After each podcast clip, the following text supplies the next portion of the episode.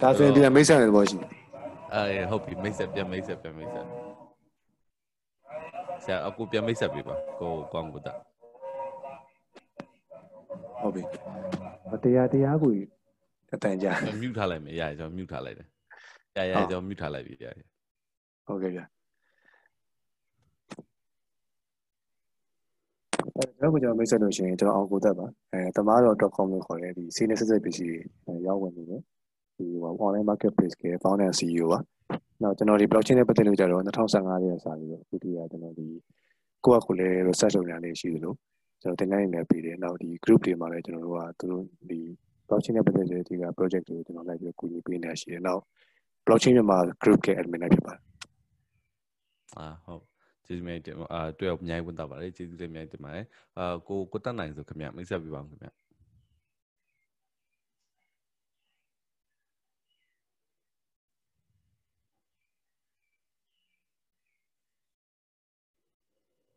ဟိုကိုတက်နေစုံ line ကျသွားတယ်ထင်တယ်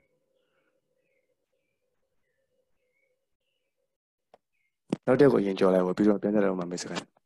ဟုတ်အဲ့တော့နောက်တစ်ယောက်ကအကိုအကိုခေါ်မရမယ်ကျွန်တော်ကျွန်တော်သိသလားဟုတ်အဲ့တော့ဒီနေ့က blockchain အကြောင်းပြောမှာဖြစ်သလိုဒီကဒီ covid-19 အကြောင်းလဲနည်းနည်းဆက်ဆက်ပြီးပြောမှာဆိုတဲ့အခါမှာကျွန်တော်ဆရာဝန်ဟလာကိုတယောက်ကိုကျွန်တော်ပေးထားပါတယ်အဲ့တော့ဟိုဒေါက်တာကျော်မင်းနည်းကိုကိုမိတ်ဆက်ပြီးပါဦးခင်ဗျဟုတ်ကဲ့ဟာဟုတ်ဒေါက်တာကျော်မင်းပါ ဟို KC Healthcare Company Limited ရဲ့ဟိုပါအဲ founder ပါပဲအော်ဟုတ်ကဲ့ဟုတ်ကဲ့ဟိုဟာကျွန်တော်ဟို90 98 99လောက်ကစီးပညာပွဲရပွဲရပြီးတဲ့နောက်မှာဟိုနိုင်ငံကကုမ္ပဏီတစ်ခုမှ9နှစ်လောက်အလုပ်လုပ်ပါတယ်အဲ့နောက်အဲ့နောက်ဟိုကိုပိုင်ကုမ္ပဏီထောင်ပြီးရန်ကုန်မှာ hacker နဲ့ပတ်သက်တဲ့ service လေးပေးထားပါတယ်အာဒီဝီအားဖြင့်တော့ဒီ business ကိုစိတ်ဝင်စားတဲ့အတွက်ကြောင့်မလို့ business administration ဘွဲ့ diploma နဲ့ higher diploma ယူထားပါတယ်နောက်တစ်ခါ hospital management စိတ်ဝင်စားတဲ့အတွက်ကြောင့် hospital management နဲ့ပတ်သက်တဲ့ diploma ယူထားပါတယ်နောက်ဒီ IT နဲ့ဒီ business business logic ဘိုင်းနဲ့ပတ်သက်ပြီးတော့စိတ်ဝင်စားတဲ့အတွက်အဲ့ဒါကတော့ personal interest အနေနဲ့လေ့လာလေ့လာထားတဲ့ဟာရှိပါတယ်ပြီးရင်နောက်တစ်ခုကအသစ်အသစ်တီထွင်လောက်ကန်ရတဲ့ဟာစွန့်စားလောက်ကန်ရတဲ့ဟာမျိုးကိုသဘောကျတဲ့လူမျိုးဖြစ်ပါတယ်အဲလောက်ပါပဲအာအာဟုတ်ကဲ့ပါကိုတွေ့ရဝမ်းသာပါတယ်အဲဆိုတော့ကျွန်တော်အခုလောလောဆယ် အာအခုလောလောဆယ်ဟိုပါပေါ့နော်အာကိုတက်နိုင်ဆိုစောင့်နေနေကျွန်တော်ဘာလုပ်လိုက်မလဲဆိုတဲ့ခါကျတော့ဟိုတက်နိုင်ဆိုစောင့်နေကျွန်တော်ဘာလုပ်လိုက်မလဲဆိုတော့ကျွန်တော်ကိုကျွန်တော် make ဆက်လိုက်မှာပေါ့နော်ဆိုတော့ကျွန်တော်ကအရင်တုန်းကအာဟုတ်ဆိုတော့ကျွန်တော်အရင်တုန်းကကျတော့ကျွန်တော်ကအာဒီဟိုပါပေါ့နော်ဖန်တီးရမှာလှုပ်လှုပ်ခဲ့တယ်ဆိုတော့ဖန်တီးရအမတိုင်ခင်တော့ကျွန်တော်အရက်ဖက်လူမှုဖွဲ့စည်းတွေမှာလှုပ်လှုပ်ခဲ့တာရှိတယ် ပြီးတော့ကျွန်တော်ဖန်တီးရမှာလုပ်တယ်ဆိုတော့ကျွန်တော်အဓိကတာဝန်ယူတဲ့အပိုင်းကကျွန်တော်ဘာတာဝန်ယူလဲဆိုတဲ့အခါကျတော့အာကျွန်တော်ဒီဟို entrepreneur တွေနဲ့ဟိုသူတို့သူတို့ရဲ့ခုနပြောတဲ့ entrepreneur တွေကိုကျွန်တော်ဟောပါတော့ပြစုပြုထောင်ပေးတဲ့စကားလုံးကတကယ်မကောင်းတကယ်တော့ဟောပါတော့အာအဲဘယ်လိုပြောမလဲ entrepreneur တွေကိုကျွန်တော်ဟိုကျွန်တော်တက်နိုင်တဲ့ဘက်ကနေပြီးတော့ကူညီပေးတယ်ဆိုတဲ့အလုပ်ကိုလုပ်တယ်ဆိုတော့အာဟိုအခုလောလောဆယ်မှာ အဲကျွန်တော်စီးပွားဆိုတဲ့ website လေးတစ်ခုထောင်ထားတယ်ဆိုတော့ကျွန်တော် blog ရေးတယ်နောက်ပြီးတော့ကျွန်တော်တင်နန်းနေဖွင့်တာရှိတယ်အခုလောလောဆယ်မှာကျွန်တော်မြန်မာနိုင်ငံမှာရှိနေဘူးရှိနေတဲ့အခါကျတော့ကျွန်တော်အခု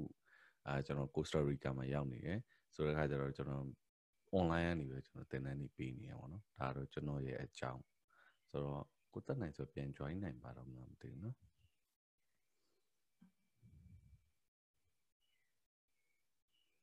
ဟုတ်ခုခုနလေးဟိုဟာဟို ဘာဘာဘာဖွဲ့စည်းတည်ထောင်ထားရဲဆိုလားမသိဘူးဖန်တီးရမှာပါပြီးတဲ့နောက်မှာနောက်တစ်ခါဘာတင်တန်းနေပြီးရဲဆိုလားအတန်လေးနည်းနည်းလေးပြတ်သွားလို့ပါဗျာပြန်ပြောပြပါအာဟုတ်ကျေးဇူးပါဟိုဟာလေးအဲကျွန်တော်ကဟိုဟာလေး seapoa.com ဆိုတဲ့ဒီ website လေးတခုကျွန်တော်ဝယ်ဟိုပါဗောနော်အဲ့ဒီဟာလေးတခုကျွန်တော် run နေရဆိုတော့ကျွန်တော်ကအာဟိုပါစောင်းပါးတွေရေးတာရှိတယ်နောက်တင်နန်းတွေပေးတယ်ဆိုတော့တင်နန်းကကျွန်တော်ကအခုလောလောဆယ်မြန်မာနိုင်ငံမှာရှိနေတော့ ကျွန်တော် online အနေပဲကျွန်တော်တင်နန်းပေးတယ်ပေါ့နော်ဆိုတော့မြန်မာနိုင်ငံကဟို entrepreneur တွေကိုကျွန်တော်တင်နန်းပေးတယ်ဆိုတော့ကျွန်တော်တင်နန်းပေးတာကအာကျွန်တော်အခုလောဆယ်မှာ entrepreneurship သင်တန်းကျွန်တော်ပေးတယ်အထူးသဖြင့်တော့ဒီဤပညာနဲ့ပတ်သက်တဲ့အဲလုပ်ငန်းတွေကိုလုပ်ချင်တဲ့လူတွေအတွက်ကျွန်တော်ပေးတာရှိတယ်ဟုတ်ဟုတ်ကဲ့သိရတာဝမ်းသာပါတယ်ဗျာဟုတ်အဲတွေ့ရဝမ်းသာပါတယ် ဟိုကိုကိုတက်ကျွန်တော်ဆက်သွားမလားဒါမှမဟုတ်စောင့်မလားကိုတက်နိုင်ဆိုဆက်ဆက်သွားလိုက်မယ်သူက join နေတယ်လို့ပြောတယ်ဟုတ်အဲ့လားဒီဘက်ကဆက်ပြီးတော့ကျွန်တော်ဆက်ပြီးမိတ်ဆက်ပေးဖို့စဉ်းစားတော့ကိုကျော်မျိုးလိုက်ပေါ့ကိုကျော်မျိုးလည်းနည်းနည်းမိတ်ဆက်ပါအော်ဟုတ်ကဲ့ကျွန်တော်ကြုံပြလိုက်မှာအခုလက်ရှိကတော့ဟောပထမပုတ်ကိယဘဏ်မှာ infrastructure manager နဲ့အလုပ်လုပ်နေပေါ့ဟိုကျွန်တော် background ကတော့ network နဲ့ system engineer ပေါ့ဟို experience တော့10နှစ်လောက်ရှိပေါ့ဒါပေမဲ့ဒီ blockchain ကတော့ကျွန်တော်ဝန္နာပါလို့လေ့လာတော့ဟိုတစ်နှစ်လောက်တော့ရှိပေါ့တစ်နှစ်လောက်လေ့လာပြီးတော့အာဆရာအောင်ကိုသက်ပြန်လာမှကျွန်တော်တက်လိုက်သေးတယ်တက်ပြီးတော့ခုလဲဆက်ပြီးတော့လေ့လာနေတော့မှာပဲဝမ်းနာပါလို့ပါဟုတ်ကဲ့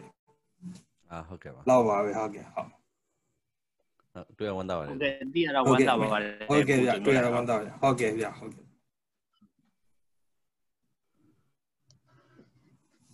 ဆက်ပြီးတော့ကျွန်တော်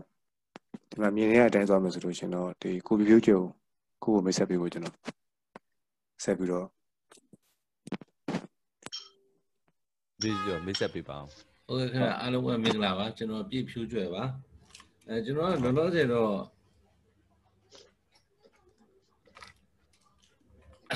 အာပင်္ဂလာပါကောဟုတ်မင်္ဂလာပါခင်ဗျကျွန်တော်ကလောလောဆယ်မှာကတော့ အဲ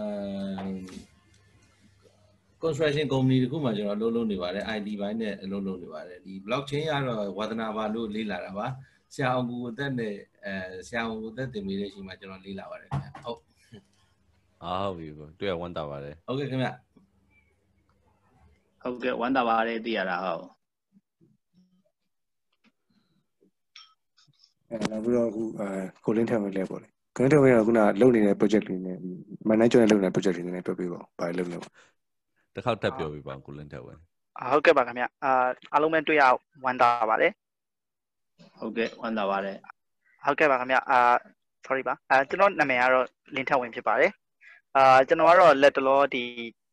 အာဇက်တိုက်ဆိုတဲ့ platform တစ်ခုကျွန်တော် on demand service platform တစ်ခုကျွန်တော် run ထားတယ်ပေါ့နော်လက်တလောမှာကျွန်တော်အဓိကကတော့ဒီကိုပြဖြိုးကျွယ်တို့ဒီ manager တို့နဲ့အတူကျွန်တော်တို့ဒီ music industry မှာရှိတဲ့ sound writer တွေရဲ့နာမည်ကို registration သွင်းတဲ့ဒီ blockchain application တစ်ခုကိုကျွန်တော်တို့လက်ရှိမှာအာရေးနေပါတယ်ဟုတ်ကဲ့ဟုတ်ကိုလင်းထက်ဝင်တွေ့ရဝမ်းသာပါတယ်ဟုတ်ကဲ့ပါခင်ဗျဟုတ်တွေ့ရဝမ်းသာပါတယ်ဟုတ်ဟုတ်ဟုတ်ဝမ်းသာပါတယ်ဗျတိရတာဟုတ်ပြီကိုအောင်ကိုတက်အတန်ပိတ်ထားတယ် ကိုကျော်မြင်လက်ကတော့ကျွန်တော်အဲကျွန်တော်တို့ဖွဲ့ရမှာတိတ်တိတ်ဝင်ထားမိတယ်အဲဟိုကိုကိုဟိုကိုကျော်လည်းမိတ်ဆက်ပေးပါအောင်ဗျာကိုကျော်စင်လက်ကိုကျော်စင်လက် ဘယ်လိုကြားလာမသိဘူးဗျ ဟိုကိုကျော်စင်အဲကိုကျော်စင်လက်ကိုမေးလာမယ်ကိုကျော်စင်စရင်စပြရပါတယ်ကိုကျွန်တော်တို့ဒီမှာကိုကျော်စင်နဲ့ကိုကျော်စင်လက်နှစ်ယောက်ရှိတယ်ခင်ဗျာ အတူတူပဲခင်ဗျအဲတခုက laptop က join ထားလို့ โอเคโอเคโอเค ဟုတ် โอเค ကဲ့ ပါ ဟုတ်ကဲ့ ဟုတ် အာကျွန်တော်ကတော့ဟိုဟာ အခုလောလောဆယ်ကတော့ IT ဘိုင်းနဲ့ပေါ့နော်ဟို digital health officer အနေနဲ့အဲ PSI ပေါ့နော် NGO တခုမှကျန်းမာရေးဝန်ဆောင်ပေးတဲ့ NGO တခုမှလုပ်လုပ်နေရပါဒီဒီ blockchain နဲ့ပတ်သက်ပြီးတော့ဒါကြတော့ကျွန်တော်ဟိုဟာကိုအောင်ကိုသက်အဲအဲကုန်းသက်ရဲ့ဟိုဟာပေါ့နော် meeting တစ်ခုကနေပြီးတော့တော့စိတ်ဝင်စားပြီးလေ့လာပြတာပါဟော โอเคဆောဆောရတော့ကိုဟိုရုပ်တရက်မှတ်မိတာ ဟုတ်ကဲ့ပါ ဟုတ်ကျေးဇူးပါအဲ့တော့ဒီနောက်ပြီးတော့အစင်းလိုက်သွားတယ်ဆိုလို့ရှိရင်ကျွန်တော်တို့ကဘယ်လိုကြံလဲဆိုတော့မန်ကြော့ကြံမန်ကြော့နဲ့မိတ်ဆက်ပါကိုကို Hello ရတယ်ရပြောပါ ဟုတ်ကဲ့ ဟယ်လိုဟုတ် ဟုတ် ကဲ့ပါ အားလုံးပဲမင်္ဂလာပါဟုတ်နာမည်ရင်းကတော့နိုင်ချညိုကြောပါရှင်အဲအခုလောစီကတော့အမြန်မာအမြန်မာ performance right organization မှာအလုပ်လုပ်နေပါတယ်အဲပြီးတော့ဖန်တီးရမှာဖွင့်တဲ့ blockchain ဆရာကောင်ကိုတက်တင်တဲ့ blockchain မှာတင်တဲ့တက်အာတက်တက်တယ်တက်ထားပါပြီးတော့အခုလောလောဆယ်လေးအဲ့အမ်ဒီအာ music နဲ့ပတ်သက်တဲ့အာဒီ blockchain ကိုတုံးပြီးတော့ app တစ်ခုအာအာလုပ်နေပါတယ်ကိုလင်းထက်တို့နဲ့ကိုပြပြိုဟိုနဲ့အတူတူလုပ်နေပါတယ် အာဟုတ်ကဲ့ဟိုကတွေ့ရဝမ်းသာပါတယ်ဟုတ်ကဲ့ဝမ်းသာပါတယ်ဗျတိရတာဟုတ်ဟုတ်ကဲ့ future crypto ဆိုတာတယောက်တူတယ်အဲကိုလည်းပြန်လာပြီဟိုကကိုနိုင်ပြန်လာပြီယေကိုနိုင်မလာခင် future crypto crypto လို့တစ်ချက်ပြီးလို့ရှိရင်ကိုတက်နေဆိုကျွန်တော်ဟိုဆက်ပြီးတော့ပြောတော့အဲ့တော့ future crypto ဆိုတာဘယ်လိုလဲမသိဘူးနည်းနည်းမိတ်ဆက်ပါ future crypto မိုက်ကိုမပါတာတမက်ကိုပါမိုက်မပါတော့ကျွန်တော်ဘာမှလုပ်ပေးလို့မရဘူးအဲ ဒါဆိုလို့ရှိရင်တော့ကိုကိုတက်နေဆိုပဲဆက်ပြီးသွားတာပေါ့ဟုတ်ကိုတနိုင်ဆိုလဲမိုက်မိုက်ဟိုမဖြစ်သေးဘူးအစ်မပြေသေးဘူးကျွန်တော်စင်တာမှာမှားရင်တော့ဟိုအာဗလဲဟိုဟိုဘာခေါ်လဲ join join တာ channel မရသေးဘူးထင်တယ်อืมမဟုတ်ကပြဖြစ်တယ်ဗါလဲဒီအော်ရဒီရပါပြီတယ်လီကွန်တစ်ခုခုလည်းအစမပြဖြစ်တယ်ဟာအခုပြန်ရောက်လာပြီဟုတ်ဆိုတော့ဟိုပါပေါ့အိုးမိတ်ဆက်ပါအောင်ကော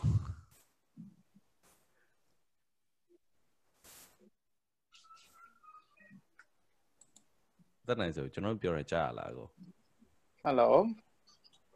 အော်ဟုတ်ကဲ့ပါအာအားလုံးပဲမင်္ဂလာပါဒီအဲကျွန်တော်တော့တက်နိုင်ဆိုပါအာကျွန်တော်အခုဒီမြန်မာ over group မှာဒီ group အာကြားရတယ်ခင်ဗျကြားရတယ်ဟုတ်ကြားလားမသိဟုတ်ကဲ့ဟုတ်ကြားပါတယ်ဟုတ်ဟုတ်ကဲ့ကြားပါတယ်အဲကျွန်တော်ကျွန်တော်မိတ်ဆက်လိုက်မယ်နော်ဟုတ်ကဲ့ဟုတ်ကဲ့ ကျွန်တော် delay ရှိနေတယ်နဲ့ဟုတ်ကဲ့ဟုတ်ကဲ့ဟုတ်ကဲ့စလိုက်မယ်စလိုက်ဟုတ်ကဲ့အာကျွန်တော်တက်နိုင်ဆိုပါအာမြန်မာ over group မှာဒီကျွန်တော် group အာ chief technology officer အနေနဲ့တာဝန်ထမ်းဆောင်နေပါတယ်ဒီအာကျွန်တော်အရင်နှစ်ဒီချိန်ပေါ့အဲအရင်နှစ်ဒီချိန်အာကျွန်တော်ကနေဒါမှာဒီ Toronto ဒီ Ottawa Montreal ပေါ့နော်အဲ့ဒီဒီကနေဒါအရှေ့ပိုင်း ဒီသုံးမြို့မှာကျွန်တော်တို့ဒီ blockchain startup ပေါ့အာကျွန်တော်ဒီမိတ်ဆွေတွေနဲ့ကျွန်တော် run လိုက်တယ်ပေါ့နော်အာကျွန်တော်အဲ့ဒီဒီ blockchain startup ကိုအာကျွန်တော်ကနေဒါမှာ run ပြီးတော့မှပဲဒီဘက်ကိုပြန်အလာမှာမြန်မာ over နဲ့ချိတ်ဆက်မိပြီးတော့ကျွန်တော် group အာ CTO အနေနဲ့စပြီးတော့တာဝန်ထမ်းဆောင်ဖြစ်တာပေါ့အဲ့တော့ဒီနေ့ကတော့ကျွန်တော်ဒီလေးလာမိတော့အာကျွန်တော် experience ရှိတော့ blockchain နဲ့ပတ်သက်တဲ့အကြောင်းအရာအောင်လက်ရှိ covid-19 နဲ့ပတ်သက်တဲ့ ဒီ information ပေါ့နော်အာကျွန်တော်တို့ကျွန်တော်တို့တည်တလောက်အာကျွန်တော်တို့လေးလာမိတလောက်လေးတွေပြန်ပြီးတော့ကျွန်တော်တို့ share ပေးတော့ပါမယ်ဟာဟုတ်ကဲ့ပါခင်ဗျဆိုတော့လူလဲစုံပြီဆိုတဲ့ခါကျတော့တယောက်ပဲကြံတယ်ဆိုတော့အဲ့ဟိုပါဘောနော်အဲ့ future crypto ကျွန်တော်တို့မိတ်ဆက်ခိုင်းအောင်မလားဒါမှမဟုတ်ရှင် mic မရှိနေဆိုကျွန်တော်ကြော်သွားလိုက်တော့မနော်ကောင်းကိုဆက်ပြီးတော့သွားရတဲ့ခေါင်းမှာအခုကျွန်တော်များတက်ကိုကြောက်တည်သွားကြတယ်ခင်ဗျာ ဟောတက်ကိုကြောက်တည်သွားအတင်းတင်းတည်သွားကြပြီဆိုတော့အနည်းဆုံးဒီ audience ရဲ့ interest နဲ့သူ့ရဲ့ background ကိုကျွန်တော်မှတ်လို့ရပြီဆိုတော့ဆက်သွားလို့ရပါထင်ပါတယ်အာဟုတ်ကဲ့ဝင်းဝင်းဆိုပြန်နေရနော်ရတယ်ဗျဟိုဆိုတော့အဲ့ဆိုလို့ရှိရင်ကျွန်တော်ဆက်သွားလိုက်မယ်နော်ဆိုတော့အာအဲ့ဆိုလို့ရှိရင်အာတော့ဒီဒုတိယဒုတိယပေါ့နော်ဆိုတော့ဒုတိယကျွန်တော်တို့ဆွေးနွေးခြင်းတဲ့အပိုင်းကတော့ဒီကျွန်တော်တို့အာ technology ကပေါ့နော်ဒီဒီလူတွေရဲ့ပြဿနာကိုဖြေရှင်းတဲ့အခါမှာသူကအခန်းကဏ္ဍအဲတော်တော်များများအခန်းကဏ္ဍကိုခုနောက်ကျွန်တော်တို့ဒီအခုနောက်ပိုင်းမှာဆိုလို့ရှိရင်ပါဝင်လာတယ်ပေါ့နော်ဆိုတော့အာကျွန်တော်ကျွန်တော်တိတလောက်ဆိုလို့ရှိရင်အရင်တော့ဆိုလို့ရှိရင် US မှာ sunset ကောက်ဖို့ကြိုးစားကြတယ်အဲ့ sunset ကောက်ဖို့ကြိုးစားတော့အာ sorry နော်ကျွန်တော်ဟိုလောက်လိုက်မယ်ကျွန်တော်အတန်နေ mute ထားလိုက်မယ်နော်လောလောဆယ်ပြီးမှပဲအဲဟိုပေါ့ပြောမှပဲကျွန်တော်ပြန်ပြီးတော့မှ unmute ပြန်လုပ်လိုက် နော်ဆိုတော့အာ US မှာစမ်းသပ်ကောက်ဖို့ကြိုးစားလူတန်း300နီးနီးကိုကောက်အောင်ပေါ့နော်ဆိုတော့အဲ့ဒါကိုလက်နဲ့ကောက်မယ်ဆိုလို့ရှိရင်ဒါအနည်းဆုံးအဲ့ data တွေအကုန်လုံးစီစစ်ပြီးတော့မှကျွန်တော်ပြန်ပြီးတော့ထည့်မယ်ဆိုလို့ရှိရင်အနည်းဆုံး15နှစ်လောက်ကြာမှာပေါ့နော်အဲ့ခါကျလို့ရှိလို့ရှိရင်ဒီ sensor cut data expire ဖြစ်သွားပြီပေါ့အဲ့ဒါနဲ့ IBM ကိုချင်းကပ်ပြီးတော့မှ IBM ကနေပြီးတော့ punch card တွေနဲ့သူကစပြီးတော့မှတနိုင်ငံလုံးတိုင်းတာရဒီဟို sensor ကောက်လို့ရအောင်ဆိုလုပ်ပြီးတော့ဆိုတော့ အာဒီ technology ကဟိုဒီလူတွေနဲ့ manually လုပ်လို့မရတဲ့အခန်းကဏ္ဍမျိုးတွေမှာပြဿနာဖြေရှင်းပေးတဲ့နေရာမှာ technology ရဲ့အခန်းကဏ္ဍအရေးပါတယ်ပေါ့နော်ဆိုတော့ကျွန်တော်ကဒီအကိုတွေကိုကျွန်တော်မေးချင်တာကကွန်ကိုတက်ကောကိုတက်နိုင်ဆိုတော့ပေါ့နော်ဆိုတော့ကျွန်တော်ကွန်ကိုတက်ကနေစပါမယ်ကျွန်တော်ကျွန်တော်မေးချင်တာအကိုတို့ဒီလိုမျိုး pandemic တွေဖြစ်နေတဲ့အချိန်မျိုးမှာ technology ရဲ့အခန်းကဏ္ဍကိုဘယ်လိုမြင်လဲပေါ့နော်ဆိုတော့အဲ့တော့ကျွန်တော်ကိုဟာပေါ့ကိုအောင်ကိုတက်ကနေစလိုက် အဲဟိုကျွန်တော်အဓိကဒီကျွန်တော်လေးစားတဲ့ပုံကိုယ်တွေပေါ့ပေးကြသည်ဆိုတဲ့ပုံကိုရှိတယ်ဒါသူကဒီအဲ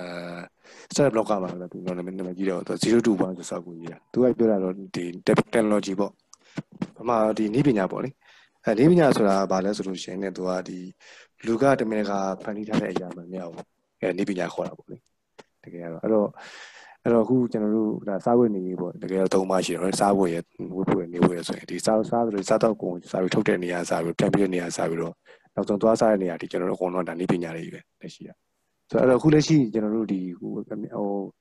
ဒီ covid နဲ့ပတ်သက်လို့ကျွန်တော်အလွယ်ကူဆုံးမြင်ရတဲ့နေရာတော့ကျွန်တော်တို့ကပါလဲဆိုလို့ရှိရင်ဒီ social distancing ပေါ့တယောက်တယောက်နဲ့ခက်ခွာခွာနေရဆိုတဲ့အချိန်မှာအဲ့ဒါတယောက်တယောက်နဲ့စာသင်တဲ့ဆိုတဲ့ကိစ္စမှာဆိုလို့ရှိရင်ကျွန်တော်တို့ကအခုလို့စင်မှာအဲ့ဒါ online ပြောင်းသွားတယ်တယောက်တယောက်နဲ့အခုလိုကျွန်တော်တို့ကဒီ အဲ့ဒါ zoom ကနေပြီးတော့ဟုတ်လားတွေ့ပြီးတော့ပြောကြတယ်ဖြစ်လာတယ်အဲအဲ့လိုပဲဒီကပါလို့ရှိရင်ဈေးဝယ်တဲ့ကိစ္စပေါ့အဲ့ဒါကိုယ်ရသွားဝယ်ဆိုလို့ရှိရင်ဒီဈေးဆိုင်တွေမှာလူတွေအများကြီးဖြစ်လာဆိုလို့ရှိရင်အဲအဲ့လိုကိစ္စမျိုးကြလို့ရှိရင်ကျွန်တော်တို့ကဒီခုနဒီပညာကိုသုံးပြီးတော့ကျွန်တော်တို့က e-commerce ကိုသုံးပြီးတော့ခုနရောင်းဝယ်တဲ့ဆိုတဲ့ကိစ္စတွေလုပ်လို့ရလာတယ် payment တွေလည်းကျွန်တော်တို့ online ကနေ wallet တွေပိုင်းနဲ့ပေးလို့ရတယ်ပေါ့ဒါလည်းခုနဒီပညာရဲ့အဲမြင်လာတဲ့ကိစ္စပေါ့လေဆိုတော့ကျွန်တော်တို့အဲ့အဲ့လိုမြင်ပါတယ်အဲ့တော့ဘာလို့ရှိရင်ဒီ covid-19 ဖြစ်လာတဲ့ဆိုတဲ့အခါမှာနိပညာသာမရှိခဲ့ဘူးဆိုလို့ရှိရင်တော့ကျွန်တော်တို့ကအခု ဒီအခုတည်းပို့ဆိုးမှာပေါ့ဆယ်စားတော့ဆိုးဒုက္ခရောက်ပေါ့တခုတည်းနိပညာရှိတယ်ဆိုတဲ့အခါမှာကျွန်တော်နိပညာရဲ့အသုံးပြုပြီးတော့ကျွန်တော်တို့ကတချို့အလုပ်ကလေးတွေကိုငကိုတိုင်းပဲအလုံးပြပဲလို့ရောက်တော့ကျွန်တော်တစ်ဖက်လမ်းပြန်ပြီးတော့စီစဉ်လို့ရတယ်ဆိုတဲ့သဘောတရားတခုတော့မြင်ရတာပေါ့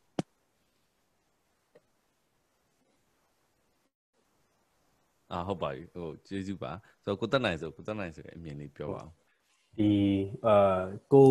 အောင်ကိုသက်ပြောသလိုပေါ့နော်ဒီကျွန်တော် man made အဲ man made facility တွေပေါ့ အဲ့ဒါတွေကျွန်တော် technology လို့ပြောတယ်ဆိုရင်ကျွန်တော်နည်းနည်းလေး narrow ဖြစ်တဲ့ focus ဆိုတာလည်းကျွန်တော်တင်ပြကြည့်မယ်ပေါ့နော်အဲ့တော့ဒီ technology ကိုကျွန်တော် focus လုပ်လိုက်မှာကျွန်တော်ဒီ ICT ပေါ့ information communication technology ကျွန်တော် focus လုပ်ကြည့်လိုက်မယ်အဲ့တော့ကျွန်တော်ဒီပေါ့ပေါ့ပါပဲကျွန်တော်ဒီနေ့တင်ပြသွားမယ်အဲ့တော့ကျွန်တော်ရက်ွက်ထဲမှာဗျာကျွန်တော် loud speaker နဲ့ live order ကိုကျွန်တော်ကြားကြားနေရတယ်ပေါ့နော်အဲ့တော့ covid 19ဘာညာတာရကပုံပါပါပါပါပေါ့နော်အဲ့တော့ဒါဒီအာကျွန်တော် အနေနဲ့ပြောရမယ်ဆိုလို့ရှိရင်ကျွန်တော်တို့ပုံမှန်ဒီပေါ့နော်ပါဇက်နဲ့ order နဲ့ရှင်မယ်ဆိုလို့ရှိရင်အမတန်ကိုတော်တော်အဆင်ပြေတဲ့ technology လို့ကျွန်တော်တို့မြင်တယ်အဲတစ်ချက်ကကြတော့အရင်တော့ဆို live order လို့ရှိရင်ကျွန်တော်တို့လူ order ထက်အများကြီးကြားရတယ်ပေါ့နော် loud speaker ပေါ့ဒါအတန် amplify လုပ်ပေးလိုက်တာနောက်တစ်ဆင့်ကျတော့ကျွန်တော်တို့ဗာသိရလဲဆိုတော့ကျွန်တော်တို့ထီရောင်းတဲ့လူတွေလိုပဲဒါ record လုပ်ထားလိုက်ပေါ့ message တခုအဲပြီးလို့ရှိရင်ဒီအဲ့ဒီပုံဘာညာဘာညာဆိုတဲ့ပေါ့နော်ဒီအဲ့ ဟိုပေါ့ knowledge sharing ကိုရက်ကွက်ထဲမှာ live order ဟာကိုကျွန်တော်ကလူနဲ့တောင်ပြောစရာမလိုတော့လူကတခါပြော record လို့ loud speaker နဲ့ကားပေါ် site ကားပေါ်တင်ပြီးတာကြီးကိုကျွန်တော်တို့ကမနေ့တခါနေ့ကင်းတခါညနေတခါပေါ့နော်ကျွန်တော်တို့ဒီရက်ကွက်ထဲမှာအဲ့ဒါကြီးကိုလှည့်လှည့်ပြီး on နေတာအဲ့တော့ကျွန်တော် ICT ကိုကျွန်တော်အဲ technology ရဲ့ role ပါမြင်လဲဆိုတော့ကျွန်တော်တို့ဒီဒီအာဘယ်လိုပြောရမလဲအများပြည်သူနဲ့ပေါ့ကျွန်တော် communicate လုပ်တဲ့နေရာမှာဒါအမတန်ကိုအရေးပါတယ်အဲထိရောက်တယ်လူလဲတက်တာတယ်ပေါ့နော်အဲဆိုတော့လူတယောက်က ဒီပေါ့ဟိုဟိုတရက်ကုံတရက်ကွက်ထွက်အများကြီးကျွန်တော်အော်စရာမလိုတော့ that's very scalable ဖြစ်တယ်ပေါ့နော်အဲ့တော့နောက်နောက်တနည်းနဲ့ကျွန်တော်တို့ကကြည့်မယ်ဆိုရင် ICT shoot down ပါပဲပေါ့နော် information ဒီ communication shoot down ပဲကျွန်တော်တို့ကြည့်မယ်ဆိုရင် Facebook ပေါ့အဲ့တော့ကျွန်တော်အရင်တစ်ပတ်ကလည်းပြောပြတယ်အဲကျွန်တော်တို့ဒီ state council ကဒီ Facebook ကနေ information တွေကိုကျွန်တော်တို့အချိန်နဲ့တပြေးညီအာကျွန်တော်ကျွန်တော် information တွေရတယ်ပြီးလို့ရှိရင် ဒီအရင်ဘက်ကဒီဆရာဆရာနှစ်ယောက်ပေါ့နော်ဆရာဝန်အာအကူနှစ်ယောက်ရှင်းပြသွားတာဆိုလို့ရှိရင်ဒါတွေကဒီ integrity ပေါ့ authenticity ရှိတဲ့ data source တွေကနေကျွန်တော်တို့ information ကိုလိုချင်တာပေါ့နော်အဲ့တော့ကျွန်တော်တို့ဝန်ကြီးဌာနတွေ information တွေကျွန်တော်တို့လိုချင်တယ် state councilor ရှေ့ကကျွန်တော်တို့ information တွေလိုချင်တယ်အဲ့ဒီအတွက်ကြောင့်မို့ဒါတွေကိုဆိုအချိန်နဲ့တပြေးညီ authenticity authenticity ပေါ့နော်စစ်မှန်ခြင်းရှိရမယ်ပြီးမှန်ကန်ခြင်းလည်းရှိရမယ်ပြီးရင်အချိန်နဲ့တပြေးညီလည်းရှိရမယ်ပြီးရင် very scalable ဖြစ်တယ်ပေါ့နော်အဲ့တော့ကျွန်တော်အဲ့ information ကိုကျွန်တော်ပေါ့ပေါ့ပါနဲ့ Facebook မှာတင်လိုက်ခြင်းဖြင့်လည်းအများပြည်သူကျွန်တော်ထိရောက်တယ်ပေါ့အဲ့တော့ဒီနေရာမှာတော့ကျွန်တော်တို့ဒီ technology ကဒီခုနကွန်ကိုသက်ပြောသလိုပါဒါကြီးမရှိရင်ပိုဆိုးသွားမယ်ဆိုတာဒါတော်တော်မှန်နေတယ်ဘာလို့လဲဆိုတော့ကျွန်တော်တို့ဒီ Viber တို့ Facebook တို့ဒီ WhatsApp တို့ information တွေမ share ပေးနိုင်ဘူးဆိုလို့ရှိရင်ကျွန်တော်တို့အနေနဲ့အရင်တော့လို့ပေါ့ဒိုလောဒိုလောတွေဖြစ်မယ်ကျွန်တော်တို့ဒါတွေကတေချာရလားဆိုတော့ မတေချာမှုတွေဖြစ်မယ်ပေါ့နော်အဲ့ဒါမျိုးရှိတဲ့အတွက်ကြောင့် full of technology ကပါလဲဆိုတော့ enabler ပဲဒါပေမဲ့ခက်တာအားကိုင်းအားကိုင်းနဲ့တူတာမရှိလို့ရှိရင်ကျွန်တော်တို့တော်တော်ကြီးကိုအခက်ခဲရှိနိုင်မယ့်အခြေအနေမှာရှိတယ်ပေါ့နော်ဒါကတော့ကျွန်တော်ကဒီ communication shoot down အနေပဲဒီ technology ကိုကျွန်တော်ကျွန်တော်ကတော့သုံးသပ်မိတယ်ခင်ဗျဟုတ်ကဲ့ပါကိုကျေးဇူးအများကြီးတင်ပါတယ် ဆိုတော့ဟိုကျွန်တော်ဟိုပါပေါ့နော်အခုတို့ပြောသွားတဲ့အထက်မှာတော့နှစ်ချက်သုံးချက်လောက်တော့ပါပါနော်တစ်ခုကတော့ technology ဆို man made ဖြစ်တယ်ဆိုတာရယ်နောက်တစ်ခုကကျတော့ scalable ဖြစ်တဲ့အဲ solution တခုအနေနဲ့သုံးလို့ရတယ်ဆိုတာရယ်နောက်တစ်ခုကတော့ဒီ authenticity ပေါ့ authenticity ပေါ့နော်ဆိုတော့ဟိုစစ်မှန်မှု authenticity authenticity ပေါ့နော်ဆိုတော့စစ်မှန်မှုပေါ့နော်ဆိုတော့အာဟိုလက်လက်ခံယုံကြည်လို့ရနိုင်တဲ့အချက်လက်မျိုးတွေကျွန်တော်တို့ကအချိန်နဲ့တပြေးညီ scalable ဖြစ်ဖြစ်ပေးနိုင်ဖို့အတွက်ဆိုလို့ရှိရင်တော့ဒီကျွန်တော်တို့နီးပညာကိုမဖြစ်မနေသုံးဖို့လိုလာတယ်ပေါ့ဆိုတော့ဟိုအခုလိုမျိုးပဲပေါ့နော်ကျွန်တော်တို့လည်းအခုလိုမျိုးတွေ့ပြီးဆွေးနွေးပင် TV တွေကိုကျွန်တော်တို့ပြန်တင်ပြန်တင်ဆိုကျွန်တော်တို့အများသူငါကိုလည်းကျွန်တော်ပြန် share လို့ရတာပေါ့နော်ဆိုတော့ကောင်ကိုတက်ကပျောက်သွားတဲ့ခဏဆိုတော့ အဲဆိုလို့ရှိရင်ကျွန်တော်နောက်ဟောပေါ့နော်ဒါဆိုလို့ရှိရင်ကျွန်တော်ကတော့ဒီဟာကိုကျွန်တော် easing လုပ်ချင်တာပေါ့နော်ဆိုတော့ကျွန်တော်လာနေတဲ့ကျွန်တော်မေးမဲ့မေးမေးခွန်းတွေပေါ့နော်ဒီနေ့ကျွန်တော်မေးမဲ့မေးခွန်းတွေတော်တော်များများတော့ technology ဘက်ကနေပြီးတော့လာပြီးတော့မှနောက်ပြောလို့ blockchain ဆိုတာလည်း technology တစ်ခုပဲဆိုတော့ဒါလည်းတက်တော့ပေါ့နော် raw technology ကလည်းဒီ problem တွေကျွန်တော်တို့ရှိမှရှိတဲ့ problem တွေတက်နိုင်တယ်မြ solve လုပ်ပေးနိုင်ဖို့ပေါ့နော်ဆိုတော့အာအဲ့မှာမှကျွန်တော်က နောက်ထပ်တစ်ခုမေးချင်တာကိုတတ်နိုင်ဆိုနေပဲကျွန်တော်စားလိုက်မယ်ပေါ့နော်နောက်တစ်ခုမေးချင်တာကတော့ဗာလဲအော်ဟိုဟုတ်ကဲ့ကွန်ကိုတက်ပြန်လိုက်ဆိုတော့ကွန်ကိုတက်နဲ့ကွန်ကိုတက်ကိုကျွန်တော်ပြန်မေးလိုက်မယ်ဆိုတော့နောက်ထပ်တစ်ခုကျွန်တော်မေးချင်တာကတော့ဗာလဲဆိုတဲ့အခါကျတော့ဟုတ်ပြီပေါ့နော်ဒါဆိုလို့ရှိရင်ဒီဟို technology in general ကတော့ကျွန်တော်တို့တည်သွားပြီဒီလိုဒီလိုသုံးလို့ရတယ်ဒီလိုဒီလိုသုံးဝင်တယ်သူမှာအဲခုနပြောသလိုမျိုးလူတွေလူတွေအများကြီးကိုရောက်နိုင်တဲ့ scalability ရှိတယ်သူမှာက authenticity authenticity ဖြစ် authentic ဖြစ်တဲ့ information ကိုပေးနိုင်တဲ့အလားအလာရှိတယ်ဆိုတော့ဒါတွေက epidemic တွေကိုတိုက်ဖြစ်တဲ့နေရာမှာဒီဟာတွေကအသုံးဝင်တယ်ပေါ့နော်ဆိုတော့ဒီလိုအသုံးဝင်နေဆိုတဲ့ခါကျတော့ကျွန်တော်နောက်တဲ့တဆင့်သိချင်တာဘာလဲဆိုတဲ့ခါကျတော့ဒါဆိုလို့ရှိရင် blockchain technology ရဲ့သူ့ရဲ့ scope ပေါ့နော်သူ့ရဲ့အဲ scope နဲ့သူ့ရဲ့အသုံးဝင်မှုအောင်ဘာတွေဖြစ်မလဲပေါ့။ဘောင်ကိုတက်စပေးပါဦး။အဲ့တော့ဟိုကျွန်တော် screen တစ်ခု share လိုက်မှာကြာဟိုလွယ်လွယ်ကူကူဖြစ်အောင်ကျွန်တော် အဲ့တော့ကျွန်တော် display လုပ်တာလည်းပြန်ပြီးတော့ anyway လုပ်ပြီးတော့အာဟုတ်ဆိုတော့ okay share ရတဲ့ပတ်သက်မှုပြကျွန်တော် share ထားလို့တယ်ကျွန်တော် stop sharing လုပ်လိုက်မယ်နော်ဆိုတော့ share လုပ်လိုက်ပြီးရပြီပြန် share ကြည့်ဟုတ်ကဲ့အဲ့တော့ကဟုတ်တယ်နော်ဟုတ်တယ်အဲ့တော့ဒီမှာကျွန်တော် notes လေးတစ်ခုကျွန်တော်တုတ်ထားတယ် အားလုံး screen entire screen ကို share လုပ်တယ် screen okay အဲ့တော့အချက်လက်တွေအဲဒီမှာ personal information တွေအာဟုတ်တယ် Netflix ပါမလို့တွေ့ရတာမရှိပါအဲ့တော့ဒါတော့ work from home ရဲ့အဓိကဟောပါပေါ့လေ one of the benefit right အဲ့တော့ blockchain တော့အများကြီးတော့ဒီ layer အဓိက 6ခုပေါ့6ခုဆိုတာကသူအခြေခံပြင်းတော့ blockchain ဆိုတာဘာကိုအခြေခံလဲဆိုတော့ internet နည်းပညာနဲ့ data လို့ခေါ်တဲ့နည်းပညာဒီဟောပေါ့ data ပေါ့ဒီ data ပေါ်မှာအခြေခံတာပေါ့ဆိုတော့အဲ့ data ဆိုတော့သူက internet data computer ပေါ့လေအဲ့ဒါတွေ mobile phone ပေါ့အဲ့ဒါတွေနဲ့ပတ်သက်လို့ရှိရင်ကျွန်တော် software ပေါ့ဗျာအဲ့ keywords နဲ့ပတ်သက်လို့ရှိရင်သူကအများကြီးစဉ်းစားရတဲ့နေရာတော့ဒီကမေးခွန်း6ခုမေးတာပေါ့နံပါတ်1ကတော့ဒီ data တွေရှိတဲ့အဲ computer ကိုဘယ်လိုပိုင်လဲပေါ့ဗျာနံပါတ်2ကကျတဲ့ခါကြီး computer တွေမှာ အဲ software ကိုဘယ်လိုက install လုပ်ရလဲပေါ့နောက်ပြီးလို့ရှိရင်အဲနံပါတ်3ကကျတဲ့ခါကျအဲ့ software ကိုဘယ်လိုက run လဲပေါ့အဲပြီးနောက်နောက်ဆုံးကျတဲ့ခါကျတော့ဗာနောက်တစ်ခုကျတဲ့ခါကျတော့ဗာလဲဆိုတော့အဲ့ software ကိုဟုတ်လားအထက်မှာရှိတဲ့ data ကို create အသစ် create လုပ်ချင်လို့ရှိရင် update ပြောင်းချင်လို့ရှိရင် read ဖတ်ချင်လို့ရှိရင် delete လုပ်ချင်လို့ရှိရင်ဘယ်သူကလုပ်ခွင့်ရှိတယ်ဘယ်သူကလုပ်လဲပေါ့ဗျာအဲပြီးလို့ရှိရင်ကျွန်တော်တို့ကအဲ့ဒါအဲ့လိုမျိုးလုပ်လို့ရအောင် software တွေကိုဘယ်သူကရေးထားလဲပေါ့အဲ software ရေးတဲ့ဆိုတဲ့အချိန်မှာကျွန်တော်တို့ကအဲ တခါကျလို့ရှိရင်တော့တယောက်ချင်းမရေးတော့ဘူးတော့တယောက် platform ဆိုပြီးတော့ software တစ်ခု basic တင်လိုက်ပြီးတော့အဲ့ platform ပေါ်မှာကျွန်တော် software developer တွေဆဲရေးကြတယ်ဆိုတော့အဲ့လို platform မျိုးကိုဘယ်သူကစတယ်လဲပေါ့အဲ့လို layer 6ခုနဲ့တော့ blockchain နည်းပညာကိုသူကစောက်ထားတာပေါ့ဒါကတော့ blockchain ကဘာလဲပေါ့ဗျာဆိုတော့ blockchain ဆိုတဲ့ဟာဒီခုနပြောတယ်အဲ့ဒါဘယ်သူကလုတ်ခွင့်ရှိတယ်လဲဆိုတဲ့အကြောင်းကိုအခြေခံပြီးတော့အဲကျွန်တော်တို့ကအဲ့ဒီဟာကိုအဲ့လိုမျိုးဒီကကအဲလုတ်ပိုင်ခွင့်နဲ့ဒီကပိုင်ဆိုင်မှုတွေကိုကျွန်တော်တို့ကအဲတိကျသေးကြပြီးတော့ယုံကြည်စိတ်ချ ရတယ်အများဝိုင်းပြီးတော့စီစဉ်လို့ရတဲ့အသွင်နဲ့တိစောက်ထားတဲ့ဒီ network system ကို blockchain ခေါ်တာပေါ့အခြေခံပြရအောင်အဲ့တော့အဲ့ဒါကိုမှကျွန်တော်ပြန်ကြည့်မယ်ဆိုလို့ရှိရင်အခုလက်ရှိအချိန်နဲ့ဘယ်လိုဆက်ဆက်လဲဆိုတော့ဆက်ဆက်ချင်းကျွန်တော်တို့ computer စပေါ်ကသာကြတော့ကျွန်တော်တို့ computer တွေသုံးပြီးတော့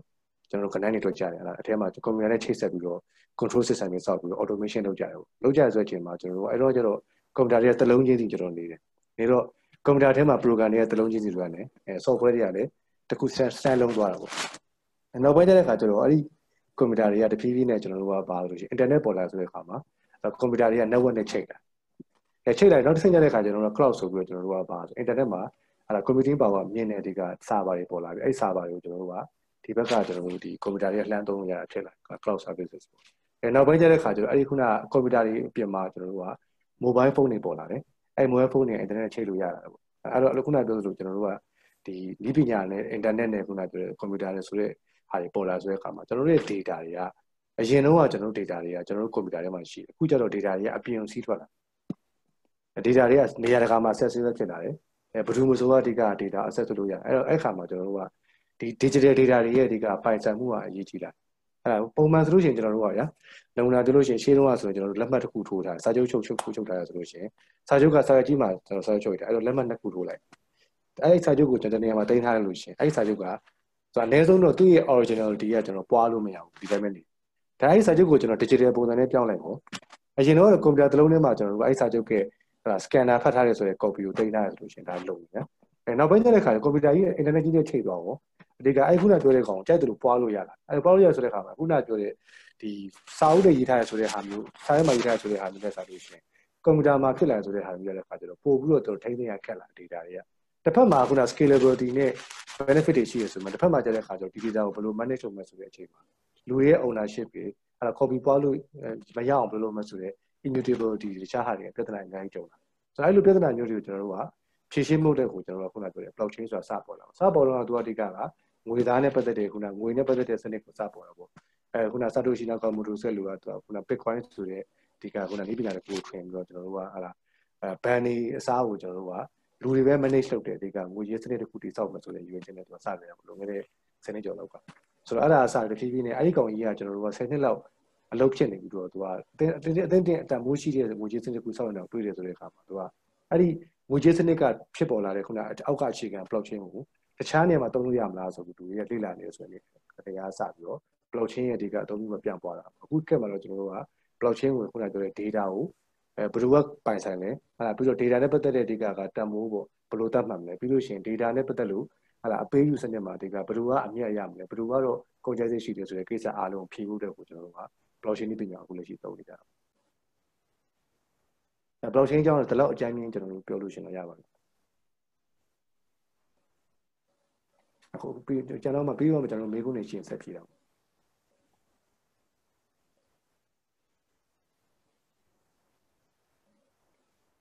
အဲမိုက်ခရိုဖုန်းက mute ဖြစ်နေကိုက sorry ကျွန်တော် microphone mute ဖြစ်နေဆိုတော့ကိုတက်နိုင်ဆိုဟိုထပ်ပေါင်းထည့်ကျင်တာရှိလားအာဒါဒါမှမဟုတ်ရှင်ထပ်ဖြည့်ပြောကျင်တာရှိသေးလားကို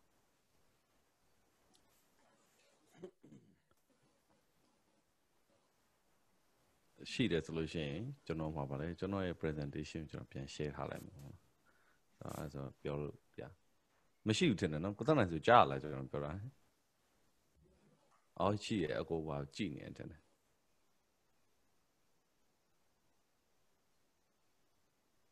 sorry ကိုတက်နေဆိုထပ်ပြီးတော့ပေါင်းထည့်ပြီးပြောပြချင်တာရှိလားလို့ကိုမကြောက်တင်တယ်ကျွန်တော်ပြောတဲ့ဟာဒါမှမဟုတ်ဟို line ကြောက်လာလို့အာလို့လားဒီရင်ကြည့်နေတော့သူကလှုပ်တာမတူ line ကြောက်ပါတယ်နဲ့ကျွန်တော်တို့အဲဟုတ်လားလေဆိုတော့ ဒီမှာလည်းသူကကြာသွားတယ်လို့လည်းမပြောဘူးဆိုတော့ကျွန်တော်လည်းဘာမှမသိဘူး Okay ဆိုတော့အဲ့ဆိုတော့ဟိုကိုတက်နိုင်ဆိုမလာခင်ကျွန်တော်တစ်ချက်ကွန်တူတက်ကျွန်တော်တစ်ချက်မိလာမယ်ဆိုတော့ဟုတ်ပြီပေါ့နော်ဆိုတော့ဒီဟာကခုနပြောလို့ decentralized ဖြစ်တဲ့ decentralized ဖြစ်တဲ့ဟိုပါပေါ့နော်အာဒီဒီ decentralized ဖြစ်ပြီးတော့မှအာဒီဟိုခုနပြောတဲ့ဒီဟိုပါပေါ့နော်ဘယ် လိုပြောမလဲ solution တဲ့ဘောက decentralized ဖြစ်တဲ့ outsource လုပ်ထားတဲ့ contract based system ပေါ့နော်ဆိုတော့အဲ့ဟာကိုကျွန်တော်တို့ကဟိုပါပေါ့နော်အဲ့ဟာကိုကျွန်တော်တို့ကတုံးတယ်ဆိုတဲ့ခါကျတော့ခုနပြောသလိုပဲအဲကျွန်တော်တို့မှာကအဲဒီလုံခြုံမှုရှိလာတယ်ဒါမှမဟုတ်လို့ရှိရင်အများသူငါနဲ့ပေါင်းပြီးတော့မှ authenticate ဟောပေါ့နော် authentic လောက်ရမယ်ကိစ္စမျိုးတွေရှိလာ process တွေရှိလာဆိုလို့ရှိရင်ကျွန်တော်တို့ကဒီဟာကိုတုံးလို့ရတယ်ပေါ့နော်ဆိုတော့ကျွန်တော်သိချင်တာကအခုလောလောဆယ်မှာ အဲဒီဟာကိုဟိုပါဘောနော် blockchain technology ကိုအကောင်းဆုံးအကောင်းဆုံးပေါ့နော်အဲအဲ utilize လုပ်နေတဲ့ဟာဘာဖြစ်မလဲအဲ utilize လုပ်နေ case study ကဘာဖြစ်မလဲပေါ့နော်အဲဟိုအတန်မြူးဖြစ်နေအခုလို့ဆိုတော့ဒီ blockchain ကိုအခုဒီအသုံးများတဲ့နေရာတော့ဗျာ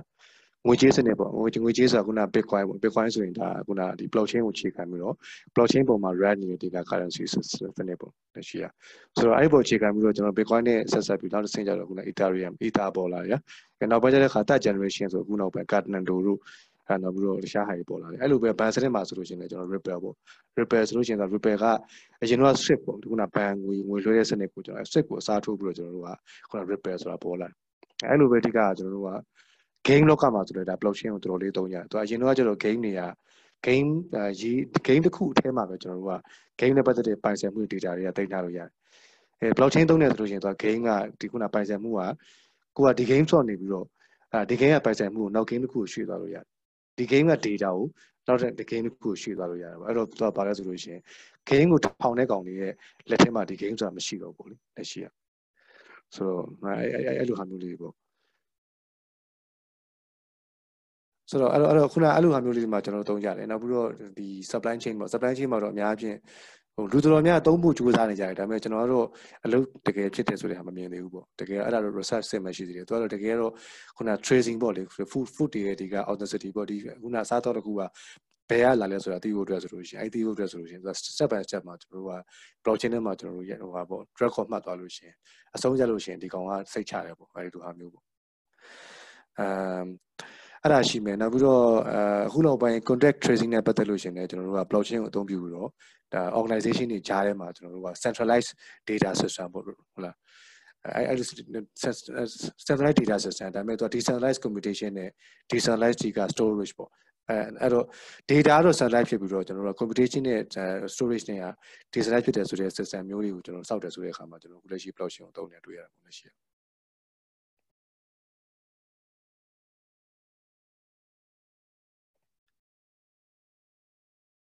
အတန်အတန်ပိတ်ထားတယ်ဟုတ်ပြီ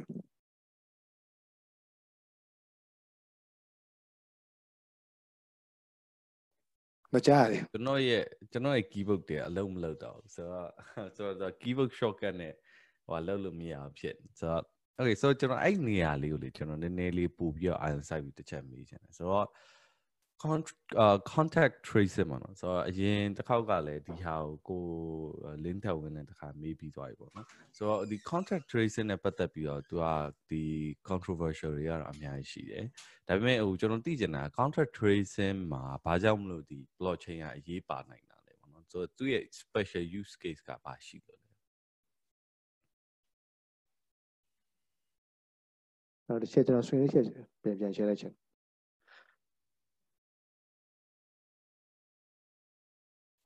အဲဒါကတော့ခုနကဒီစင်ကာပူကခုထုတ်ထားတဲ့ white paper မှာကျွန်တော်ယူထားတာပေါ့လေ blue trace protocol ဆိုပြီးကျွန်တော်တို့ကဒါ blue trace ကတစ်ဆက်တည်းဖြစ်အောင်ပေါ့လေအဲ့တော့အဲ့ဒီ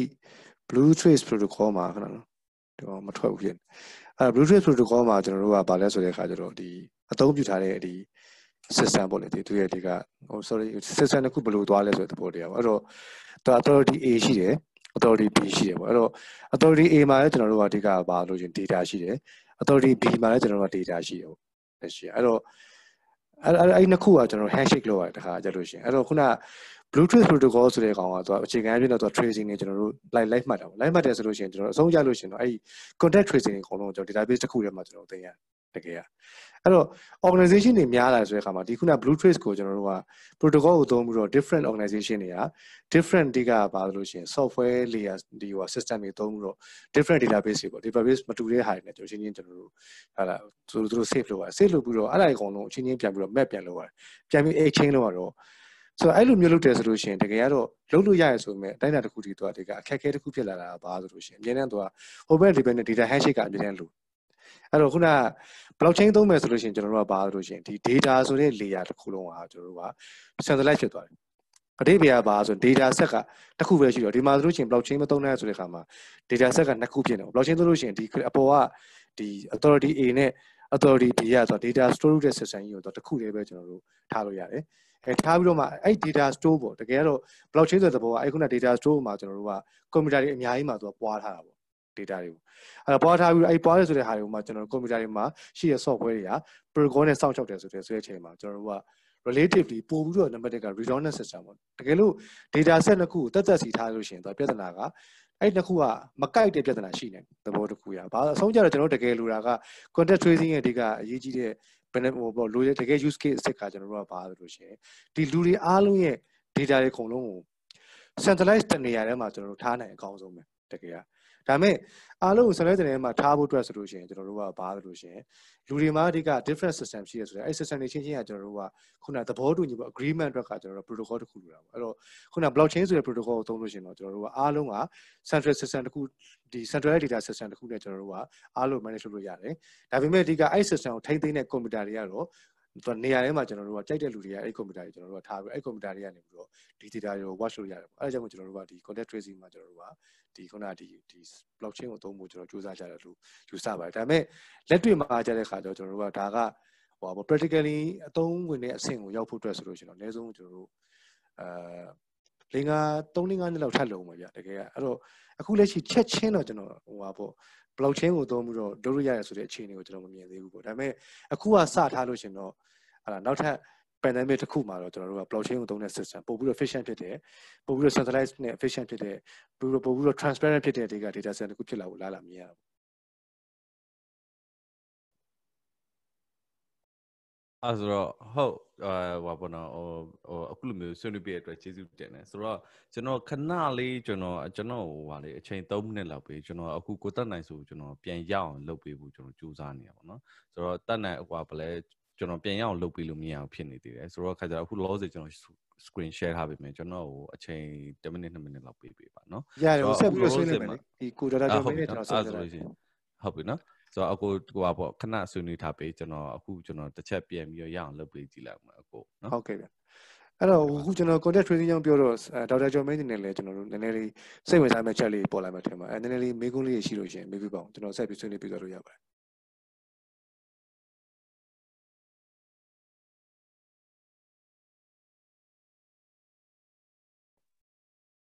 မြုပ်က admin မဲ့လို့ရတယ်နဲ့ကြည့်ရတာအာဒုက္ခ ရရကျွန်တော်လှမ်းလို့ရတယ်ရရကျွန်တော်လှမ်းလို့ရတယ်ခုနက contact tracing ကြောင့်ကျွန်တော်ပြောသွားတော့အဲ့ဒီနည်းပညာနဲ့ပတ်သက်လို့ဒီ blockchain နဲ့ပတ်သက်လို့ဆရာသိချင်တာလေးတွေပေါ်လာတာရှိမလားပေါ့ရှိချင်တယ်ကျွန်တော်မေးလို့ရပါလားဆွေးနွေးလို့ရပါတယ်ဟိုကိုကိုတက်ပြောတဲ့ဟာတွေကတော့ဟိုဟာရတော့ကျွန်တော်ဟိုကိုလိုတော့အကြမ်းမြင့်ပေါ့လေအပြင်လူတယောက်အနေနဲ့တော့အကြမ်းမြင့်အနေနဲ့တော့နားလဲပါတယ်ဆိုတော့ဟို data တွေကို system တစ်ခုနဲ့တစ်ခုမတူတဲ့အခါမှာပေါင်းဖို့ခဲရင်းတယ်နောက်ကပိုင်ဆိုင်မှု retrieve လုပ်တဲ့အခါ create လုပ်မှုစသဖြင့်ပေါ့လေအဲ့ဒါတွေလည်းဒီအမျိုးမျိုးရှိနေတဲ့အခါမှာဒီ blockchain ဆိုတဲ့ platform ပေါ်မှာသုံးရင်တော့ဒါတွေအကုန်လုံးကဟိုတိတ်အငင်းပွားစရာလည်းမရှိတော့ဘူးပေါင်းရင်လည်းလွယ်မယ်ကိုဟာကိုလည်းပိုင်တယ် ownership လည်းရှိတယ်ဆိုတော့ဟို blockchain ရဲ့သဘောကိုတော့ဖြစ်နိုင်လာတဲ့အနေအထားကိုတော့သဘောကျပါတယ်ဘက်ပေါင်းစုံမှာ blockchain ကတော့အားလုံးအတွက်ဟို security ဘိုင်းရော နောက်တစ်ခါ cooperation ဘိုင်းရောအကုန်လုံးကတော့ပိုကောင်းမယ်ဆိုတာတော့ဟိုယုံကြည်ပါတယ်အခုဟို contact tracing ဆိုတဲ့စကားလုံးလေးဟိုဖြစ်လို့ဟိုကျွန်တော်တို့အခုလက်ရှိဒီ pandemic နဲ့ပတ်သက်ပြီးတော့ contact tracing ကျွန်တော်လူနာတွေနဲ့ပတ်သက်တဲ့ contact tracing အဲ့ဒါနဲ့ပတ်သက်ပြီးတော့ဟိုပြောဖို့လိုသေးလားမသိဘူးဒါမှမဟုတ်လို့ရှိရင် contact tracing ကဒီနီးပညာအတွက်ပဲတသက်သုံးလိုက်တဲ့အသုံးနှုံးလား ဒီ covid 19 အတွက်နိုင်လို့ရှိရင်ရှင်းပြပါဦးခင်ဗျာအဲ့ဒါဆိုပို့ပြီးတော့အားလုံးပို့သိသွားတာပေါ့နော်ကျွန်တော်တို့ကတော့ဒီခုနဒီဒီဒီအဓိကတော့ကျွန်တော်ကြည့်တာတော့ဒီ blockchain နဲ့နှီးစပ်တဲ့ use case ကြည့်တော့သူ cryptography ကိုအခြေခံပြီးတော့သူကအခုလောဆယ်မှာ Apple နဲ့အဲ Google နဲ့ပေါင်း project တစ်ခုရှိတယ်ပြီးတော့ကျွန်တော်တို့ဒီ Singapore ကလည်းသူ့ရဲ့ blue trade ဆိုတဲ့ဟာကိုသူလောက်ထားရဆိုတဲ့အဲ့ဒါကိုကျွန်တော်ကိုကိုးကြိုက်တာပါကိုးကြိုက်တော့အခုလောဆယ်မှာအဲ့ contract tracing နဲ့ပတ်သက်လို့နည်းနည်းအသေးစိတ်ပတ်သက်ပြီးတော့ထပ်ရှင်းပြနိုင်ပြီလို့ရှင်တော့ပိုကောင်းပါတယ် ဟုတ်ကဲ့ဟိုကတော့အခုလက်ရှိဒီ COVID-19 နဲ့ပတ်သက်ပြီးလို့ရှိရင်လက်ရှိဒီ contact tracing ဆိုတဲ့ဟာတော့ဒီကျန်းမာရေးခုဆောင်းရှောက်မှုမှာတော်တော်ကိုအရေးပါတဲ့ကိစ္စပေါ့တော်တော်ကိုအရေးပါတဲ့ကိစ္စဆိုတာဒီဒီယောဂသိတဲ့အတိုင်းပဲကုလဲကုလွယ်တယ်ဗျာအဲကုစရာလည်းဆေးမရှိဘူးဗျာအဲ့တော့ကူးလဲကူးလို့တယ်ကုစရာလည်းဆေးမရှိဘူးဆိုတော့အမှားတော့မဖြစ်အောင်ကာဝယ်ဖို့ပဲလက်ရှိမှာဟိုကျွန်တော်တို့ကအဓိကဖြစ်နေတယ်နောက်သူ့ရဲ့ကာကွယ်ဆေးထုတ် ဖို့ဆိုတာကလည်းနောက်ထပ်10လအတွင်းမှာဖြစ်နိုင်ဖို့မရှိသလောက်ပဲတော်တော်ကိုတော်တော်ကိုခက်မယ်ပေါ့နော်ဟိုဟိုဟာတွေကုမ္ပဏီတွေအများကြီးကုမ္ပဏီ30ကျော်လောက်ကခုသူသူနဲ့ပတ်သက်တဲ့ vaccine ကာကွယ်ဆေးပေါ့လေစူးစမ်းနေရပေမဲ့လည်းအဲ့ဒါတွေက2020အကုန်2021ထဲမှာပေါ်နိုင်ရင်တောင်ကံကောင်းလို့ယူဆရမှာပေါ့နော်အဲ့ကြတော့အခုဒီကြားထဲမှာကတော့မဖြစ်အောင်ကာကွယ်ဖို့ကပိုရေးကြီးတာအဲ့တော့မဖြစ်အောင်ကာကွယ်ဖို့ကရေးကြီးရဲဆိုတော့ကျွန်တော်တို့လွယ်လွယ်ပဲဟိုပြောရလို့ရှိရင်ကျွန်တော်နိုင်ငံမှာလူတန်း9 လူတန်း90ရှိတယ်လို့ဆိုပါစို့တန်း90မှာတယောက်မှမဖြစ်သေးရင်ဘာမှမဖြစ်ဘူးဗျာအပြင်ကဝင်လာတဲ့လူလည်းမရှိဘူးဒီထက်ကလူကလည်းထွက်ပြီးတော့ပြန်ဝင်လာတာမရှိဘူးဆိုရင်ဒီကိုဗစ်ကဒီတိုင်းကြီးခုံပြန်ကျော်လွှားပြီးသူမရောက်နိုင်ဘူးအဲ့တော့မရောက်နိုင်ဘူးဆိုတော့အခုအခုလက်သိတဲ့အတိုင်းပဲဘယ်လိုနည်းနဲ့ရောက်လာလဲဆိုတော့နိုင်ငံခြားကနေပြန်လာတဲ့လူတွေကနေတဆင်ရောက်တယ်နိုင်ငံသားတွေလာလေတဲ့လူကတဆင်ရောက်တယ် စသဖြင့်ပေါ့ယောဂဖြစ်ခဲ့တဲ့လူကဒီကိုပြန်ရောက်လာတဲ့အခါမှာသူဖြစ်တယ်ပြီးရင်သူနဲ့ထိတွေ့တဲ့လူတွေဖြစ်တယ်အဲ့ဒီထိတွေ့တဲ့လူတွေကနေဆက်ဆက်ပြီးတော့ကူးဆက်ပြီးတော့ဆက်ပြီးတော့ဖြစ်တယ်ဆိုတော့အဲဘာသိဖို့ရည်ကြည်လဲဆိုတော့လူတယောက်ယောဂရှိတဲ့လူတယောက်ကပထမဦးဆုံးကိုယ့်စီကိုပါလာရောက်လာပြီကိုယ့်နိုင်ငံကိုရောက်လာပြီဆိုရင်ဟုတ်ပြီရောက်လာပြီဆိုတာနဲ့ကိုကဘယ်သူနဲ့မှမတွေ့ခင်သူ့မှာယောဂပါတယ်လို့သိလို့ရှိရင်သူ့ကိုတီးတန့်လေးယောဂပြောက်အောင်ထိ ဒါမှမဟုတ်လို့ရှိရင်လည်းကန်ဆိုးလို့သူသေဆိုးရင်လည်းသေဆုံးသည်အထိကံကောင်းလို့သူကယောဂကိုပျောက်သွားတယ်ဆိုလဲယောဂပျောက်သွားသည်အထိဘယ်သူနဲ့မှမထိတွေ့အောင်ထားလိုက်နိုင်တယ်ဆိုရင်ဒီယောဂကကျွန်တော်နိုင်ငံမဝင်တာနဲ့အတူတူပဲအဲအဲ့တော့ဒါတယောက်ကိုပြောတာပေါ့နော်တကယ်လို့လူတရားဝင်လာရင်လည်းအဲ့ဒီလူတရားကိုအခုချက်ချင်းသိပြီးတော့အဲ့ဒီလူတရားကိုဘယ်သူနဲ့မှမထိတွေ့အောင်ထားနိုင်လို့ရှိရင်နောက်ထပ်လူတွေဘာမှမဖြစ်ဘူးပဲအဲဒါပေမဲ့လူဆိုတာသိတဲ့အတိုင်းပဲ social ဟို social social နဲ့ပတ်သက်တဲ့တ attva ဖြစ်နေတဲ့အခါကျတော့ရောက်လာပြီဆိုတာနဲ့အကုန်လုံးကထိတွေ့ရတယ်လေစိတ်ရောက်ပြီးလေစိတ်မရောက်ခင်လေးမောစီးကနေက तू ကလေးမှာအတူတူပါလာတဲ့လူတွေနဲ့ तू နဲ့ထိတွေ့ရပြီထိတွေ့ရတော့လေးမောမှာလူတရားပါလို့ရှိရင်အဲ့ဒီလူတရားကိုကျွန်တော်တို့ကမျက်ရှိမပြအောင်စောင့်ကြည့်ဖို့လိုတယ်ဒါမှမဟုတ်လို့ရှိရင် तू နဲ့ကက်ရဲ့ဟိုမှာခုံ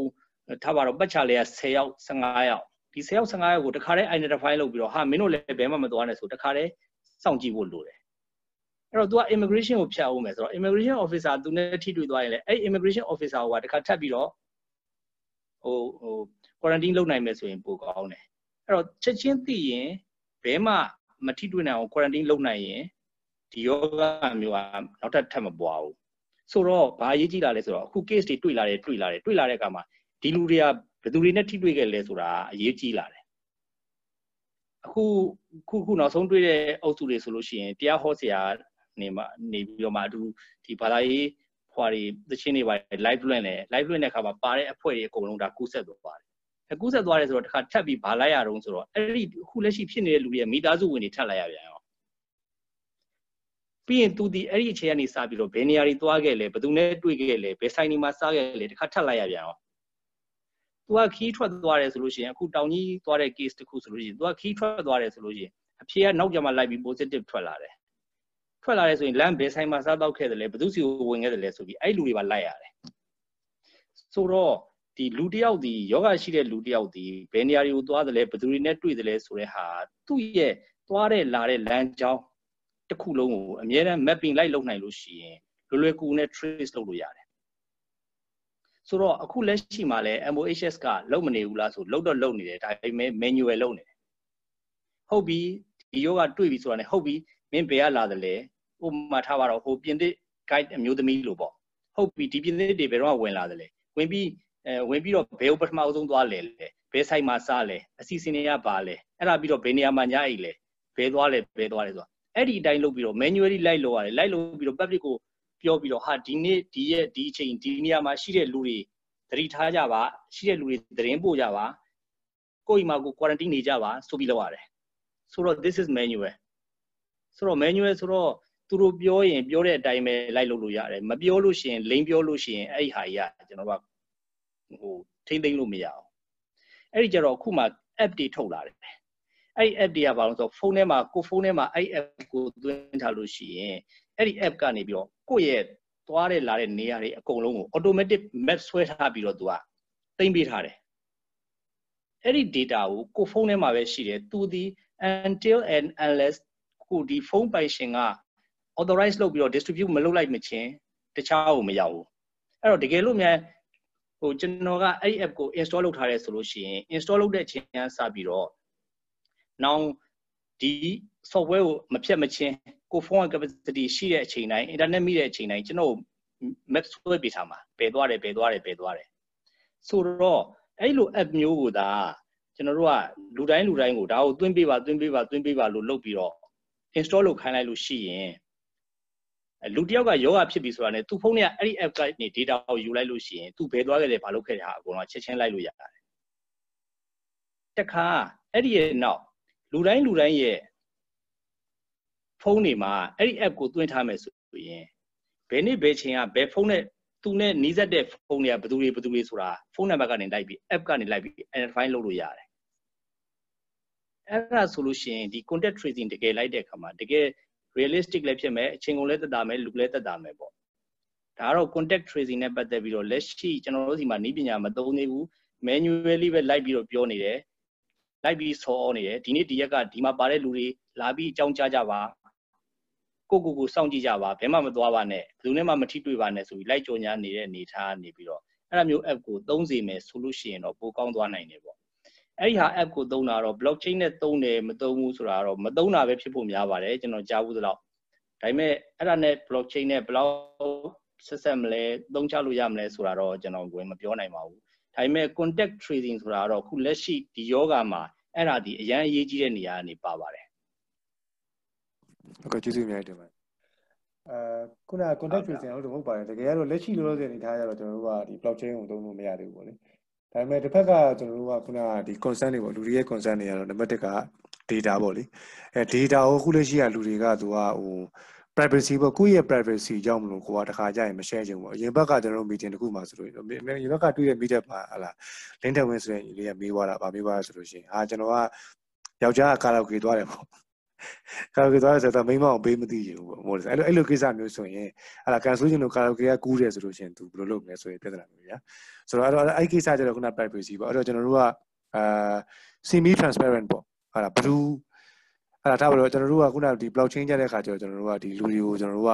လူတွေရဲ့ identity တွေကိုကျွန်တော်တို့ကလူနာမည်မပြောဘဲနဲ့သူ့ရဲ့ public key လို့ဟာမျိုးနဲ့တော့ cryptographic key နဲ့သတ်မှတ်တယ်ဆိုရင်ကျွန်တော်တို့ကအနည်းဆုံးတော့အဲ့လူကသွားတယ်ဆိုတဲ့ part ကိုကျွန်တော်တို့ကဒီကခုနဒီ typically ဘယ်ရပဲသွားဆိုတဲ့ trace တွေကျွန်တော်ကြည့်လို့ရပါဘူးနာမည်မပါတော့ဘူးအောင်ကိုသက်ဆိုအောင်ကိုသက်မပါတော့ဘူးဒါပေမဲ့အောင်ကိုသက်ဆိုတဲ့ key ဟိုပါပေါ့ public key တခုကဘယ်လိုရွှေ့နေစားမျိုးမှာပြလို့ရမယ် link ထဲမှာဆို link ထဲမှာပါတော့ link ထဲဝင် public key တခုကဘယ်လိုရွှေ့နေဆိုတာပြလို့ရမယ်ဆိုရင်တကယ်လူတွေအနေနဲ့ကကျွန်တော်တို့ကဘာလို့ရှင်ပို့ပြီးတော့ share ဖို့ချန်ရတယ်ပေါ့နောက်တစ်ခုကကြတဲ့အခါကျတော့ဖြစ်မှကျွန်တော်တို့က share တယ်ဆိုလို့ရှိရင်ကြတဲ့အခါကျတော့ဒီကောင်ကနည်းနည်းနောက်ကျသွားပြီပေါ့လေလက်ရှိကအခုအဲ့တော့အဲ့တော့ခုနဆရာပြောတဲ့ခါမှာတော့ကျွန်တော်တို့က real time sharing လုပ်နေတယ်ဆိုလို့ရှိရင်တော့ကျွန်တော်တို့ကပို့ပြီးတော့ holistically ကျွန်တော်တို့ကဒီကောင်ရဲ့အခြေအနေကိုမြင်ရတာပေါ့သဘောတစ်ခုရဒါပြီးတော့ရိပ်မှာဗမာမှာလူကြီးတန်း90ရှိတယ်အဲဒါကကျွန်တော်တို့ရဲ့အိမ်မက်ရတန်း90လုံးကဒီက content creating app ကိုသုံးပြီးတော့ real time သူတို့ရဲ့ data တွေ share နေဆိုလို့ရှိရင်ဟာဒီလိုကဒီနေ့ဒီနေ့ဒီနေ့ဒီနေ့သွားခဲ့တယ်သွားခဲ့ပြီးတော့ဒီနေ့ဒီချိန်မှာဒီကောင်ကယောဂဖြစ်လာဆိုအဲဆိုသူ့ရဲ့ဒီကဒီဟိုပါပေါ့ယောဂရဲ့ပြန်ပွားရဆိုတဲ့ map ကိုကျွန်တော်တို့ကကြည့်လို့ရတယ်ဆိုတဲ့အခါပို့ပြီးတော့ quarantine လုပ်ရတာပိုလွယ်မယ် control လုပ်ရပို့လဲပေါ့အဲ့လိုကိစ္စမျိုးတွေကိုကျွန်တော်တို့ကဒီဟိုပါပေါ့ hypothetical case နဲ့ကျွန်တော်တို့က blockchain ကိုသုံးလို့ရတယ်လို့လူတွေကပြောကြတာပါဆရာဆိုတော့အဲ့တော့ဒါမဲ့ဒါဒါဒါတစ်ခုပေါ့လေအဲနောက်တစ်ခုကကြတဲ့ခါကျတော့ကျွန်တော်တို့ကအဲဘယ်လိုဟာမျိုးလဲဆိုလို့ရှိရင်ခုနကပြော organization health and benefit organization ၅ခုရှိတယ်အဲဒီ၅ခုကကျွန်တော်တို့က data နဲ့ပတ်သက်လို့ကျွန်တော်တို့ကဟောလာ collaboration လုပ်ချင်တယ်ဆိုလို့ရှိရင်ကျွန်တော်တို့ကဒီခုန governance ပေါ့ဒီကဒီ data ရဲ့ဘယ်လို data ကိုကျွန်တော်တို့ထိန်းသိမ်းမယ်ဆိုတဲ့ governance mechanism ကိုကျွန်တော် protocol ဖြစ်ကျွန်တော်ပြောင်းပြီးတော့ ကျွန်တော်တို့ကလုပ်ရဆိုတဲ့ဟာမျိုးလေးရှိတယ်ပေါ့လက်ရှိရတော့အဲ့တော့ဟုတ်ပါပြီအဲ့တော့ဆိုလို့ရှိရင်အခါပြောလဲဘယ်ဟောလဲမသိဘူးအဲ့တော့ဒီကျွန်တော်တို့အဲပြန်ကြည့်လို့ရှင်ဟောရောက်ရောက်လာပြီလားအဲ့တော့အခုကျွန်တော်တို့စာပြောနေတာတော့ဗာလဲဆိုတော့ဒေါက်တာကျော်မင်းကရှင်းပြနေတာတော့ content tracing ဆိုတာဗာလဲဆိုတာ ਨੇ content tracing ကိုဘယ်လိုသုံးချရဆိုတဲ့အကြောင်းတွေသူခုနရှင်းပြတာပေါ့ဆရာကတော့အဲ့ကျွန်တော်ခုနသိလိုက်ရတာဗာလဲဆိုလို့ရှင်ဟလာတကယ်က content tracing ဆိုတာမိမိသွားခဲ့တဲ့နေရာတွေအကုန်လုံးကိုမြေပုံမှာ ကျွန်တော်တို့ကတင်ထားတဲ့ data ကို content tracing data လို့ခေါ်တယ်ပေါ့လေလက်ရှိကဆရာပြောတဲ့ပုံစံအဲဒုတိယတစ်ခုကကြတဲ့အခါကျတော့ကျွန်တော်တို့ကပါဆိုလို့ရှင်အဲ့ data ကိုဒါပြဿနာဖြစ်တဲ့အခါပြန်ကြည့်လို့ရတယ်ဆိုလို့ရှိရင်အနည်းဆုံးဟာလာဘယ်လို stress ဖြစ်သွားမယ်ဆိုတဲ့ pattern ကိုကျွန်တော်တို့ကခံမှန်းမှုတွေကိုအသုံးချရလို့ကျွန်တော်သိသိထားပါတယ်အဲကျွန်တော်ပြောတာနည်းနည်းလိုပန်းလို့ရှိရင်ဖြစ်ဆက်ပြီးဆွေးနွေးပါအောင်ဆရာဟုတ်ကဲ့ဟိုကလေအဲဆိုတော့အဲဒီ contact tracing နဲ့ပတ်သက်ပြီးတော့အဓိကကတော့အခုလက်ရှိမှာတော့ဒီ MOHS ကနေသူတို့သုံးတာကတော့ဒီ result positive ဖြစ်တဲ့လူပေါ့ test result positive ဖြစ်တဲ့လူအဲအဲ့ဒီလူတွေဒီလူကပြီးခဲ့တဲ့ရက်ပိုင်းမြန်မာပြည်ကိုစရောက်တဲ့အချိန်ကစပြီးတော့အထူးသဖြင့်တော့သူတို့က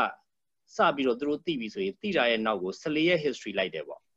လွန်ခဲ့တဲ့14ရက်အတွင်းမှာ तू ကဘယ်တွေသွားခဲ့လဲဘာတွေလုပ်ခဲ့လဲဘယ်သူနဲ့တွေ့ခဲ့လဲအဲ့ဒါတွေကိုအကုန်အသေးစိတ်လိုက်လိုက်တယ်အသေးစိတ်လိုက်လိုက်ပြီးတော့သူ့ကိုတော့တခါတည်းဆေးရုံတင်တင်လိုက်တယ်ဆိုပြီးမှတခါတည်း quarantine လုပ်ချင်လုပ်လိုက်တယ်ပြီးရင်သူရှေ့14ရက်ကသွားခဲ့လာတဲ့များတွေကိုသူ့ကိုမေးမေးပြီးတော့မှ အဲ့ဟာတွေကိုလိုက်ပြီးတော့သူတို့လိုက်ပြီးတော့ပိတ်တယ်ပေါ့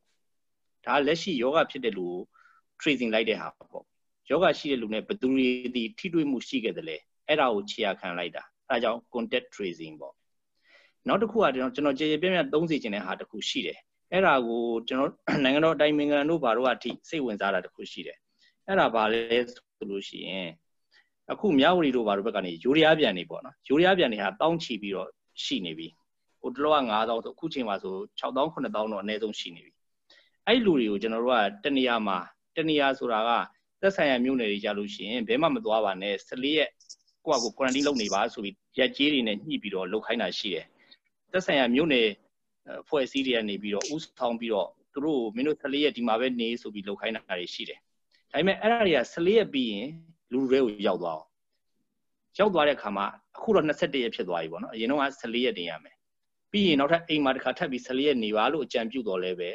ဒါတွေကဘယ်သူမှလိုက်နာမှာမဟုတ်ဘူးတော်တော်များများလိုက်နာကြမှာမဟုတ်ဘူးဆိုတော့ကောင်းတာကတော့အဲ့လိုယူရီးယားတို့ကတော့ပြန်လာတယ်ဒါမှမဟုတ်လို့ရှိရင်နိုင်ငံခြားနေဝင်လာတဲ့လူဘယ်သူမှဆိုအဲ့ဒါမျိုးဆိုရင်ဒီ tracing လိုက်တဲ့ map သူသွားရလာတဲ့ဟာအကုန်လုံး tracing လိုက်တဲ့ဒီ app တစ်ခုကိုသူ့ရဲ့ဖုန်းထဲမှာ dedicated sim card တစ်ခုနဲ့ထည့်ပြီးတော့မှ ဒီ app ကို install လုပ်ရမယ်ဒီ app ကိုမင်းငါတို့ကမဖြုတ်ခိုင်းမချင်းသူရီမုတ်တလဆိုတလပူပူတတသတ်မှတ်ပြီးတော့အဲ့လောက်ကာလအတွင်းမင်းဒီ app ကိုလုံးဝဟိုကမလုပ်ရဘူး uninstall မလုပ်ရဘူးမထိရဘူးပြီးရင်ဒီကနေသတင်းပို့ရမယ်ဒီ app ပေါ်ကနေပြီးတော့မင်းသတင်းပို့တဲ့ဟာတခုပျောက်သွားပြီဆိုရင်မင်းကိုဥပဒေရအေးယူမယ်ဆိုပြီးအေးယူအေးပေါ်ဥပဒေတခုထုတ်လိုက်ပြီးတော့သူ့ရဲ့ map ပြီးနေကိုလိုက်နေလို့ရပါတယ်အဲ့ဒါဆိုလို့ရှိရင်ယောဂစဖြစ်လိုက်ပြီဆိုတာနဲ့သူသွားတဲ့ဟာတွေအကုန်လုံးကိုလှုပ်လို့ရသလိုသူဒီ ဟိုအထက်ကညွှန်ကြားသလိုတကယ်ကိုနေရာမှာပဲကိုနေသလားရှောက်သွားနေသလားဆိုတာကိုဤပညာနဲ့တခါလေလှမ်းပြီးထောက်လို့ရပါတယ်အဲ့ဒီကိစ္စကတော့လက်ရှိအရေးတကြီးလုပ်နိုင်မယ်ဆိုလို့ရှိရင်ကောင်းမဲ့ကိစ္စတစ်ခုလို့မြင်ပါတယ်။လည်းဆိုတော့အဲ့မှာလေကျွန်တော်နှစ်ခုပေါ့နော်ကျွန်တော်နှစ်ခုသိချင်တာတော့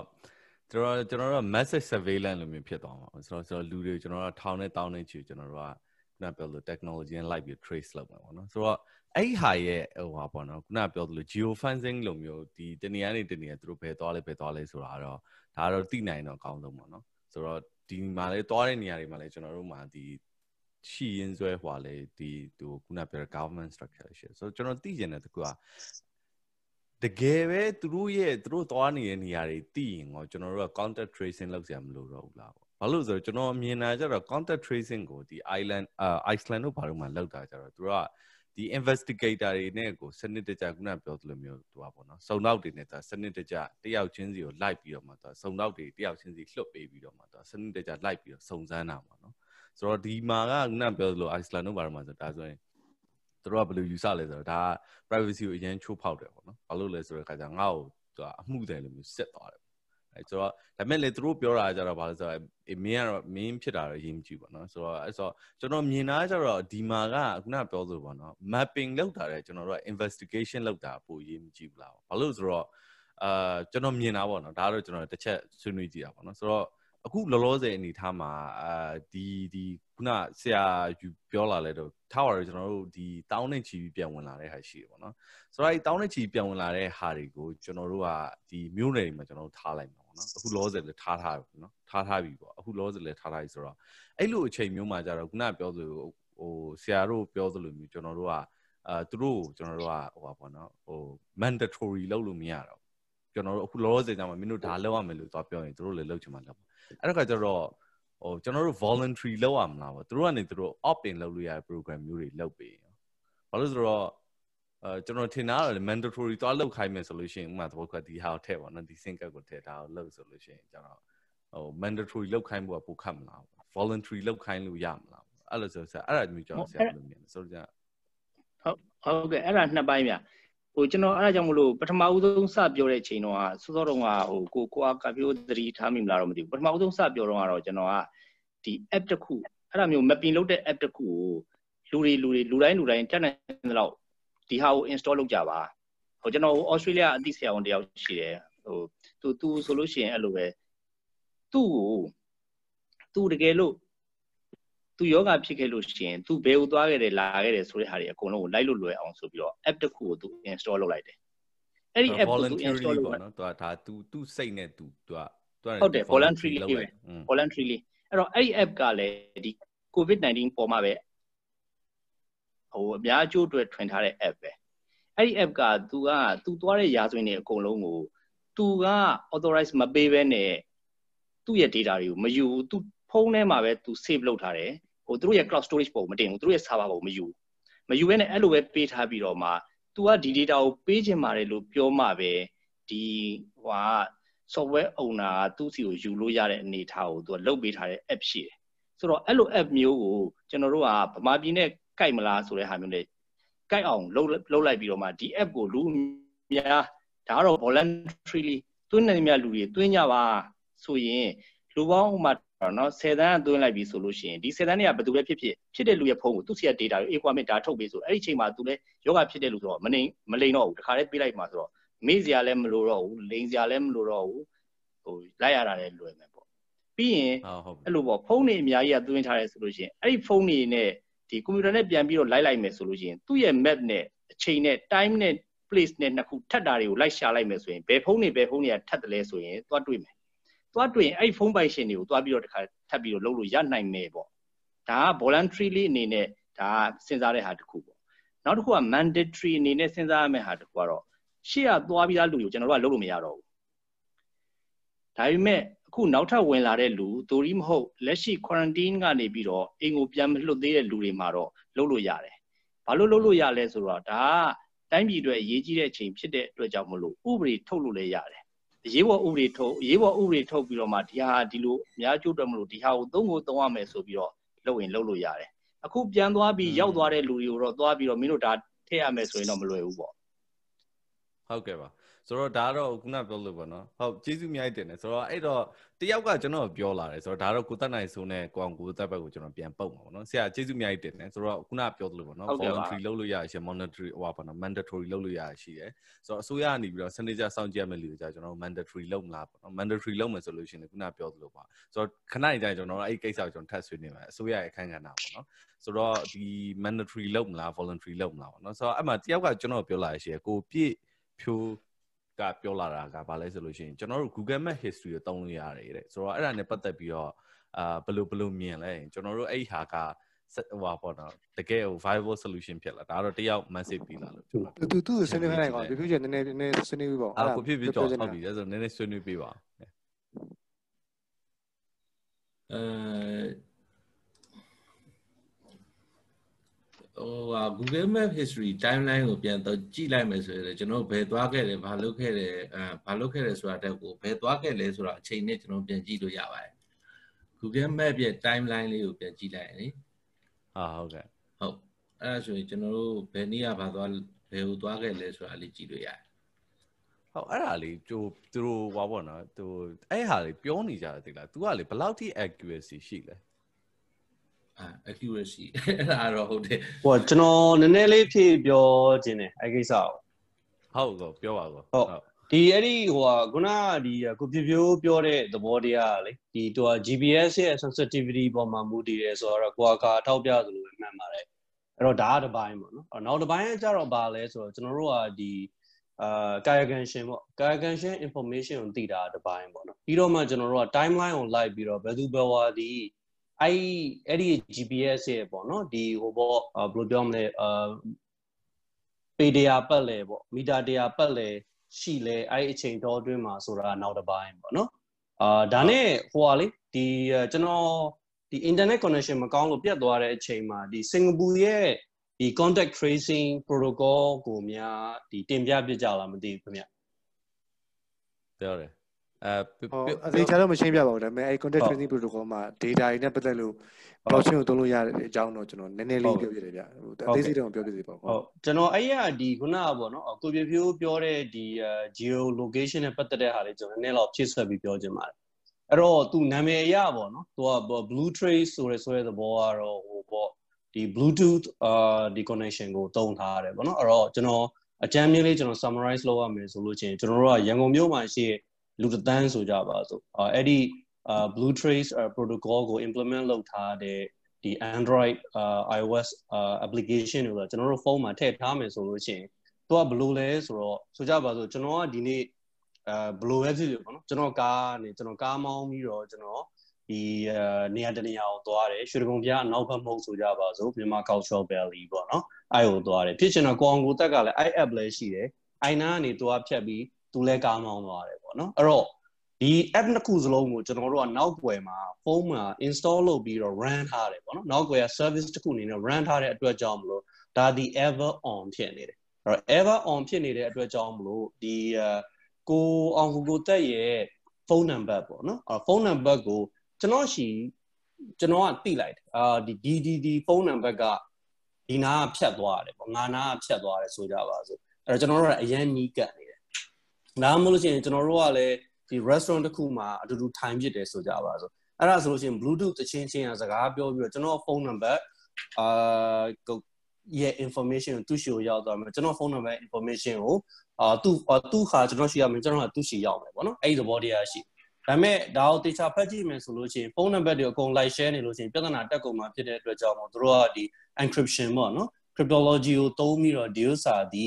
အာခုနကဒီကိုကျော်မင်းတင်ပြသလိုပဲအဲကျွန်တော်က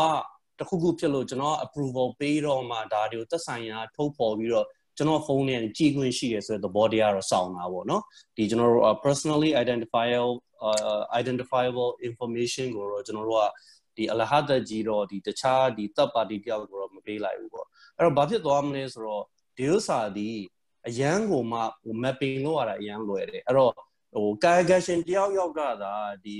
ဒီ coronavirus positive ဖြစ်ပြီဆိုလို့ရှိရင်သူဖုန်းထဲမှာရှိတဲ့ data ကိုပဲကျွန်တော်တို့ကောက်ကြည့်လိုက်လို့ရတယ်အဲ့တော့ encrypted လုပ်ထားတဲ့ဖုန်းနံပါတ်အခု100ရှိတာလားအခု90ရှိတာလားအဲ့ဒါဆိုလို့ရှိရင်ကျွန်တော်တို့ကတည်ကြတာကဒီလူတွေဒီအာဒီ blue trace ပေါ့နော် blue trace protocol compatible ဖြစ်တဲ့ဒီ application တွေထည့်ထားတာကျွန်တော်တို့ကခောက်ကြည့်လိုက်ရုံပဲပြီးလို့ရှိရင်ဘယ်နေ့ဘယ်အချိန်အာမှာဒီကိုတော့ဘယ်နေရာမှာပေါ့ အာဒါတွေကိုဟိုတောင်းနေတောင်းနေကြုံတွေ့ဖြစ်တယ်ဆိုတော့တွေ့တဲ့အတွက်ကြောင့်မလို့ဘယ်လိုပြောရမလဲဒီ connection ပေါ့နော် connection create လုပ်ရတယ်လွယ်သွားလိမ့်မယ်အဲ့ဒီဒီ Google Map ကိစ္စကြတော့ဘာရှိမလဲဆိုတော့ကျွန်တော်တို့ကကာယကံရှင်ရဲ့ဒီအချိန်နဲ့ပေါ့နော်နေရာဒေသ location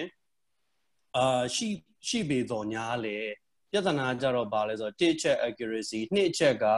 ဒီ Google Map မှာသွားပြီးတော့ကျွန်တော်တို့ကအဲ့ အဲ့အချိန်မှာအဲ့နေရာမှာရှိတဲ့လူလစ်ဆိုကျွန်တော်တို့ကတိကျပြန်ဆွဲထုတ်တဲ့ပြဿနာရှိမယ်အခက်အခဲရှိမယ်အဲ့ဒီဥစ္စာတော့မှပဲကျွန်တော်ခုနက describe လုပ်သလို restaurant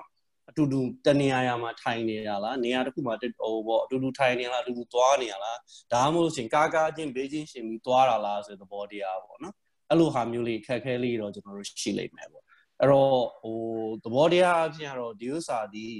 ကျွန်တော်တို့ကကြိုလဲထည့်ရမယ် ဖြစ်လို့ရှိရင်လည်းသူနဲ့ပတ်သက်တဲ့လူတွေကိုလည်းဟိုပေါ့နော်ကျွန်တော်တို့ကလိုက်လိုက်ပြီးချိတ်ဆက်ခြင်းသေးတာပေါ့နော်အဲ့တော့ဒီခုနဒီကိုကျော်မင်းနဲ့ကိုကပြောပြောသွားတဲ့အတိုင်း voluntary shoot down ကြည့်မယ်ဆိုတော့ဒါကျွန်တော်တို့ကြိုလို့ရမယ့်ကိစ္စပေါ့နော်အဲ့ဒီထဲမှာတော့ပါသွားလိမ့်မယ်အဲ့တော့တခုကောင်းတာကြတော့ပါလဲဆိုတော့ဒီဥစ္စာဒီအာဟိုဟိုဘက် bluetooth ဒီဘက် bluetooth handshake လောက်ရမှာဖြစ်တဲ့အတွက်ကြောင့်မလို့အာဒီဘယ်လိုပြောရမလဲ trace လုပ်တဲ့နေရာမှာပေါ့နော် contact tracing လုပ်တဲ့နေရာမှာအတိုင်းအတာတစ်ခုထိ bluetooth ဘယ်လိုပြောရမလဲ bluetooth strength ကောင်းတဲ့အဆင့်လောက်ထိအနေနီးကပ်မှဒီဒီ handshake ဆိုတာဖြစ်မှာပေါ့နော်အဲ့ဒီသဘောတရားအကြောင်းမလို့ GPS တက်စာလို့ရှိရင်နည်းနည်းတော့ပို့ပြီးတော့အာဒီ contact tracing အတွက်ပို့ပြီး date ပဲရှိလိမ့်မယ်ခင်ဗျာအာအဲ့ဒီဥစ္စာကလည်းတကယ်တော့သူတို့စင်ကာပူအစိုးရရဲ့ technology arm ဖြစ်တဲ့ GovTech ပေါ့နော် government technology ကသူတို့က open source လုပ်ထားပါတယ် အဲ့ဒါကိုလည်းစမ်းကြည့်ခြင်းနဲ့ဒီညီကိုတွေရှိမယ်ဆိုလို့ရှိရင်ဒီ Android application source code တွေရော iOS application source code တွေတို့လည်း share ထားပေးတယ်အဲ့တော့ကျွန်တော်နဲ့ကောင်ကိုတက်နဲ့ဒီမတိုင်ခင်ပြောပြတာကအဲ့ဒီနောက်ွယ်က data တွေကိုမှကျွန်တော်တို့ကဒီအာ blockchain ပေါ်ပေါ့နော်အာတင်လိုက်မယ်ဆိုလို့ရှိရင်ဘယ်လိုနည်းဘယ်လိုပုံနဲ့လုပ်လို့ရမလဲဆိုတဲ့ဟာလေးတော့ကျွန်တော်အကြမ်းမြင်တော့ကျွန်တော်တိုင်ပင်ပြစ်တယ်ခင်ဗျဒါကတော့ကျွန်တော်ကျွန်တော်2 cent ပါအာ contact tracing နဲ့ပတ်သက်လို့ဟုတ် ဟုတ်ကဲ့ကိုကိုတက်နိုင်ဆိုရင်ဟိုအရန်ကျေးဇူးတင်တယ်ဗျအခုဒီ blue trace technology blue trace ကိုရှင်းပြလိုက်တာလေဟုတ်ဟိုအဲ့ဒါအရန်ကောင်းတယ်အဲ့ဒါအရန်ကောင်းတယ်ဆိုတာဒီ bluetooth ရဲ့ range အတွင်းမှာမှီလောက်တဲ့နေရာကိုမှလည်းတကယ် contact လို့သတ်မှတ်တာပါ။ဘာလို့ဆိုဟိုကလူတယောက်နဲ့တယောက်သူက3ပေกว่าအတွင်းမှာဒါမှမဟုတ်မျက်နှာချင်းဆိုင်အတွင်းမှာ15မိနစ်တွေ့ပြီးစကားပြောရဲဆိုရင်သူ့ကို close contact အဖြစ်ယူဆတယ်ပေါ့ဆိုတော့အဲအဲ့လိုမျိုးဒီ close contact ဆိုတာဘယ်လို ဟိုသတ်မှတ်တယ်လဲဟိုတာမန် contact ဆိုတာဘယ်လိုသတ်မှတ်တယ်လဲဆိုတဲ့ဟာကရှိပြီးသားအဲ့ဒီရှိပြီးသားဟာဒီအခုဒီ bluetooth range အတွင်းမှာရှိတယ်ဆိုတဲ့ဟာနဲ့ဆိုလို့ရှိရင်အဲ့ဒါပိုကောင်းပါတယ်နောက်ဆုံးတယောက်နဲ့တယောက်ကမျက်နှာချင်းဆိုင်မဟုတ်ဘူးအဲကျွန်တော်တို့ကကြောချင်းကက်ရက်လည်းဖြစ်နေတယ်အဲ6ပေ9ပေလောက်ကွာနေတယ်ဆိုရင် bluetooth ချင်းတော့ချိန်မိမယ်သို့တော့သူတို့ချင်းကကူးစက်နိုင်သွားတော့မရှိဘူး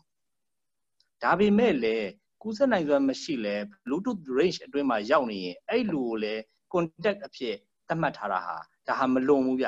ဒါကပို့ပြီးဟုတ်ကဲ့ဟိုပို့ပြီးတော့ကိုယ့်ဘက်ကကာဘာတောင်ကောင်းပို့ရသေးတယ်လေဆိုတော့အဲ့ဒါကတော့ကျွန်တော်အရန်ကိုဟိုဟိုဟာဖြစ်တယ်ပေါ့နော်ဟို inspiration အရန်ဖြစ်တယ်ပေါ့အဲ့ဒါကိုလုံနိုင်လို့ရှိရင်တော့ကျွန်တော်ကောင်းမယ်ထင်တယ်ကျွန်တော်တို့စီမှာအားလုံးကလည်းအခုချိန်မှာအိမ်တွင်းအောက်နေတဲ့ချိန်မှာဖု န်းသုံးတယ်အင်တာနက်သုံးတယ်ဆိုတဲ့အခါမှာဒါကိုလုပ်ဖို့ရအတွက်အချိန်လဲရတယ်လို့စိတ်လဲပေးပြီးလုပ်လို့ရတယ်ဆိုတော့ဒီချိန်မှာနောက်ဆုံးသူတို့က open source ပေးထားလို့သူတို့ရဲ့ဟာကိုမဲ့ကျွန်တော်တို့ language နဲ့အရင်လုပ်ပြီးတော့ version 1အဖြစ်အမြန်သုံးမလားအဲကျွန်တော်တို့ဟိုဟာပေါ့နော်ဟို blockchain ကိုမသုံးနိုင်သေးခင်မှာသူတို့ရဲ့ open source ကိုယူပြီးတော့ language ပဲပြောင်း user interface ပဲပြောင်းပြီးတော့ authority တွေစီကနေပြီးတော့ဟိုဟာပေါ့နော်ကျွန်တော်တို့ဒီခွင့်တောင်းခွင့်တောင်းပြီးတော့ဒီဟာကိုဒီလိုလုပ်ချင်ပါတယ် ခွင့်ပေးမလားပေါ့ MOHS ကနေခွင့်ပေးမယ်ဆိုခဲ့လို့ရှိရင်ကျွန်တော်အဲ့ဒါကိုအမြန် implement လုပ်ရင်ကောင်းမယ်လို့ယူဆပါတယ်ဟိုကျွန်တော်မနေ့ကမှဟိုဟာပေါ့တခြားဟို company တစ်ခုနဲ့ပတ်သက်ပြီးတော့ကျွန်တော်တို့ဟိုဟာနဲ့ဒီဟိုဒုဝန်ကြီးနဲ့ကျွန်တော်နေ့ပြညက်နေမှာဟိုဟာရှိပါတယ်ဟိုအဲ online meeting တစ်ခုရှိတယ်ကျွန်တော်ကျွန်တော်လည်းဝင်ပါရမယ်ပေါ့လေဆိုတော့အဲ့ဒီမှာလည်းပြောခွင့်တာရင်ကျွန်တော်ပြောတော့ပြောချင်တယ်ဒါပေမဲ့ဟိုဒီ technology ကို ဟိုဘယ်လောက်နားလဲလဲဆိုတဲ့ဟာနဲ့ဖြစ်နိုင်မဖြစ်နိုင်ဆိုတဲ့ဟာကိုကျွန်တော်မသိလို့ရှိရင်တော့ပြောရတာတော့နည်းနည်းခက်မယ်ပေါ့နော်ဒီနာမည်လောက်ပဲမိတ်ဆက်လို့ရမှာပေါ့ဟုတ်ကဲ့အဲ့ဒါအခုဒီ meeting ထဲမှာအပြည့်စုံသိပြောလို့မရရင်တော့မှကိုသက်နိုင်စိုးအနေနဲ့ဟိုဒီတက်ပို့ပြီးတော့ဒီတေးသိလို့ရှိရင်ကျွန်တော်ဟိုမနေ့ဖြန်ကမနေ့ခင်းလောက်မှာလေကျွန်တော်သိတဲ့မေးချင်ပါသေးတယ်ဟုတ်ကဲ့ဟုတ်ကဲ့ ကျွန်တော်တို့ဒီကျွန်တော်လဲကိုအောင်ကိုတက်နဲ့တိုင်ပင်ဖြစ်တယ်အာတလာကိုအဲ့ဒါကျွန်တော်တို့အာပေါင်းမြေကိုဟိုတနိုင်ပေါ့နော်ကျွန်တော်နားလေတော့ပြန်ပြီးတော့ဟိုရှင်းပြပေးလို့ရပါတယ် share ပေးလို့ရတယ်ဟုတ်ကဲ့ဟုတ်ဟုတ်ဆိုတော့ဟိုပါပေါ့နော်ဆိုတော့ကျွန်တော်ကျွန်တော်ရည်ရွယ်ချက်ကလည်းဒါပဲဆိုတော့ကျွန်တော်ပြီးပေါ့နော်ပွဲပြိတ်တိတ်သွားတယ်နော်ဆိုတော့အားလုံးပဲအားလုံးပဲပြန်လို့ရတယ်ဆိုတော့ဒီထဲမှာပဲချက်ကျွန်တော်ပြောချင်တာကဘာလဲဆိုတော့လေဒီလို meeting လေးတွေကကျွန်တော်ရှောက်လုပ်နေဆိုတဲ့အချိန်မှာ ဒါလည်းကျွန်တော် topic တစ်ခုရတာပေါ့လေဘာဆိုတော့ဒီ contact tracing ဆိုတဲ့ခေါင်းစဉ်နဲ့ပြီးတဲ့လုပ်မယ်ဆိုတဲ့အကြံရတယ်ပေါ့အဲ့မှာခုန IT သမားတွေနဲ့နောက်ပြီးတော့ကျွန်တော်တို့ဒီဘက်ကကျမကြီးဘက်ကဒီကျမကြီး head industry ဘက်ကဒီ professional တွေနဲ့စုပြီးတော့ဒီလိုမျိုးပြောကြနောက်တစ်ခေါက်ပြောနိုင်မယ်ဆိုရင်တော့ပို့ပြီးတော့ခေါင်းအောင်ပဲဆိုတော့ဟိုဒေါက်တာအခုဒေါက်တာကျော်မင်းအဓိကပါဆိုဟိုအတွက်ကိုတော့ကျွန်တော်ရသလောက်ကူပါမယ်အခုလောဆယ်လေကျွန်တော် chat ထဲမှာကျွန်တော် share ထားရ blue trace ဆို io ဆိုတာလေ အဲ့မှာတော့ကြည့်လို့ရှိရင်အဲဆရာအဓိက Android app လေးထည့်ပြီးတော့လာသုံးကြည့်ပြီးတော့ဥမာဆရာနဲ့ဆရာရဲ့လူနဲ့အဲ့လို app လေးကိုစမ်းသုံးကြည့်လို့ရမှာထင်တယ်ကြောက်တယ်လားလေဆိုတော့ဟုတ်ပြီအဲ့ဒါလေးကိုဆက်သွားလို့ရပါတယ်เนาะတပြိုင်တည်းမှာကျွန်တော်တခုပြောချင်တာဟိုဟာလေ blockchain နဲ့ပတ်သက်လို့ပါတကယ်ကဒီ blockchain သုံးခြင်းမသုံးခြင်းနဲ့ဒီခုန blue trace ကိုနဲ့ကတည်းကမပတ်သက်ဘူးဗျာတကယ်ကလေ blockchain ဆိုတာသူကဒီကအနောက်မှာကျွန်တော်တို့ကဟုတ်ကဲ့ data တွေကို manage လုပ်တဲ့အခါမှာအသုံးပြုတဲ့အာ stack of technology technology stack ပေါ့ဒီပညာအစုအဝေးကိုကျွန်တော် blockchain လို့ခေါ်တာလက်ရှိอ่ะဆိုတော့ဟိုဟုတ်ကဲ့အဲ့ဒါအဲ့ဒါနဲ့ပတ်သက်လို့ကျွန်တော်နည်းနည်းလေးကျွန်တော်နည်းနည်းရှင်းပြချင်ပါတယ်ဆိုတော့ကလေဒီလိုဗျအဲ့ဒါကနောက်ကိုကပြောခုနပြောဆက်ပြောမယ်ဒီကဘာဆိုတော့ဒီဟိုနဲ့လည်းပြန်ပြီးတော့ပြန်ချိတ်လို့ရတယ်ဗျဒီကျွန်တော်တို့ဒီအာ government နဲ့ပတ်သက်လို့ ဘယ်လိုပတ်သက်မှုရှိလဲဆိုတဲ့ကိစ္စတွေလည်းကျွန်တော်ပြန်ကြည့်လို့ရတယ်ဆိုတော့အဲ့ဒါလေးကျွန်တော်နည်းနည်းလေးပြောချင်ပါတယ်အဲ့တော့ကျွန်တော် screen လေးပြန် share လိုက်မယ်ခုနဒီမှာကျွန်တော်ခုနပြောတဲ့ဟာလေးပေါ့အဲ့တော့ပြန်ကြည့်ရင်ခုနတခုတော့ topic နည်းနည်းရပါတော့ခုနကျွန်တော်စဖွင့်နေဆိုတဲ့အချိန်မှာ blockchain ကိုကျွန်တော်အသေးစိတ်ကျွန်တော်မပြောခဲ့ဘူးဘာလို့ဆိုတော့ဒီခုန topic တစ်ခုနဲ့ဒီဟို application တစ်ခုနဲ့ချိတ်ဆက်နေလို့ပေါ့အခုတော့ content tracing ဆိုတာရတော့ content tracing မှာကျွန်တော်အဓိကသုံးရတဲ့ data ကလူတယောက်က ဟာလာခုန bluetooth ပါလာပြီဆိုလို့ရှိရင်တော့ခုနဟော data နှစ်မျိုးဖြစ်သွားတာပေါ့ဗျာတစ်မျိုးကကြတဲ့ခါကျတော့ GPS ကရတဲ့ data ဘာလဲဆိုတော့ဒီကိုယ့်ရဲ့သွားတဲ့နေရာတွေမှာပထမနေ့တစ်ခါလဲဒါပေမဲ့ပထနာရီတစ်ခါလဲပေါ့ကိုက GPS coordinate တွေပေါ့ကျွန်တော်ကအဓိကအခုပစွန်တော်ကနေပြီးတော့ဟလာဘာဆိုတဲ့အခါကျတော့မြောက်တကုံသွားတယ်မြောက်တကုံကနေပြီးတော့တောင်းကလာသွားတယ်ပေါ့အဲအဲ့လိုကိစ္စရဆိုလို့ရှိရင်ကျွန်တော်တို့ကထားပါတော့ဘယ်ဘယ်ဘယ်နှချိန်တစ်ခါပထမနေ့တစ်ခါလဲပေါ့နိုင်ဝက်တစ်ခါလုံးမလားစကားတစ်ခါလုံးမလားအဲ့ဒါ data တစ်ခုပေါ့အဲ့ဒါ GPS ဒီဟိုပေါ့ကိုယ့်ရဲ့ location data ပေါ့ အဲဒုတိယ data တစ်ခုကကြတဲ့အခါကျတော့ကျွန်တော်တို့ကဘာလဲဆိုလို့ရှိရင်အဲ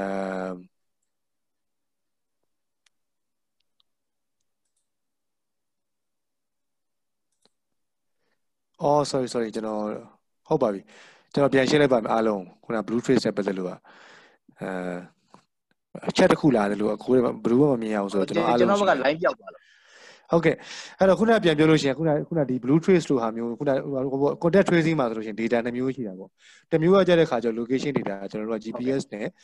တူကိုယ့်ရဲ့ data location ကို live မှတ်တဲ့ data တခုပေါ့အဲ့မှာကျွန်တော် algorithm ဆိုရဲ algorithm ဆိုရဲကျွန်တော်ရဲ့နာမည်ဆိုတာကျွန်တော်ရဲ့ personal ID ပေါ့ကျွန်တော် identification ပေါ့ကျွန်တော်မှတ်ပုံနံပါတ်ဘယ်လောက်အောင်ကိုသက်ပေါ့ဒါဒါတခု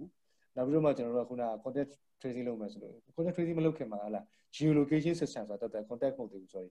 အဲ့ကောင်ကကျွန်တော်တို့ကခုနမြေပုံမှာကျွန်တော်ကျွန်တော်ရဲ့ရောက်တဲ့နေရာတွေဖတ်ထားတာပေါ့ဗျာလက်ရှိအဲ့တော့ကျွန်တော်ရောက်တဲ့နေရာတွေနဲ့ကျွန်တော်တို့ကဘာလို့ဆိုရှင်အဲ့ရောက်တဲ့နေရာရဲ့ area ဝင်းကျင်မှာရှိတဲ့လူတွေနောက်ထပ်နောက်ထပ်ကျွန်တော်တို့လူတယောက်က GPS မှာသူ့ရဲ့ data ကို share မယ်ဆိုရင်အဲ့ GPS data နှစ်ခုကိုကျွန်တော်နှိုင်းယှဉ်ကြည့်လို့ရှိရင်ကျွန်တော်တို့ကဒီအချိန်တူတယ်နေရာတူရဆိုလို့ရှိရင်ကျွန်တော်တို့အနည်းနားမှာရှိတဲ့ခံမှန်းလို့ရတာပေါ့အဲ့ဒါက GPS based contact tracing ပေါ့ အခုခုနကကိုတက်ဆိုခုနပြောနေတဲ့ဟာကိုအခုကျွန်တော်တို့ discuss လုပ်ပြတဲ့ Bluetooth ချတဲ့ခါသူကဘာဆိုတော့ Bluetooth based contact tracing အတိတ်ဘယ်ကဘာဆိုကျွန်တော်ဖုန်းလေးမှာ Bluetooth on နာမယ်အဲတခြားလူတယောက်ကဖုန်းမှာ Bluetooth on နာမယ်ဆိုလို့ရှိရင်သူကအဲ Bluetooth ချင်းချင်းသူ handshake လုပ်ပြီးတော့ကျွန်တော်တို့ကဒီကဟာအောင်ကိုတက်ကတယ်လီဖုန်းက Bluetooth ကဟလာထားပြီးတော့ဟလာကိုလင်းထဝင်းရဲ့အဲ Bluetooth ကအဲဖုန်းက Bluetooth ကိုတွေ့ခဲ့ပါသည်ဆိုတော့မှတ်တမ်းလေးကိုကျွန်တော်မှတ်ထားတာပေါ့အဲ့ဒါတော့ခုန Bluetooth ခုန personality ရဲ့ contact tracing ပေါ့ဆိုတော့အဲ့တော့အဲ့လိုလုပ်တယ်ဆိုတဲ့အချိန်မှာကျွန်တော်တို့က ဟလာ data တွေပေါ်လာတယ် data တွေပေါ်ရဆိုတဲ့ခါမှာခုခုနကျွန်တော်ပြောရဲဆိုတဲ့ခါမှာကျွန်တော်တွေ့ရလိမ့်မယ်ဘာလို့ဆိုတော့အဲ့ဒီ data တွေစပြီးတော့မှတ်တဲ့နေရာတယ်လီဖုန်းဗျကျွန်တော်အောင်ကိုသက်ဆိုရင်အောင်ကိုသက်ကကင်တဲ့ mobile phone ထဲမှာခုနကကျွန်တော် contact ဘယ်နှခုတွေ့ခဲ့တယ်ဘယ်နေရာကြီးသွားခဲ့ဆိုတဲ့ data ကိုကျွန်တော်ကကျွန်တော်ဖုန်းထဲမှာကျွန်တော်မှတ်ထားလို့ရတယ်ဒါနံပါတ်1ပေါ့ပထမအဆင့်ပေါ့အဲပြီးတော့မှကျွန်တော်တို့ကအဓိကကအဲ့ဒီကောင်ကိုကျွန်တော်တို့ကထားပြီးတော့ခုနဒီဟိုပါပေါ့ ဒီအကျမ်းမာရေးကိုကျွန်တော်တို့ပြန်ပြီးတော့ကျွန်တော်တို့ယောဂဖြစ်ပြီဆိုရင်ကျွန်တော်ကျွန်တော်ဟာကိုပြန် analyze လုပ်မယ်ဆိုအဲ့ data ကိုကျွန်တော်ကျမ်းမာရေးကိုကျွန်တော် transfer လုပ်တော့ကျွန်တော် data ကျွန်တော်ရဲ့ဖုန်းထဲကနေဘယ်ကိုရွှေ့သွားလဲဆိုတော့ခုနကျမ်းမာရေးခုန organization အဖွဲ့အစည်းရဲ့ database ကိုရွှေ့သွားတာ လက်ရှိอ่ะအဲပြီးတော့မှကျွန်တော်တို့ကအဲ့ဒီ data ကိုမှကျွန်တော်နိုင်ငံတကာနဲ့ပြန် share မယ်ဟလား World Health Organization နဲ့ပြန် share မယ်ဆိုလို့ရှိရင်ခုန German Organization data ကနိုင်ငံတော် database ကိုရွှေ့သွားတယ်နိုင်ငံတော် database မှာမှာအဲ့ data ကကျွန်တော်တို့ဘယ်ကိုဆက်ရွှေ့လဲဆိုတော့နိုင်ငံတကာခုနပြောတယ်အဲ့ဒါ WHO ကပိုင်တဲ့ database ကိုပြန်ရွှေ့သွားတယ်ဒါ data flow ပေါ့ဗျာအဲ့လို data တွေသွားရဆိုတဲ့အခါမှာခုနကျွန်တော်တွေ့လိမ့်မယ် who owns the computer ဆိုတဲ့အဖြေမှာကျွန်တော်တို့ကဟလာကျွန်တော်တို့ computer ဆိုတာတကယ်တော့ခုန computing system ပေါ့ကျွန်တော် mobile phone ကတစ်ဆင့်ဟလာပြီးတော့ကျွန်တော်တို့က ကျမကြီးဌာနရဲ့ကွန်ပျူတာကျမကြီးဌာနရဲ့ကွန်ပျူတာမှတစ်ဆင့်နိုင်ငံတော်ရဲ့ကွန်ပျူတာနိုင်ငံတော်ရဲ့ကွန်ပျူတာမှတစ်ဆင့်ကဘာရဲ့ကွန်ပျူတာပြီးတော့ cloud system ရွှေ့သွားတယ်အဲပြီးတော့ software ပေါ့ software ကြတဲ့ခါကျတော့ဘယ်လိုက install လုပ်တယ်လဲဆိုတဲ့အချိန်မှာအခုနကကျွန်တော်တို့ကတယောက်ချင်းက install တဲ့ software တွေကိုကျွန်တော်တို့ကယူပြီးတော့အဲ့ software တွေကတစ်ဆင့်အဲ့ protocol ကိုသုံးပြီးတော့ကျွန်တော်တို့က data ကိုဟလာကျွန်တော် analyze တဲ့ software တွေသွားရွှေ့တယ်ပေါ့ install တဲ့ software ကို install တဲ့လူတွေကလည်းမတူဘူးနောက် software ကို run တဲ့လူတွေကလည်းမတူဘူးအဲ့ဒီအချိန်မှာဒီ data ကိုဘယ်လိုကစပြီး create လုပ်တယ်လဲပေါ့အောင်ကိုသက်က create လုပ်တယ် ဟလာပြီးလို့ရှိရင်အောင်ကိုသက်က data update လုပ်တယ်ပြီးတော့မှအဲ့ create လုပ်ထားတဲ့ upload ထားတဲ့ data ကိုကျွန်တော်တို့ကခုနပြောတယ်ကျွန်တော်တို့ခုနဒီကျမကြီးဌာနပြန်ပြီး read လုပ်ပြီးတော့ကျွန်တော်တို့ကပြန်ဖတ်တယ်ပေါ့အဲ့တော့ဘယ်သူကလှုပ်လှုပ်လဲဘယ်သူကရေးလဲဘယ်သူကပြင်လဲဘယ်သူကဖတ်လဲဆိုတဲ့ကိစ္စအဲနောက်တစ်ခုကကြတဲ့ခါကျဒီ software ကိုဘယ်သူကတိဆောက်လဲဆိုတဲ့ကိစ္စပြီးရင်အဲ့ software တိဆောက်တဲ့ဆိုတဲ့ language သုံးဖို့ဒီက platform ကပါသုံးဆိုတဲ့ကိစ္စအဲ့မိကုန်းနေအဲ့တော့အဲ့ဒီမိကုန်းနေဖြေတဲ့ခါမှာတဲ့သူက နီးပညာပြင်မှာခုနခုနပြဿနာပမာပေါ်လာလဲဆိုတော့ခုနစကားပြောတဲ့ခါမှာထွက်လာတယ်။ဘာလဲဆိုတော့ကျွန်တော်တို့ကတယောက်ချင်းစီရဲ့ဒီက data ကိုကျွန်တော်တို့က enforce လုပ်ပြီးတော့ share ခိုင်းမလား။ဟုတ်လား voluntarily share ခိုင်းမလားဒါနံပါတ်1 problem ကျွန်တော်ကျွန်တော်တို့ခုနတွေ့တဲ့ problem နံပါတ်1 problem ကိုကကိုဒီကကိုကိုသဘောဆန္ဒနဲ့ကိုလူတွေကို share ချင်လာအောင်ကျွန်တော်စီးရုံမလားဒါမှမဟုတ်ရှင်စီမီစီကန်းကိုထုတ်လိုက်ပြီးတော့ကျွန်တော်တို့ကစီးရုံမလားဒါနံပါတ်1 problem အဲနံပါတ်2 problem ကြတဲ့ခါကျတော့ဘာလဲလို့ရှင်ကျွန်တော်က ကျွန်တော် data ကိုကျွန်တော်ကယောဂဖြစ်မှ share ရဲဆိုတော့ယောဂဖြစ်လို့ရှင်ကျွန်တော်ညာလို့မရတော့ကျွန်တော် share ကို share ရပြီဗျာဒါပေမဲ့တကယ်လို့ယောဂမဖြစ်ခင်ကျွန်တော်ကကျွန်တော်ရဲ့ data ကိုကြိုသိထားရဆိုလို့ရှိရင်အနည်းဆုံးအများထားပါလို့ကျွန်တော်ကအင်းစိန်မှာကျွန်တော်က12နာရီမှာကျွန်တော်ကအဓိကပါလို့ရှိရင်ကျွန်တော်ရဲ့တယ်လီဖုန်းကယောဂဖြစ်တဲ့တယ်လီဖုန်းအနားကိုရောက်ခဲ့တယ်ဆိုတာကျွန်တော်ကသိတော့သိတယ်ဒါပေမဲ့ကျွန်တော်အဲ့ data ကိုကျွန်တော်မ share ချင်ဘူးဆိုလို့ရှိရင်ကျွန်တော်ကခုနကျမကြီးဌာနကကျွန်တော်ရှိနေမှသူတို့မသိတော့ကျွန်တော်ကသူကွာနေလို့မရတော့ အဲ့ခါမှာအဓိကပါလို့ရှိရင်ပြဿနာပို့ပြီးတော့ကြီးလာဖို့အလားလာရှိရဆိုတော့ဖြစ်တတ်တယ်သဘောတခုရအဲ့တော့ခုနပြောတဲ့ဒီကျွန်တော်ရဲ့ data ကိုကျွန်တော်ကဟလာမ share ဘူးဆိုတဲ့ကိစ္စအဲသုံးဖို့ကျွန်တော်ကပို့ဆိုးတဲ့ချက်ကလူတွေကကျွန်တော်လာစစ်မှာကျွန်တော်ကကျွန်တော် data ကိုကျွန်တော် quarantine လုပ်ခံမှာကျွန်တော် data ကိုပြင်ထားလို့ရတယ်သဘောတခုကကျွန်တော် data ကိုကျွန်တော်ပြင်ထားမယ်အဲကျွန်တော်အဓိကကျွန်တော် data ကို update လုပ်ထားမယ်ဆိုရင်လူတွေကဟာကျွန်တော်မသွားခဲ့ပါဘူးကျွန်တော်ကျွန်တော် record ကိုကျွန်တော်ဖြတ်ထားလို့ရတယ်လက်ရှိရဆိုတော့အဲ့ဒီပြဿနာတွေကအဓိကဟိုတကယ်ကတကယ်လည်းအဲ့ဒီကိစ္စကိုစနစ်ကျ manage လုပ်မယ်ဆိုတော့အဲ့ဒီပြဿနာတွေတကယ်ကအရေးကြီးတာ အရေးကြီးတယ်ဆိုတဲ့အချိန်မှာကျွန်တော်တို့ကအဲ့ဒီပြဿနာတွေဖြေရှင်းမှုအတွက်ကိုကျွန်တော်တို့ကခုန blockchain နည်းပညာကိုအဓိကအသုံးချတာပေါ့တကယ်အဲ့တော့ဟိုခုနကျွန်တော်ပြောသလိုပဲအဓိကပါလို့ရှိရင်တစ်ဖက်ကလည်းကျွန်တော်တို့ကဟို urgency ရကျွန်တော်တို့က critical ဖြစ်တဲ့ကိစ္စတွေစလုပ်ဖို့လိုတယ်အဲ့တော့ app ကကျွန်တော်တို့က internet မှာကျွန်တော်တို့ရနေပြီ app ကတကယ်ကအဲ internet မှာရနေပြီဆိုတဲ့အခါမှာအဲ့ internet မှာကျွန်တော်တို့ကအဲ့ app လေးကိုကျွန်တော်တို့ကလက်တွေ့ဟလာတင်ကြည့်ပြီးတော့ကျွန်တော်တို့သုံးလို့လည်းရတယ်ဟလာကျွန်တော် source code ကိုကြည့်ပြီးတော့ကျွန်တော်တို့နိုင်ငံနဲ့ကိုက်ညီအောင်ပြန်ပြင်လဲရတယ်ဆိုတဲ့ကိစ္စကဒါကျွန်တော်တို့ short term ကိစ္စပေါ့လေ ဒါပေမဲ့ long term မှာကြတဲ့ခါကျတော့ကျွန်တော်တို့ကဘာလို့လို့ရှိရင်ခုနပြောတဲ့ဟာပေါ့ဒီခုနပြောတဲ့ဒီ contact tracing ကိုခြေခံပြီးတော့ကျန်းမာရေးနဲ့ပတ်သက်တဲ့ဟလာခုနဒီ pandemic လိုဟာမျိုးဟလာ epidemic problem တွေကျွန်တော်ရှင်းတဲ့ကိစ္စမှာကျွန်တော်တို့ကဒီတဲ့ပို intensive ဖြစ်တဲ့အလုပ်တွေလုပ်ဖို့လိုလာမှာ data analysis ဖို့လိုလာမယ် data တွေ authenticity ကိုကျွန်တော်စစ်ဆေးဖို့လိုလာမယ်ဟလာပြီးတော့လူတွေရဲ့အဓိက privacy နဲ့ပတ်သက်တဲ့ issue တွေကိုရှင်းဖို့လိုလာမယ်ဆိုတဲ့ဆိုတဲ့အချိန်မှာအဲ့ဒါမှကျွန်တော်တို့က ဒီ blockchain ဆိုတဲ့ protocol တွေကသူအဲ့ဒီပြဿနာတွေဖြေရှင်းမှုအတွက်ကိုကျွန်တော်တို့ကအလားအလာရှိရဆိုတဲ့အကြောင်းကိုလည်းကျွန်တော်ထည့်သွင်းပြီးတော့ထည့်ပြီးတော့ပြောချင်တာပေါ့လေအဲ့တော့အခုကျွန်တော်ပြောချင်တဲ့ကိစ္စကိုချုပ်လို့ရှိရင် short term မှာတော့ကျွန်တော်အနေနဲ့ blockchain ကိုချက်ချင်းသုံးလို့ရမယ်ဆိုတဲ့ case ကိုကျွန်တော်ဟိုတက်တည်ပြထားလဲကျွန်တော်မရှိသေးသလိုကျွန်တော်အနေနဲ့လည်းဒီက clarity ကိုကျွန်တော်ခေါင်းထဲမှာမမြင်သေးဘူးဒါနံပါတ်1ချက်ပေါ့ဒါပေမဲ့ကျွန်တော်တို့ကပါလို့ရှိရင်ခုနဟိုကျွန်တော်အဲ့ဒါကကျွန်တော်ခုန Bill Gates ရဲ့ကျွန်တော် talk တစ်ခုကျွန်တော်ကြည့်ရရတယ်ဗျ Bill Gates က အခုလိုပြဿနာမျိုး2015တည်းကပြောထားတာတကယ်က2015မှာကဘာကြီးမှာတဲ့ဒီလိုမျိုးယောဂပိုးကူးစက်တယ်ဆိုတာဖြစ်နိုင်ပါတယ်2015မှာအဲ့တော့ကျွန်တော်တို့ကကြိုပြီးတော့ပြင်ဆင်သင့်ပါတယ်ဆိုတဲ့ကိစ္စကို2015မှာပြောခဲ့တာ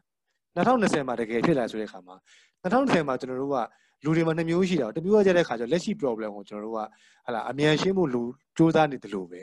ဒီလို problem မျိုးတွေကဒီကထပ်ခါထပ်ခါပေါ်လာမယ်ဆိုလို့ရှိရင်လည်းကျွန်တော်တို့ကအဲ့ကိစ္စကိုကြိုပြီးတော့ ကောက်ွယ်ဖို့ပေါ့တပြိုင်တည်းစဉ်းစားနိုင်မယ်ဆိုရင်ကျွန်တော်တို့အကျိုးရှိရဆိုတဲ့အလားအလာဟိုအခြေအနေတစ်ခုလည်းကျွန်တော်မြင်ရတယ်လို့အဲ့လိုကိစ္စမျိုးမှာလည်း blockchain ရဲ့အသုံးပြုပုံကအဲအရေးပါမယ်လို့ကျွန်တော်ထင်တဲ့ကိစ္စကိုကျွန်တော်ဒီမှာလည်းပြောပြောချင်တာပါဟုတ်ပြီကိုကျေးဇူးပါဆိုတော့ဟိုကျွန်တော်ဆိုလို့ရှိရင်ဒါဆိုလို့ရှိရင်ကျွန်တော်နောက်ထပ်တစ်ဆင့်ပေါ့နော်ဆိုတော့ကျွန်တော်လည်းတော်တော်လေးလေးကာဗာဖြစ်သွားပါပြီဒါကိုကျွန်တော်တို့ပြောနေတဲ့ဟာပေါ့နော်ဆိုတော့နောက်တစ်တစ်ဆင့်မှာကျတော့ကျွန်တော်တို့အာ နောက်တစ်ဆင့်မှာကျတော့ကျွန်တော်တို့ကဒီဟာပေါ့နော်ဆိုတော့ဒီအစိုးရနဲ့ကျွန်တော်တို့ဘယ်လိုလက်တွဲပြီးလောက်ကြမလဲပေါ့ဆိုတော့အစိုးရနဲ့လက်တွဲလုပ်တဲ့အခါမှာဒီဒီနီးပညာနဲ့ပတ်သက်လို့ရှိလို့ရှိရင်အစိုးရနီးပညာပေါ့နော်ခုန specifically ကတော့ခုနပြောသလို blockchain မှာဒါမှမဟုတ်လို့ရှိရင်လည်းနီးပညာနဲ့ပတ်သက်ပြီးတော့ပေါ့ဒီကျွန်တော်တို့ကဟိုဘယ်လိုမျိုးဟာတွေကိုကျွန်တော်တို့ advocate လုပ်ဖို့လုပ်လဲပေါ့နော်ဘယ်လိုမျိုးကိစ္စရက်တွေကိုကျွန်တော်တို့ကအဲဟို သူတို့နဲ့ကျွန်တော်တို့ပြောပြီးတော့ဆွေးနွေးဖို့လုပ်မှာဥပမာသဘောကကျွန်တော်သိထားသလောက်ဆိုဗျာဥပမာသဘောက contact tracing လုပ်မှာ right ဆိုတော့ volunteer system voluntary system တခုကျွန်တော်တို့စောက်တယ်ဆိုအောင်တော့ဥပမာသဘောကမတုံးပြားဆိုလို့ရှိရင်ရတာပဲလေတဲ့မလားကျွန်တော်တို့ကျွန်တော်တို့လှုပ်ထားလဲဘာမှမထူးပြတဲ့မလားဆိုရဟမ်ငါမတုံးဘူးမင်းမယုံဆိုရင်ရတာပဲ ဥပမာသဘောကကျွန်တော်တငယ်ချင်းတယောက်ဆိုလို့ရှိရင်ဒီဘာပေါ့နော်သူကဒီနိုင်ငံတနိုင်ငံမှာရှိတဲ့အစိုးရကိုသူသွားပြတာပေါ့သူက artificial intelligence နဲ့ဒီ radiologist တွေနဲ့ရှင်းလို့ရှိရင်ဒီသူရဲ့ artificial intelligence ကသူကဟိုပါပေါ့နော်တဆကြော်လောက်မှန်တယ်ပေါ့သူကသူက80ရာခိုင်နှုန်းမှန်တယ်ဆိုရင် radiologist တွေကသူက30ရာခိုင်နှုန်းလောက်ပဲမှန်တယ်အဲ့နဲ့သူကစေးစေးုံသွားပေးတယ်ပေါ့နော်ဒီ software တောင်းမှာပေါ့ဆိုတဲ့တဲ့တော့အဲ့ဒါနဲ့ဟိုကပြန်ပြောရပါဆိုမတုံးဘူးတဲ့ဆိုတဲ့မယုံဘူးပေါ့နော်ဆိုတော့မဟုတ်ဘူးကျွန်တော်လောက်ပြမယ်ပေါ့နော် ဆိုတော့ဒီလိုဒီလိုလုပ်လို့ရပါဟန်းနဲ့မယုံဘူးတဲ့ငါတို့ကလူကိုပိုယုံတယ်ပေါ့မဟုတ်ဘူးလူတွေကပိုမှားတယ်ပေါ့နော်30ရာခိုင်နှုန်းလောက်ပိုကျွန်တော်ကျွန်တော် software တဲ့40ရာခိုင်နှုန်း50ရာခိုင်နှုန်းလောက်ပိုမှားတယ်ပေါ့နော်ဆိုတော့ဟန်နဲ့မယုံဘူးတဲ့ဆိုတော့နောက်ဆုံးကျတော့သူ let shot လိုက်တယ်ပေါ့နော်ဆိုတော့အာကျွန်တော်အဲ့တိုင်းပြည်တော့ကျွန်တော်မပြောတော့ဘူးဆိုတော့ပြောလည်းမကောင်းဘူးပေါ့နော်ဆိုတော့ဟိုပြောချင်တဲ့သဘောကတော့ဒါကတော့ခုနပြောတဲ့ authority ပေါ့နော် authority တွေရဲ့အခန်းကဏ္ဍနဲ့ဟိုကျွန်တော်တို့ ဟိုဒီဒီတရားဝင်မှုပေါ့နော်တရားတရားဝင်လှုပ်ဆောင်မှုပေါ့ဆိုတော့အဲ့ဒါတော့ကျွန်တော်ဟိုနဲ့ကိုတက်နိုင်ဆုံးနဲ့ဖွင့်နေတယ်ဆိုတော့အခုဘယ်လိုမြင်လဲဆိုတော့ကျွန်တော်တို့ဘက်ကဥမာသဘောကွက်ဗျာကျွန်တော်အခုဆိုရင်ကျွန်တော်လေ့လာထားသလောက်ဆိုရင် Dutch government ကလည်းသူတို့ဒီဟာလုပ်တယ်ဗျာ UAE ဘက်ကလည်းအဲသူကဘာတွေလုပ်နေလဲဆိုတော့ခါကျ UAE ကလည်းဒီဒီဒီဟောပေါ့နော် migrant worker တွေအကုန်လုံးသူက ဘာပေးထားလဲဆိုတော့ digital digital ခုနပြောလို့မျိုးဟို identity ပေးထားတာပါဒီ digital identity ပေါ်မှာမူတည်သူတို့ရဲ့အသွားလာတွေအကုန်လုံးစောင့်ကြည့်တယ်ပေါ့နော်ဆိုတော့အာနောက် Dutch government လည်းသူတို့လုပ်နေရှင်နောက်တစ်ခုကကျတော့တချို့တိုင်းပြည်တွေလည်းဒီ blockchain ကိုသူတို့ဟောပါတော့ openly သုံးပြီးတော့မှဒီ supply chain management တွေမှာ transparency ရှိဖို့အတွက်ဆိုပြီးတော့လုပ်နေရရှိတယ်ပေါ့နော်ဆိုတော့ ဟိုမြန်မာနိုင်ငံအနေနဲ့ဆိုရင်တော့ကျွန်တော်တို့ကဘယ်လိုမျိုးအရာတွေဖြေလျှော့ဖို့လိုလဲဒါမှမဟုတ်လို့ရှိရင်ဘယ်လိုမျိုးအရာတွေကျွန်တော်တို့ပူးပေါင်းပြီးတော့ဒီ tech community နဲ့အစိုးရနဲ့ဒီကျမကျမရေးအဲဒီ industry မှာရှိရပြီးပေါင်းဖို့လို့ဖို့လိုလဲပေါ့အခုအတွေ့ဟိုပါလဲအခုရဲ့အတွေ့လေးပြောပါပါ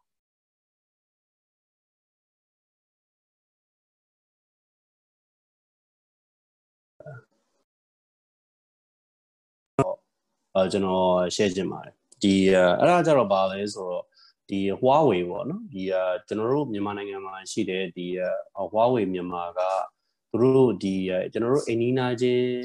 နိုင်ငံဒီနိုင်ငံဒီမှာသူတို့ဒီ AI ပေါ့နော်ခုန AI ဆိုလို့ကျွန်တော်ကောင်းထဲမှာ AI ကိစ္စကိုစိတ်ကရောက်သွားတာအဲ့ဒီဒီကျွန်တော်တို့ပုံမှန်ဆိုလို့ရှိရင်အာခုနပြောတဲ့ခုနပြောတာဟိုဟာထင်တယ်နော်ဒီ MRI scan တွေဓာတ်မှန်တွေကို AI နဲ့ analyze လုပ်တာကိုပြောသွားတာကျွန်တော်နော်ဟုတ်တယ်မလားဒီယောဂ detection အတွက်ဟုတ်တယ်ကိုဟုတ်တယ်ဟုတ်တယ်ဆိုတော့ तू အဓိကတော့ तू ကဘာလဲဆိုတော့အဲ तू specifically တော့ तू အဆုပ်ကင်ဆာနဲ့ပတ်သက်တယ် right right right right ဒီအဲ့လိုဟာမျိုးကိုလည်းဒီ Huawei อ่ะပေါ့နော်ကျွန်တော်တို့ဒီဒီအရှိတောင်အရှာသူတို့နိုင်ငံနှစ်နိုင်ငံထင်တယ်ကျွန်တော်မမှားအောင်ဆိုကျွန်တော်တော့ဟိုမဟုတ်ပေါ့ data မမှတ်မိအဲ့တော့သူတို့ပြည်တွင်းမှာလည်းဒီလို AI ပေါ့နော် AI AI ကိုသုံးတဲ့ analysis ဒီသူတို့ project ကိုသူတို့ချပြဖို့သူတို့ကြိုးကြိုးစားတယ်ခင်ဗျအဲဒါပေမဲ့ဒီကျွန်တော်တို့ဒီအာကိုကိုကျော်မင်းတို့ဒါဒါမှမဟုတ်ရှင်ကျွန်တော်တို့ပြီးခဲ့တဲ့ဘက်ကဒီဆရာဝန်ပေါ့နော်အကိုနှစ်ယောက်နဲ့ဆိုလို့ရှိရင်ဒါတွေကသူတို့က familiar ဖြစ်လိမ့်မယ်အဲ့ဒါဘာလဲဆိုတော့ပြည်တွင်းကဒီ public ပေါ့နော်ဒီဒီအာပြည်သူပြည်သူစေယုံတွေမှာဆိုလို့ရှိရင်ဒီလို collaboration တွေတော်တော်အချိန်ကြာတယ်ခင်ဗျအကြောင်းကြောင်းကြောင်းပေါ့နော်ဒါဒီဟိုကြာတင်ကြာထိုက်တဲ့ reason ရှိမှာပေါ့ကျွန်တော်တို့နေဝေးလို့တော့မသိတာဒါပေမဲ့ public ကစေယုံတွေမှာကျတော့ဒီလိုဟိုဘယ်လိုပြော POC ပဲပြောရမှာနော်အဲ proof of concept ပဲဖြစ်ဖြစ်ဒီလို trial run ပဲဖြစ်ဖြစ်လုပ်မယ်ဆိုလို့ရှိရင် uh is a little less difficult ပေါ့နော်ဟိုချင်းကရတာအဲ့လောက်ထိမကြဘူးဟိုအဆင့်တွေအဲ့လောက်မများဘူးပေါ့နော်အဲ့တော့ ဒီအခက်ခဲရလဲဟိုပေါ့နော်ပြဿနာကြီးလေ magnitude ကြီးလေဒီလိုကျွန်တော်စစ်ကူတွေပေါ့နော်ဒီ artificial intelligence စစ်ကူတွေကျွန်တော်လိုအပ်လေလို့ကျွန်တော်တို့မြင်ကိုက technology သမားဖြစ်နေတော့အဲ့တော့အဲ့လိုအဲ့လိုဖြစ်တဲ့အတွက်ကြောင့်မလို့ဒီဒီပြည်တွင်းမှာရှိတဲ့ process တွေမှာလည်းမူတည်တဲ့အတွက်ကြောင့်မလို့ဟိုကျွန်တော်သိတဲ့တစ်ခုကိုကျွန်တော်ချပြလိုက်အောင်။ဟိုမှာဒီမှာလည်းဒါမျိုးတွေချင်းကပ်နေတဲ့ဒီပုဂ္ဂလိကနဲ့ဒီ ဟို public private ပေါ့နော်ဒီ partnership ကိစ္စချင်းကပ်နေတဲ့ဟာတွေရှိတယ်ဒါပေမဲ့ခက်တာအာသူတို့ဒီစမ်းသပ်တဲ့အဆင့်မရောက်သေးတဲ့အတွက်ကြောင့်မို့ကျွန်တော်တို့တွေပြည်သူတွေနဲ့အာဟိုမတိရတာပေါ့နော်အဲအဲအဲ့ဒီအဲ့ဒီအခြေအနေကတော့ရှိတယ်အဲ့တော့နောက်တစ်ခုကကျတော့ကျွန်တော်ဒီ technology သမားတယောက်ဖြစ်တဲ့အတွက်ကြောင့်မလို့အာကျွန်တော်တို့ရဲ့အတွေးစီအာ first and foremost ပေါ့နော် technology ကျွန်တော်တို့က tech ကိုပဲကျွန်တော်ကောက်တွေးလိုက်တာအဲ့တော့ ကျွန်တော်တို့ရုံးမှာ AI လောက်ရတယ်အဲ့တော့ AI လောက်ရတဲ့အတွက်ကြောင့်မလို့ကျွန်တော်ကဒီဗမာပြည်မှာပေါ့နော် AI လောက်တဲ့အဖွဲ့တွေ Huawei တို့ Azure တို့ AWS တို့မှာရှိတဲ့ဒီ AI services တွေဘယ်လိုတွေသုံးနေလဲဆိုတော့ကျွန်တော်တို့ကပြောပြတယ်ဒါမဲ့ခတ်တာကဒါတွေကဒီပေါ့နော်ဒီ project အနေနဲ့ product အနေနဲ့လုပ်ပြီးပြီဆိုလို့ရှိရင်ကျွန်တော်တို့ကသက်ဆိုင်ရာပေါ့နော်ဒီပုဂ္ဂလိကစေယုံတွေပဲဖြစ်ဖြစ်အာဒီကျွန်တော်တို့ဟိုပြည်သူစေယုံတွေပဲဖြစ်နိုင်ငံတော်နဲ့ပတ်သက်တဲ့ကိစ္စဆိုလို့ရှိရင်ကျွန်တော်တို့သွားပြီးတော့ဒါတွေကိုချပြရတယ် ချပြလိုက်လို့ရှိရင် due process တွေကျွန်တော်တို့ကဖြတ်သန်းအဲ့ဒါတွေကကျွန်တော်တို့က impatient ဖြစ်လို့မရဘူးပေါ့နော်အဲ့တော့ဒီ process တွေကလည်းသူသူ့မှာအကျိုးအကြောင်းကြောင့်ဒီ process တွေရှိနေတဲ့အတွက်ကြောင့်ကျွန်တော်တို့ကဒါကိုဟိုစိတ်ရှည်ရှည်နေပေါ့နော်ဟို step by step ကျွန်တော်တွားဖို့တော့ကျွန်တော်အားပေးခြင်း technology ကို focus လုပ်တဲ့အဲလူငယ်တွေရောလူကြီးတွေရောကျွန်တော်တို့အရွယ်ရောအကုန်ပေါ့နော်အဲ့ဒါဘာဖြစ်လို့လဲဆိုတော့ကျွန်တော်တခု အများအားရွတ်ပြကျွန်တော်အသင်းကိုကျွန်တော်ကိုယ်တိုင်ရောကျွန်တော်သူများနဲ့ပြောရင်ရော technology အကြောင်းပြောကျွန်တော်ရွတ်ပြတာကျွန်တော် understanding က people process technology ပေါ့နော်အဲ့တော့ပေါင်းပတ်သက်မဲ့လူတွေကိုကျွန်တော်တို့က we we have to sell it to them right we have to persuade them sell တော့တွားပြီးရောင်းပတ်စံရတာကျွန်တော်ပြောတာပေါ့ကို idea ကိုကိုကို product ကိုကို solution ကိုတို့ကတကယ်ကိုခံစားလာနိုင်တဲ့အထိကျွန်တော်တို့ရှင်းပြနိုင်ရမယ်ဆွဲဆောင်နိုင်ရမယ်အကျိုးကြောင့်ကျွန်တော်ဂါဂနနာပေါ့နော်အဲ့တော့ဒီအချက်လက်နဲ့ကျွန်တော်ချပြနိုင် ဒါကကြတော့ဟိုလူလူချင်း trust ကိုကျွန်တော်တို့ establish ဖြစ်ပြီးတော့မှ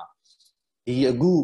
AI ပဲဖြစ်ဖြစ် blockchain ပဲဖြစ်ဖြစ်အာ data နဲ့ပတ်သက်တဲ့ဒီ analytics တခုပဲဖြစ်ဖြစ်ကျွန်တော်တို့ကချပြမယ်ဆိုလို့ရှိရင် process ရဲ့ဘယ်နေရာမှာပါတယ်ဆိုတာကိုကျွန်တော်တို့က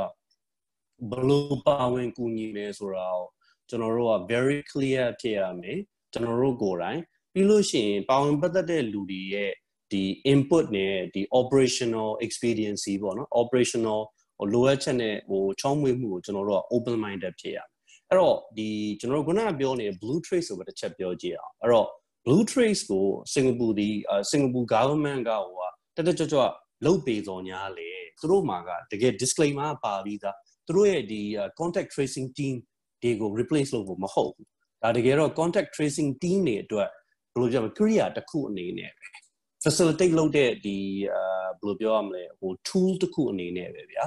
ဟုတ်တယ်မလားအဲ့တော့ကျွန်တော်တို့က AI သုံးတာဒီဆရာဝန်တွေကိုကျွန်တော်တို့ကကန်ထုတ်ချင်လို့မဟုတ် AI သုံးတာဒီဆရာဝန်တွေကိုကူညီဖို့အဲပြောရမယ်ဆိုလို့ရှိရင်ဆရာဝန်တိုင်းတောင်မှဆရာဝန်တွေတောင်မှပဲကျွန်တော်ဖြစ်တတ်တာကြတော့ second opinion third opinion ယူရတယ်ဆိုတဲ့သဘောတရားတွေရှိတယ်ဗျာ အဲ့တော့ကျွန်တော်တို့ကဒီ AI ကိုလည်း second opinion အနေနဲ့ကျွန်တော်ထားမှာပါပေါ့နော်သူချင်းကပ်မှုကဟို process မှာဘယ်နေရာမှာပါမှာလဲပေါ့နော်ဒီ technology solution အဲ့တော့ blue trace ဆိုလို့ရှိရင်လို့ blue trace ကိုသုံးထားတဲ့ blue trace ဆိုတာ protocol ပေါ့နော် blue blue trace ကို compliant ဖြစ်တဲ့ implement လုပ်ထားတဲ့ application ကကြ product ကကြတော့ trace together ပေါ့ trace together ဒီ single မှာရှိတဲ့ contact tracing team တွေကို support လုပ်တဲ့နေရာကနေတော့ရက်တည်တာ အာ data တွေကိုရှာဖွေစုဆောင်းပြီးပြီးတော့ပြန်လည် analyze လုပ်လို့ရအောင်ပေါ့နော်ဒါပေမဲ့ तू ကအဲ contact tracing team ကို replace လုပ်ဖို့လုံးဝ idea မရှိဘူးပေါ့နော်အဲ့တော့ဒီကျွန်တော်တို့ပေါင်းပတ်တဲ့လူတွေရှိမယ်ကျွန်တော်တို့ချမှတ်ထားတဲ့ဒီပေါ့နော်အားလုံးက season ထားတဲ့ process တွေရှိမယ်အဲ့ဒီ process တွေမှာကျွန်တော်တို့ကူညီပေးတဲ့ technology အနေနဲ့ကြည့်မယ်ဆိုလို့ရှိရင်ပေါ့နော်အာဒီ technology ဒီ it makes sense ပြီးလို့ရှိရင်ကိုချပြတဲ့ဟာကလည်းသုံးဆွဲတဲ့လူတွေကလည်းကြိုက်နှစ်သက်တယ် သူ့ရဲ့ value လည်းတို့ကနားလေတယ်ပြီးလို့ရှိရင်နောက်တစ်ခုကကျွန်တော်တို့အခုကပြောနေတာဒီ technology ရဲ့ value ကိုမြင်ချင်းမမြင်ချင်းကိုပြောတာပေါ့နော်နောက်ဒီ the other side ပြဿနာရှိတာ technology ကိုအရန်အားကိုးသွားတာလည်းဖြစ်နိုင်အဲဒါကြောင့်မို့စင်ကာပူကလည်းတို့ကပြောတာအဲ trace together ဆိုတဲ့ဟာတို့ကအရန်အားကိုးမှာတော့မဟုတ်တို့မှာ contact tracing team တွေဟိုကအဆက်အလုံးလုံးနေမှာပဲเนาะကျွန်တော်နိုင်ငံမှာလည်းရှိတယ်အဲ့တော့မင်းမင်းပဲသွားလဲဘယ်ချိန်ရလဲဘယ်သူနဲ့တွေ့လဲဘယ်သူပါလဲဘာညာပေါ့နော်ဘာလုပ်လဲအဲ့ဒါတွေတို့ကရှိနေအောင် ပါအကွာကပြောပြောသလိုပဲတကယ်လို့စုံစမ်းစစ်ဆေးရေးပေါ့နော် detective တွေကပါပြီးသားဒါပေမဲ့အဲ့ detective တွေကိုကူညီတဲ့ tool တစ်ခုအနေနဲ့ trace together သူကရက်တည်မှာပေါ့နော်အဲ့တော့ကျွန်တော်လည်းဒီ technology ကို government အနေနဲ့ဒီ government တွေကပဲ initiate ပဲလုပ်လို့အပြင် company တွေနဲ့ပဲပူးပေါင်းပြီးပဲလုပ်လို့အာကျွန်တော်ကတော့ဟို focus ထားစေချင်တာပါဝင်ပတ်သက်တဲ့လူတွေရဲ့ requirement တွေအခက်အခဲတွေအားနည်းချက်တွေပေါ့နော်ဘာတွေကိုကျွန်တော်တို့ဖြည့်ဆွတ်ပေးချင်တာလဲ process တွေကဘယ်လိုရှိလဲအဲ့ဒီမှာပဲ technology ကဘလို့ဝင်ပြီးတော့ဟိုဘယ်နေရာကနေကူညီမှာလဲပေါ့ replace လုပ်တာကတော့နည်းနည်းလေးခက်လိမ့်မယ် facilitate လုပ်တာတွေက enable လုပ်တာတွေကပိုအဆင်ပြေရပေါ့နော်ပြီးရင်နောက်တစ်ခုကဒီကိုအာကာဖြိုးနဲ့ကိုကျော်မင်း clearly ပြောသွားသလိုပဲဒါတွေက voluntary လား mandatory လားကျွန်တော်တို့ကခွဲပြီးတော့ voluntary ဆိုလို့ရှိရင်တော့ထည့်ပေးပါပေါ့နော် mandatory mandatory ဆိုလို့ရှိရင်တော့ လိုအပ်တဲ့ဒီဌာနဆိုင်ရာတွေကနေမင်းဒါမသုံးမဖြစ်သုံးရမှာပေါ့နော်အဲ့တော့ဒီဒီဒီကိစ္စတွေကိုကျွန်တော်တို့ very clearly define ဖြစ်ရမယ်လို့တော့ကျွန်တော်မြင်နေခင်ဗျဟိုမလိုအပ်ဘဲနဲ့အများကြီးမျှော်လင့်လို့တော့မရဘူးဟုတ်ပြီ ဆိုတော့ဟောပေါ့နော်အကိုခုနပြောသွားသလိုပါအဲကျွန်တော်ပေးသွားတဲ့ဥပမာမှာဆိုလို့ရှိရင်လည်းခုနပြောသလိုသူလည်းဒီစူးစမ်းတဲ့နေရာမှာသူတို့ခုနပြောသလိုပေါ့နော် radiologist တွေကိုအစားထိုးမလားဆိုတော့ဤပညာနဲ့အစားထိုးဖြစ်မလားဆိုတော့မိကွန်းကတော့ဒါလူကောင်းထဲမှာဝင်သွားတာပဲ right ဆိုတော့အဲ့နေရာမှာအကိုခုနပြောသွားတာမဟုတ်ဘူးပေါ့နော်ဆိုတော့သူကလည်းစူးစမ်းတာတော့တခြားနောက်အဲ့တိုင်းပြည်တစ်ခုမှမြန်နောက်တိုင်းပြည်တစ်ခုမှကြာသူဘယ်လိုပြန်စူးစမ်းလဲဆိုတော့ဒါကတော့မင်းတို့2စနေနဲ့သုံးရင်လည်းသုံးပါနော်လူနဲ့တော့ double check ပြန်လုပ်ပါဆိုတော့ကျွန်တော်လူကတော့ expert opinion အနေနဲ့ထား technology လောက်တာဒီ beginner level မှာတောင်းလိုက်ပေါ့နော်ဆိုတော့အဲ့ပုံစံမျိုးနဲ့သူ apply လုပ်သွားတယ်ပေါ့နော်ဆိုတော့ခုနအကိုပြောသွားတဲ့အထက်မှာတော့ခုနပြောတဲ့ဒီဒီဒီအစိုးရဘိုင်းပေါ့နော်ဆိုတော့အစိုးရဘိုင်းမှာကခုနပြော mandatory လား voluntary လားဆိုတော့ဆုံးဖြတ်တဲ့ဟာအစိုးရဘိုင်းကလုပ်ပြီးလုပ်ဟောပေါ့နော်သူတို့ကပဲပို့ပြီးတော့မှဆုံးဖြတ်လို့ရတယ်ပေါ့နော်ဆိုတော့ကျွန်တော်တို့ကြတော့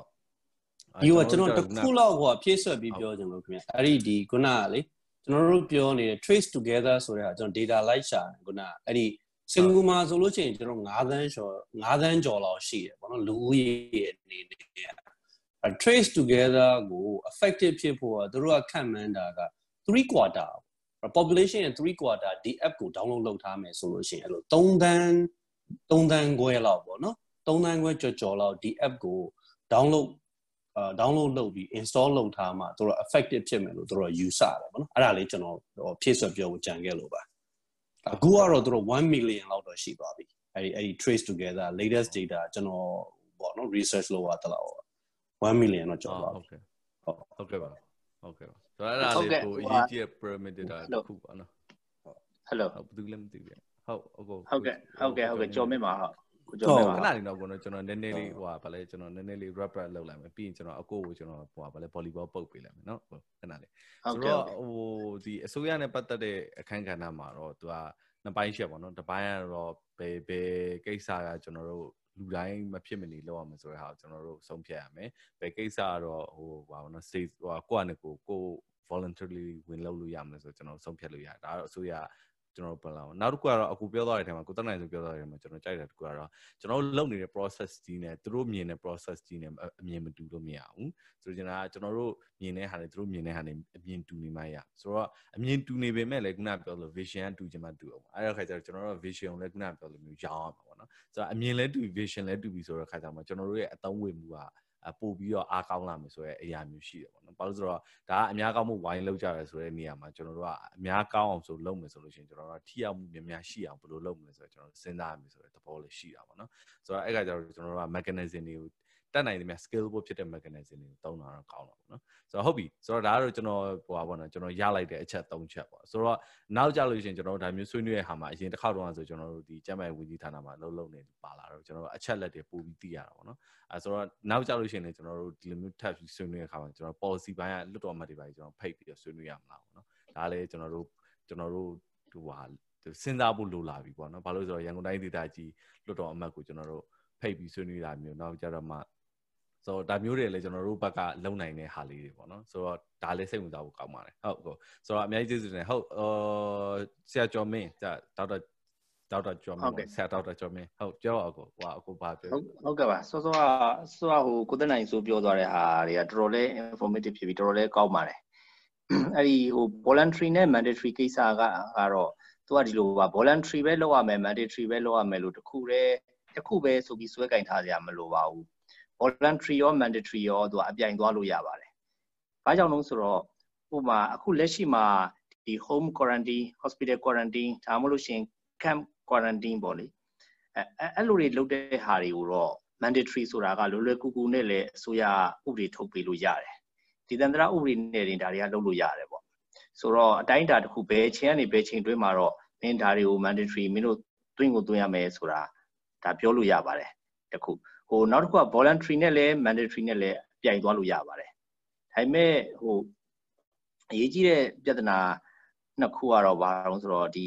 data privacy ရှိနဲ့ပတ်သက်ပြီးတော့ကိုကပုံဝင်လင်းလင်းနဲ့လူများနားလည်အောင်ပြောနိုင်လုပ်နိုင်တယ်ဆိုလို့ရှိရင်လူတွေကတချို့ voluntary တွေတွင်းတဲ့လူတော့ရှိမယ်ဒါပေမဲ့ကိုသက်နိုင်ဆိုပြောသွားတဲ့အချက်တစ်ခုဖြစ်တဲ့3 quarter of the population က install လုပ်ထားမှ တကယ်ထိရောက်တဲ့အနေအထားတစ်ခုကိုရောက်မယ်ဆိုတဲ့အခါကျတော့ကျွန်တော်တို့ကအစိုးရရဲ့အကူအညီမပါရင်ဘလို့မှဒါမဖြစ်နိုင်ဘူးအဲ့လောက်ပေါင်းမြောက်သွားအောင်ကြုံညာဖို့ဆိုတာလေကြော်ညာဖို့တိုက်တွန်းဖို့ဆိုတာလေဒီ authority ရဲ့ဟိုမပါဘဲနဲ့ voice နဲ့သူတို့ရဲ့ recommendation မပါဘဲနဲ့မဖြစ်နိုင်ဘူးပေါ့အဲ့ဒါအရေးကြီးတဲ့ချက်ပေါ့ပြီးတော့အစိုးရရဲ့အရေးကြီးတဲ့ချက်ကတော့ဒါကိုလုတ်ခွင့်ပေးမလားမပေးဘူးလားပူပေါင်းဆောင်ရွက်မှုလုပ်မလားမလုပ်ဘူးလားဆိုတာဟိုကိုကအခု ကိုကကပြောပြောသလိုကိုကဒီလူတွေကိုဘယ်လောက်ထိဒီချက်လက်တွေကိုကိုက feed လုပ်ထားနိုင်မလဲကိုယ့်ရဲ့ကိုကြီးနေမဲ့ role ကဘယ်နေရာဘယ် process ကနေကိုသက်နိုင်ဆိုပြောသလိုဘယ်လောက်အတိုင်းတာအထောက်ပံ့ဖြစ်သွားနိုင်တယ်လဲဆိုတာကိုကရှင်းရှင်းလင်းလင်းစဉ်းစားထားပြီးသားလုပ်ထားပြီးသားဖြစ်ခါမှသာ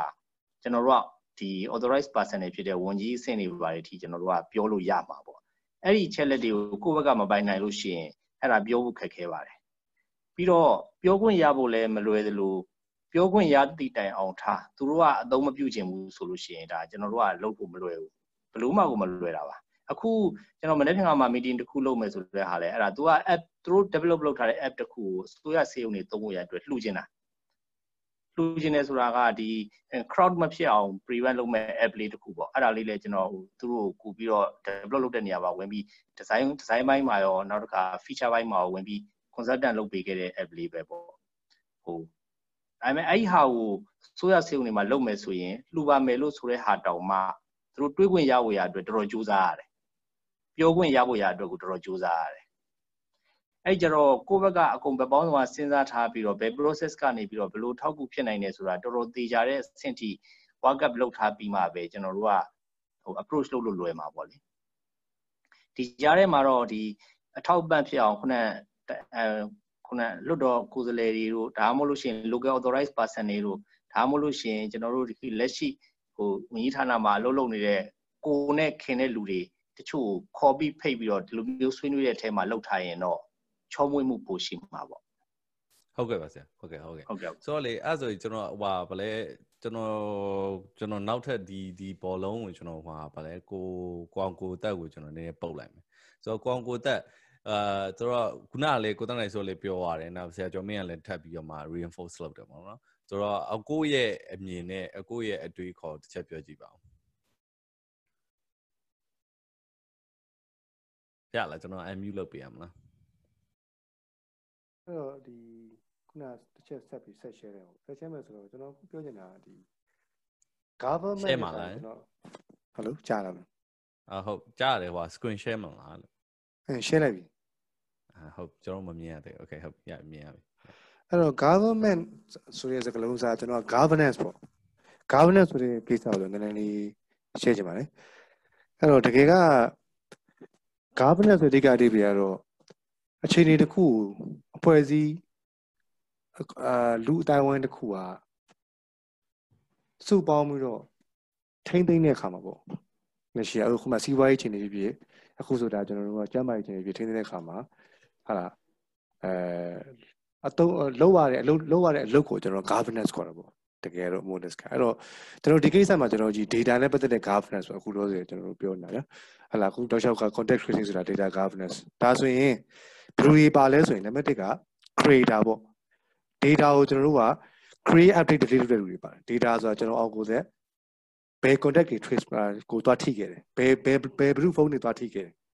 အဲနောက်ပြီးတော့ကျွန်တော်ကဘယ်နေရာရောက်ခဲ့တယ်ပေါ့ဒါကျွန်တော် create creator ပေါ့ပြီးရင်ကျွန်တော်တို့ကအဓိက user ပေါ့ကျွန်တော်တို့ create လုပ်တဲ့ data တွေကကျွန်တော်တို့က system နဲ့ရောက်သွားလို့ရှိရင်ကျွန်တော် user တွေရှိ user တွေကဘယ်လိုဖြစ်မလဲဆိုတော့တကယ်လို့ကျွန်တော်ကဟလာဟိုဘယ်လိုခေါ်မလဲ quarantine လူဆိုလို့ရှိရင်ကျွန်တော်ခုနကျန်းမာရေးဌာနကကျွန်တော် user ပေါ့တကယ်ကအဲ့လိုပဲကျွန်တော်ကတကယ်လို့ကျွန်တော်က ဟလာဘာဆိုလို့ရှိရင်အဲ့အဲ့ခုနပြောတဲ့ဟိုတကယ်လို့အဲ့ data ကိုကျွန်တော်တို့ကနိုင်ငံတော်ကို share လိုက်လို့ရှိရင်နိုင်ငံတော်ကတာဝန်ရှိသူက user ပေါ့ပြီးရင်အဲ့နိုင်ငံတော်ရဲ့တစ်ဆင့်ကျွန်တော်တို့ကကဘာမှာရှိတဲ့ WHO share လို့ရှိရင် WHO share သုံးတဲ့ကောင်က user ပေါ့အဲ့တော့အဲ creator ကတယောက်ချင်းကျွန်တော်တို့ဖြစ်လို့ရတယ် user တွေကတော့ဘယ်လိုဆိုဖြစ်လို့ရတယ်ပေါ့လက်ရှိကဒါမှမဟုတ်ရှင်ကျွန်တော်တို့ကိုယ်တိုင်ကပြန်ကြည့်မယ်ဗျာဗမာပြည်မှာတိကပြတ်ပေါက်မှုတော့ဘယ်လိုဖြစ်နေဆိုတာပြန်ကြည့်ပြီးတော့သတိထားနေလို့ရအောင်ကျွန်တော်လုပ်မယ်ဆိုလို့ရှိရင်ဒါကျွန်တော်ကိုယ်တိုင် user ဖြစ်နေအဲ creator နဲ့ user ရှိတယ်ပေါ့လက်ရှိကနောက်ပြီးလို့ရှင်ကျွန်တော်တို့က authority ရှိမယ် authority ကတော့ကျွန်တော်တို့ကဘာလုပ်ဖို့လိုလဲဆိုတော့ data က consistent ဖြစ်ဖို့တဲ့ကို authority လိုတာပေါ့တကယ်ကအဲ့ဒါပြီးတော့မှကျွန်တော်တို့ကတကြံထဲမှာကျွန်တော်တို့က authority အပြင်မှာတချို့ independent policy ရှိတယ် auditor တွေ manager တွေ matcher တွေ cricketer တွေသူတို့ကြတဲ့ခါကျတော့ဘာလို့ရှင်သူက authority အပြင်မှာထပ်ပြီးတော့ကျွန်တော်တို့ကထားပြီးတော့ထားပြီးတော့ကျွန်တော်တို့ကဒီ data ကိုကောက်တဲ့လူကဟာလားအဲခုနကဒီ အပြင်က organization တစ်ခုဖြစ်မှာဆိုလို့ရှိရင်အဲ independent authority တစ်ခုတစ်ခုကလည်းကျွန်တော်တို့ကဒီခုနပြောတဲ့ data ရဲ့ integrity ကိုကျွန်တော်စစ်လို့ရတယ်တကယ်ကပြီးတော့မှဒီဘက်မှာ maintainer ဆိုတဲ့လူကြတဲ့ခါကျတော့ကျွန်တော် software ရေးတဲ့လူပေါ့ software ကိုကျွန်တော်တို့ကဟလာရေးတယ်ရေးပြီးအဲ့ software မှာရှိတဲ့ bug တွေကိုကျွန်တော်တို့ရှင်းမယ်အဲရှင်းပြီးတော့ကျွန်တော်တို့ကဟလာကျွန်တော်တို့ software တွေအများနဲ့အဖြစ်နေအောင်ကျွန်တော်တို့ကထိန်းသိမ်းမယ်ပြီးရင်ကျွန်တော် metric တွေနဲ့ကျွန်တော်တို့ကတောက်လျှောက်လိုက်တိုင်ပေါ့ဒါကကျွန်တော် ecosystem တစ်ခုလုံးကိုကျွန်တော်ပြောတာပြောတော့ဟလာ question ကကျွန်တော်တို့ကဘာဆိုလို့ရှင်ဒီအကွက်နှစ်ကွက်ပေါ့ တစ်ခွက်ကကြတဲ့ခုန independent auditor manager မလား match aggregator ပေါ့နောက်ဘောကကွက်ဖြစ်တဲ့ authority ပေါ့အဲ့ဒီနှစ်ခုကိုဘယ်သူလုပ်မလဲဆိုတဲ့ question ပေါ့လေလက်ရှိအဲ့ဒါကခုနပြောတဲ့အဲ့တော့အဲ့ဒီကျွန်တော်ပြောတဲ့ authority ဆိုတဲ့နေရာအလုပ်က independent auditor ဆိုတဲ့အလုပ်ကနှစ်ခုပေါ့လေတကယ်ကတော့အဲ့ဒီနှစ်ခုကကျွန်တော်တို့ထားပြီးတော့တချို့ကြတော့ authority ကအကုန်လုံးသွားတော့ independent auditor မလို့တော့ဘူးတချို့ကြတဲ့ခါကျတော့ကျွန်တော်တို့က authority ကမလို့ဖိနေ authority ကနည်းနည်းပဲလုပ်ပြီးတော့အပြင်ကလူတွေပေးလို့ရတယ် ဆိုတော့ဘာပဲဖြစ်ဖြစ်ကျွန်တော်တို့ကအဓိကအဲ့ဒီခုနပြောတဲ့ governance function ကိုကျွန်တော်တို့ကဒီလူနဲ့ကခွဲလို့တာပေါ့ governance function ဒါကနံပါတ်1 governance function နဲ့ပတ်သက်လို့ပါဝင်တဲ့စိတ်ခိုးတာကိုကျွန်တော်ရှင်းပြတာပါ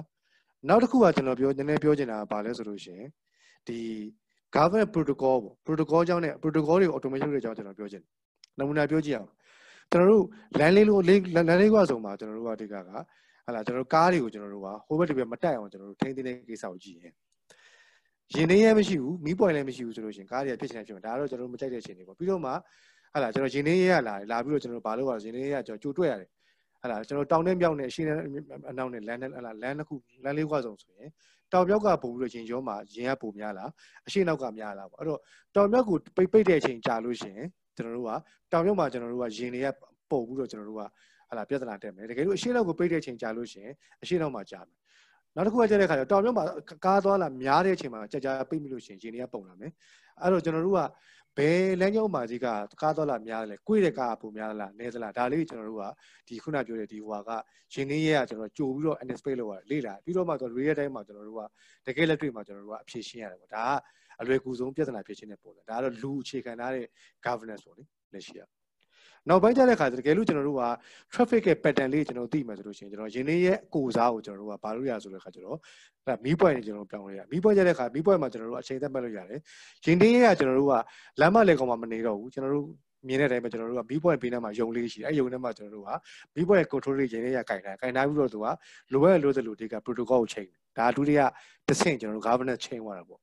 နောက်ပိုင်းကျတဲ့ခါကျွန်တော်တို့ကဒီကရင်းနေရမလို့တော့ဘူးကျွန်တော်တို့ကဘာဆိုလို့ရှိရင်ဒီလမ်းလေးကမှကျွန်တော် sensor တွေတက်တာအဲ sensor ရဲ့ data ကိုကျွန်တော်ယူပြီးတော့ကျွန်တော်တို့ကခုန governance ကိုချိန်သွားတယ်အဲ့တော့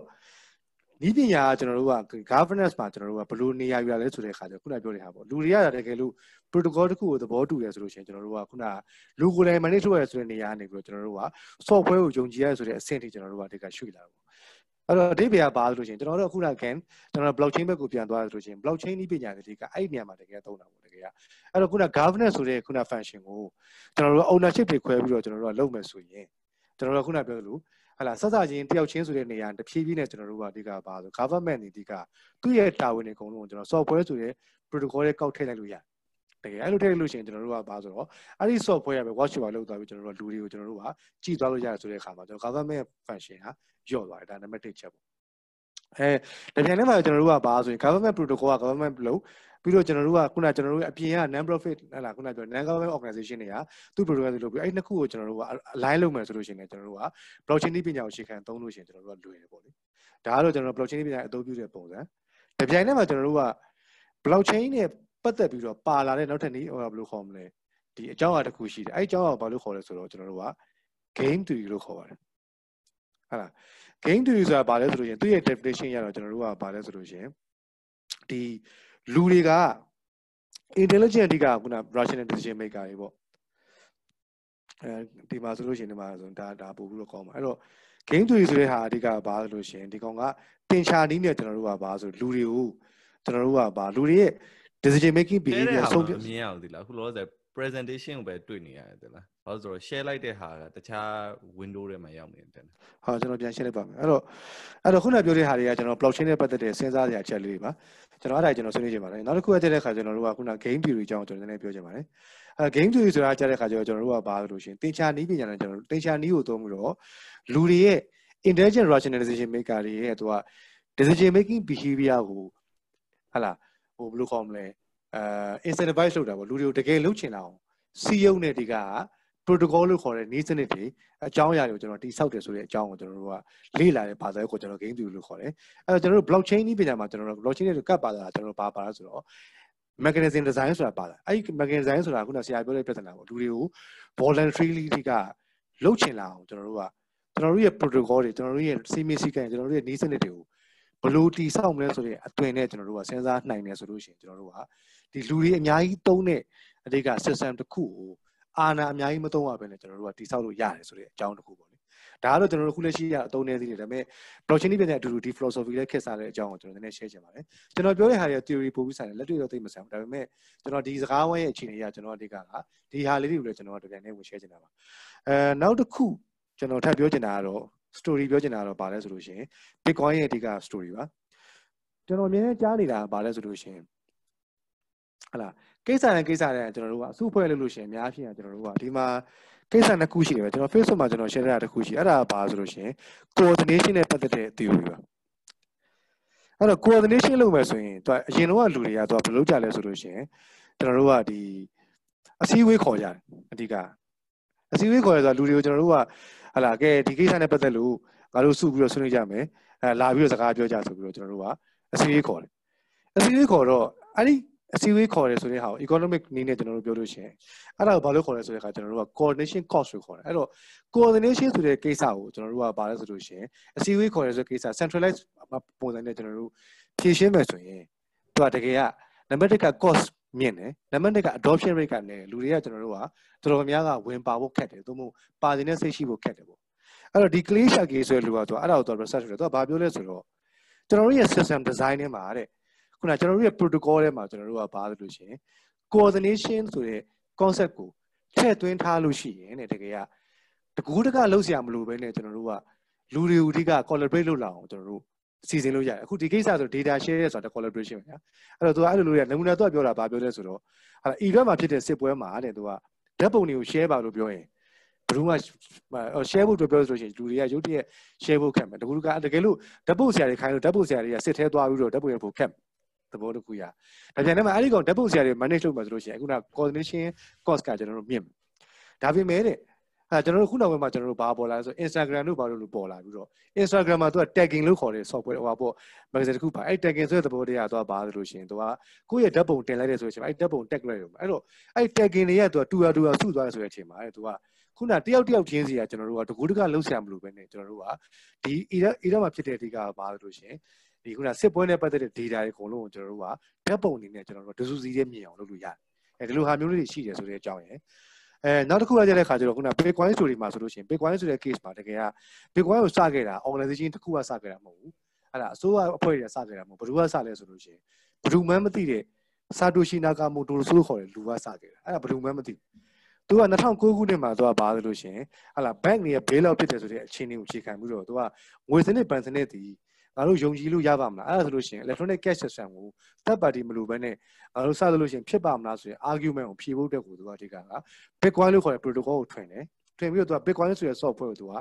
သူက school ကရေးလိုက်တယ်ရေးလိုက်ပြီးတော့အဲ့ software ရဲ့ detail တွေကိုသူ white paper ဆိုပြီးပြန်ပြီးတော့အသေးစိတ်ပြန်ရှင်းပြတယ်ရှင်းပြပြီးတော့ source code ကိုပါသူက share ပြီးတော့သူကငါတော့ဖြင့်ငါ့ရဲ့ computer မှာ bitcoin software runner တယ်ဟေးအဲ့ဒါမင်းတို့လည်းစိတ်ဝင်စားလို့ရှိရင်မင်းတို့ computer မှာ bitcoin software တင်ကြည့်တင်ကြည့်လို့ရှိရင်ငါတို့ရဲ့ငွေစင်းတွေကိုစောင့်ကြည့်တဲ့ ဟလာကွန်ပျူတာတွေအများကြီးပေါ်လာတယ်အဲငါမှတစ်လုံးမင်းမှတစ်လုံးဆိုကွန်ပျူတာနှလုံးကစောင့်ကြည့်မယ်နောက်ထပ်ကွန်ပျူတာတစ်လုံးထပ်တိုးလို့ရင်ကွန်ပျူတာသုံးလုံးကစောင့်ကြည့်မယ်လေးလုံးကစောင့်ကြည့်မယ်ငါလုံးကစောင့်ကြည့်အဲ့တော့ကွန်ပျူတာတွေအများကြီးကစည်ရင်းတွေစောင့်ကြည့်ရစနစ်ပေါ်လာလို့ရှိရင်ဟလာငါတို့ကတကူးတကတက်ပါတီကိုစည်ရင်းတွေစောင့်ကြည့်ခိုင်းစရာမလိုတော့ဘူးဆိုရင်ငါတို့ဒီဒီကောက်ကိုပဲငွေလိုပဲယုံသုံးလို့ရတယ်ဆိုပြီးသူကစပြီးတော့စထွင်ခဲ့တာအဲ့ခါမှာတကအဲ့ Bitcoin ဆိုတဲ့ကောင်ကြီးကသူကတယောက်ကနှစ်ယောက်နှစ်ယောက်ကသုံးယောက်ပြီးတော့ဖြည်းဖြည်းနဲ့ပွားလာတာအခုချိန်မှာဆိုလို့ရှိရင် Bitcoin ရဲ့ price ကဟလာအခုကျွန်တော်ဒီမှာပြလိုက် အဲ Bitcoin ဒီကဘာဆိုလို့ရှိရင်ဟာလား price ကအခုဘယ်လောက်ရှိလဲဆိုတော့ကော့ကိုကြည့်လို့ရတယ်ဒီမှာဆိုလို့ရှိရင်ဒါမြန်မာကျပ်ပေါ့လေတကယ်လို့ကျွန်တော်တို့ကဟာလား USD ကိုပြောင်းလို့ရှိရင်ကျွန်တော်တို့ကအဲ United States dollar ဆိုရင်ဒေါ်လာ9000ဖြစ်နေအစတော့ကကျွန်တော်တို့အဲ Bitcoin ရဲ့ Bitcoin ဆိုတာတကယ်ကစည်ရဲမယ်အဲဒီစင်းတဲ့ကောင်တန်ဖိုးတပြားမှမရှိဘူးဟာပီဇာဝယ်စားအဲ့ဒီအစင်းနဲ့အခုဒေါ်လာ9000ဆိုတဲ့အခြေအနေကိုတက်လာဆိုတဲ့အချိန်မှာထူးခြားချက်တစ်ခုကအဲ့ဒီ Bitcoin ကြီးကိုဒီက organization တစ်ခုကစောင့်ရှောက်နေလည်းမဟုတ်ဘူး အဲအဲ့လိုပဲဒီကပါဆို Bitcoin ကိုစထွင်တဲ့ကောင်လည်းဘယ်သူမှမသိဘူးဒါပေမဲ့အဲ့ protocol ယူလူတွေက adopt လုပ်ပြီးတော့အဲ့ကောင်ကြီးကအခုခုနငွေဖြစ်ကိုသုံးနေဆိုတဲ့အဆင့်ရောက်လာတကယ်ဟိုဒါပေမဲ့နိုင်ငံတွေကတော့လက်မခံနိုင်ဘူးဒါပေမဲ့တဖြည်းဖြည်းနဲ့နိုင်ငံတွေကလည်းဒါတွေကကြည့်လိုက်ဆိုတဲ့အခါမှာ Bitcoin ကိုတော့ကျွန်တော်တို့အတူယူပြီးတော့ Bitcoin တော့မသုံးကြဘူးဒါပေမဲ့ government တွေကသူတို့ရဲ့ကိုယ်ပိုင်အဓိက blockchain based currency ထုတ်ကြရဆိုရင်စီဖြစ်လာတယ်ဆိုတဲ့ဟာဒီ အဲနမူနာတစ်ခုပြကျွန်တော်တို့ကြည့်လို့ရအဲ့တော့အားလုံးပြန်ချုပ်လိုက်လို့ရှိရင်ကျွန်တော်တို့ကဗာလဲဆိုလို့ရှိရင် theoretically ကျွန်တော်ပြောနေတာပါဒါကတော့ philosophically ကိုယ့်ရဲ့ belief system နဲ့ဆိုင်တယ်တကယ်ကကျွန်တော်တို့ကအဓိကဗာလို့ရှိရင်အဲ့ဒါအစိုးရအလုံးမှာဒါမှမဟုတ် organization တစ်ခုကအလုံးမှာလူတွေအားလုံးကဟလာသဘောတူညီဖို့လိုတယ်ဆိုတော့ပုံစံမျိုးနဲ့စဉ်းစားမယ်စာလူအများစုလက်ခံတယ်ဆိုတော့လူမျိုးလက်ခံနိုင်တယ်ဆိုတဲ့ protocol တစ်ခုကိုကျွန်တော်တို့ကညံသုံးပြီးတော့စဉ်းစားနိုင်တယ်ဆိုလို့ရှိရင်ဟလာဗာလဲဆိုလို့ရှိရင်အဲ့ protocol တစ်ခုလူတွေက adopt လုပ်ပြီးတော့ ဟလာခုခုနပြောတဲ့ကျမ်းမာရေးနဲ့ပြည်ထနာတွေအကုန်လုံးကိုဝဝင်ဖြည့်ရှင်းမဲ့လာလာရှိတယ်ဆိုတဲ့ odd တစ်ခုလည်းကျွန်တော်တို့စဉ်းစားဖို့လိုတဲ့အကြောင်းကိုကျွန်တော်ဆွေးနွေးချင်ပါတယ်ဟုတ်အာဆိုတော့ကျေးဇူးအများကြီးတင်တယ်ပေါ့နော်ဆိုတော့ကျွန်တော်ဒီမှာအချိန်ရလဲကျွန်တော်တို့2နာရီနည်းနည်းလေးစွန်းစွန်းလေးရှိလိုက်ပေါ့နော်ဆိုတော့အခါကျတော့ကျွန်တော်နောက်ဆုံးနောက်ဆုံး topic တစ်ခုကျွန်တော်ရွှေ့လိုက်တော့မှာပေါ့နော်ဆိုတော့ဆွေးနွေးမယ်ဆိုရင်တော့ကျွန်တော်ထပ်ဆွေးနွေးစရာတွေရတယ်အများကြီးပေါ့နော်အဲ့တော့ဟောဒီ အာဒီမြန်မာဒီဒီအခုကတော့ blockchain meetup ပေါ့နော် blockchain meetup မြန်မာပေါ့ဆိုတော့ဒီကနေပြီးတော့ဦးစီးပြီးလုပ်တယ်ဆိုတော့ blockchain technology အကြောင်းပြောတယ်ဆိုတော့အဲ့မှာမှကျွန်တော်တို့ကခုနပြောသလိုမျိုးဒီ pandemic ကို response လုပ်တဲ့ဟာနဲ့ပတ်သက်ပြီးတော့ကျွန်တော်တို့ပြောတာပေါ့နော်ဆိုတော့အခါကျတော့ pandemic ကို response လုပ်တာနဲ့ပတ်သက်ပြီးပြောတဲ့အခါမှာခုနအခုဆိုလို့ရှိရင်ကျွန်တော်တို့သိလာတာဘာလဲဆိုလို့ရှိရင်အာဟို privacy ကိစ္စတွေရှိရဲနောက်ပြီးတော့ကျွန်တော်မှာအစိုးရနဲ့ဘယ်လိုလုပ်ရမလဲအစရှိပြင်ကျွန်တော်အများကြီးဆွေးနွေးကြတာပေါ့နော်ဆိုတော့နောက်ဆုံးကကျွန်တော်ဟိုဟာပေါ့ ဒီမှာတက်လာတဲ့အကူတွေရောပေါ့နော်ဆိုတော့အကူတွေအားလုံးကျွန်တော် chance ဟိုပါပေါ့ဒီဒီ community ရှိရပါတော့ဆိုတော့အခုဆိုလို့ရှိရင် blockchain နဲ့ပတ်သက်လေ့လာနေတဲ့ community ကလည်းကျွန်တော်တို့နဲ့အတူရှိနေရပါတော့ဆိုတော့ကျွန်တော်တို့ဘယ်လိုမျိုး challenge တွေ issue လုပ်လို့ရမလဲပေါ့ဆိုတော့အခုလောလောဆယ်အနေထားမှာခုနပြောဆိုကောင်းကိုတက်ရပြောတာပေါ့နော်ဟိုဒါ long term ရှိ short term ရှိရပါဆိုတော့ short term မှာတော့မမြင်ဘူးပေါ့နော် long term မှာတော့ကျွန်တော်တို့လုပ်လို့ရနိုင်တာရှိရပါဆိုတော့ အာအခုလောလောဆယ်မှာကျွန်တော်တို့ဘာတွေပြင်ဆင်နိုင်မလဲပေါ့နော်ဆိုတော့အခုလောလောဆယ်မှာကျွန်တော်တို့ဒါမှမဟုတ်လို့ရှိရင်လည်းဒါတော့ blockchain နဲ့ပတ်သက်တာပေါ့နော် blockchain နဲ့ပတ်သက်ဘာတွေပြင်ဆင်နိုင်မလဲပေါ့နော် short term long term မှာဘာတွေပြင်ဆင်နောက်တစ်ခုကကျတော့အာဒီမှာကျွန်တော်တို့ဒီနေ့မဟုတ်ပေါ့နော်ဟိုဟိုပါပေါ့ဟိုဒီနေ့ studio boy နဲ့ထွက်လာနောက်တစ်ခုကကြာပါဆိုတော့ technology နဲ့ပတ်သက်ပြီးတော့ကျွန်တော် short term long term မှာကျွန်တော်ဘာတွေပြင်ဆင်နိုင်မလဲပေါ့ဆိုတော့အဲ့ဟာကိုကျွန်တော်အရင်ဆုံးဟိုဟာကိုပေးလိုက်မယ်ကိုတက်နိုင်စိုးပေးလိုက်မယ်ကိုတက်နိုင်စိုးအာ ဟိုဘလို့ဘလို့မြင်လဲပါတော့ကျွန်တော်တို့ဒီ technology ရယ်နောက်တစ်ခုကကျွန်တော် specifically blockchain ရယ်မှာကျွန်တော်ဘာတွေလုပ်တိုင်းမလဲ short term မှာကျွန်တော်ဘာတွေလုပ်လို့ရမလဲ long term မှာကျွန်တော်ဘာတွေလုပ်လို့ရမလဲအဲ့ဒါကကျွန်တော်တို့ဒီ pandemic ကိုကူညီနေမှာဘလို့အကျိုးဟိုဘလို့အသုံးဝင်နိုင်လဲပေါ့ဆိုတော့ခုန blue stack ကိစ္စတော့ကိုပြောသွားပြီဆိုတော့ထပ်ပြီးတော့အဲ့ဒါကို expand လုပ်ချင်တယ်လည်းလုပ်ပေးပါရတယ်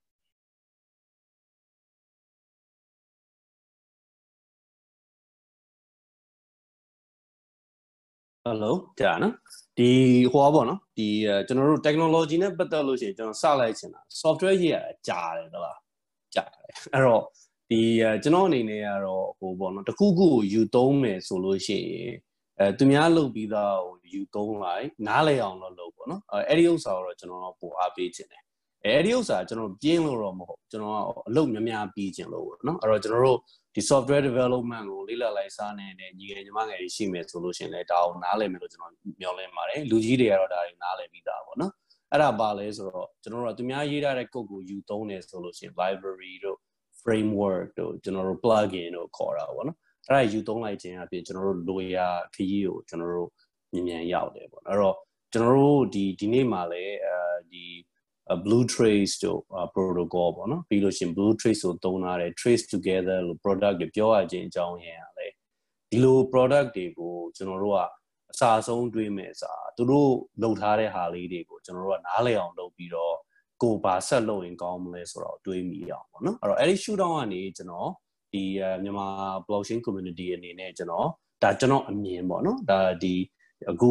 ရေတိုပေါ့နော်အာဒီအခုနှစ်ပတ်သုံးပတ်တစ်လ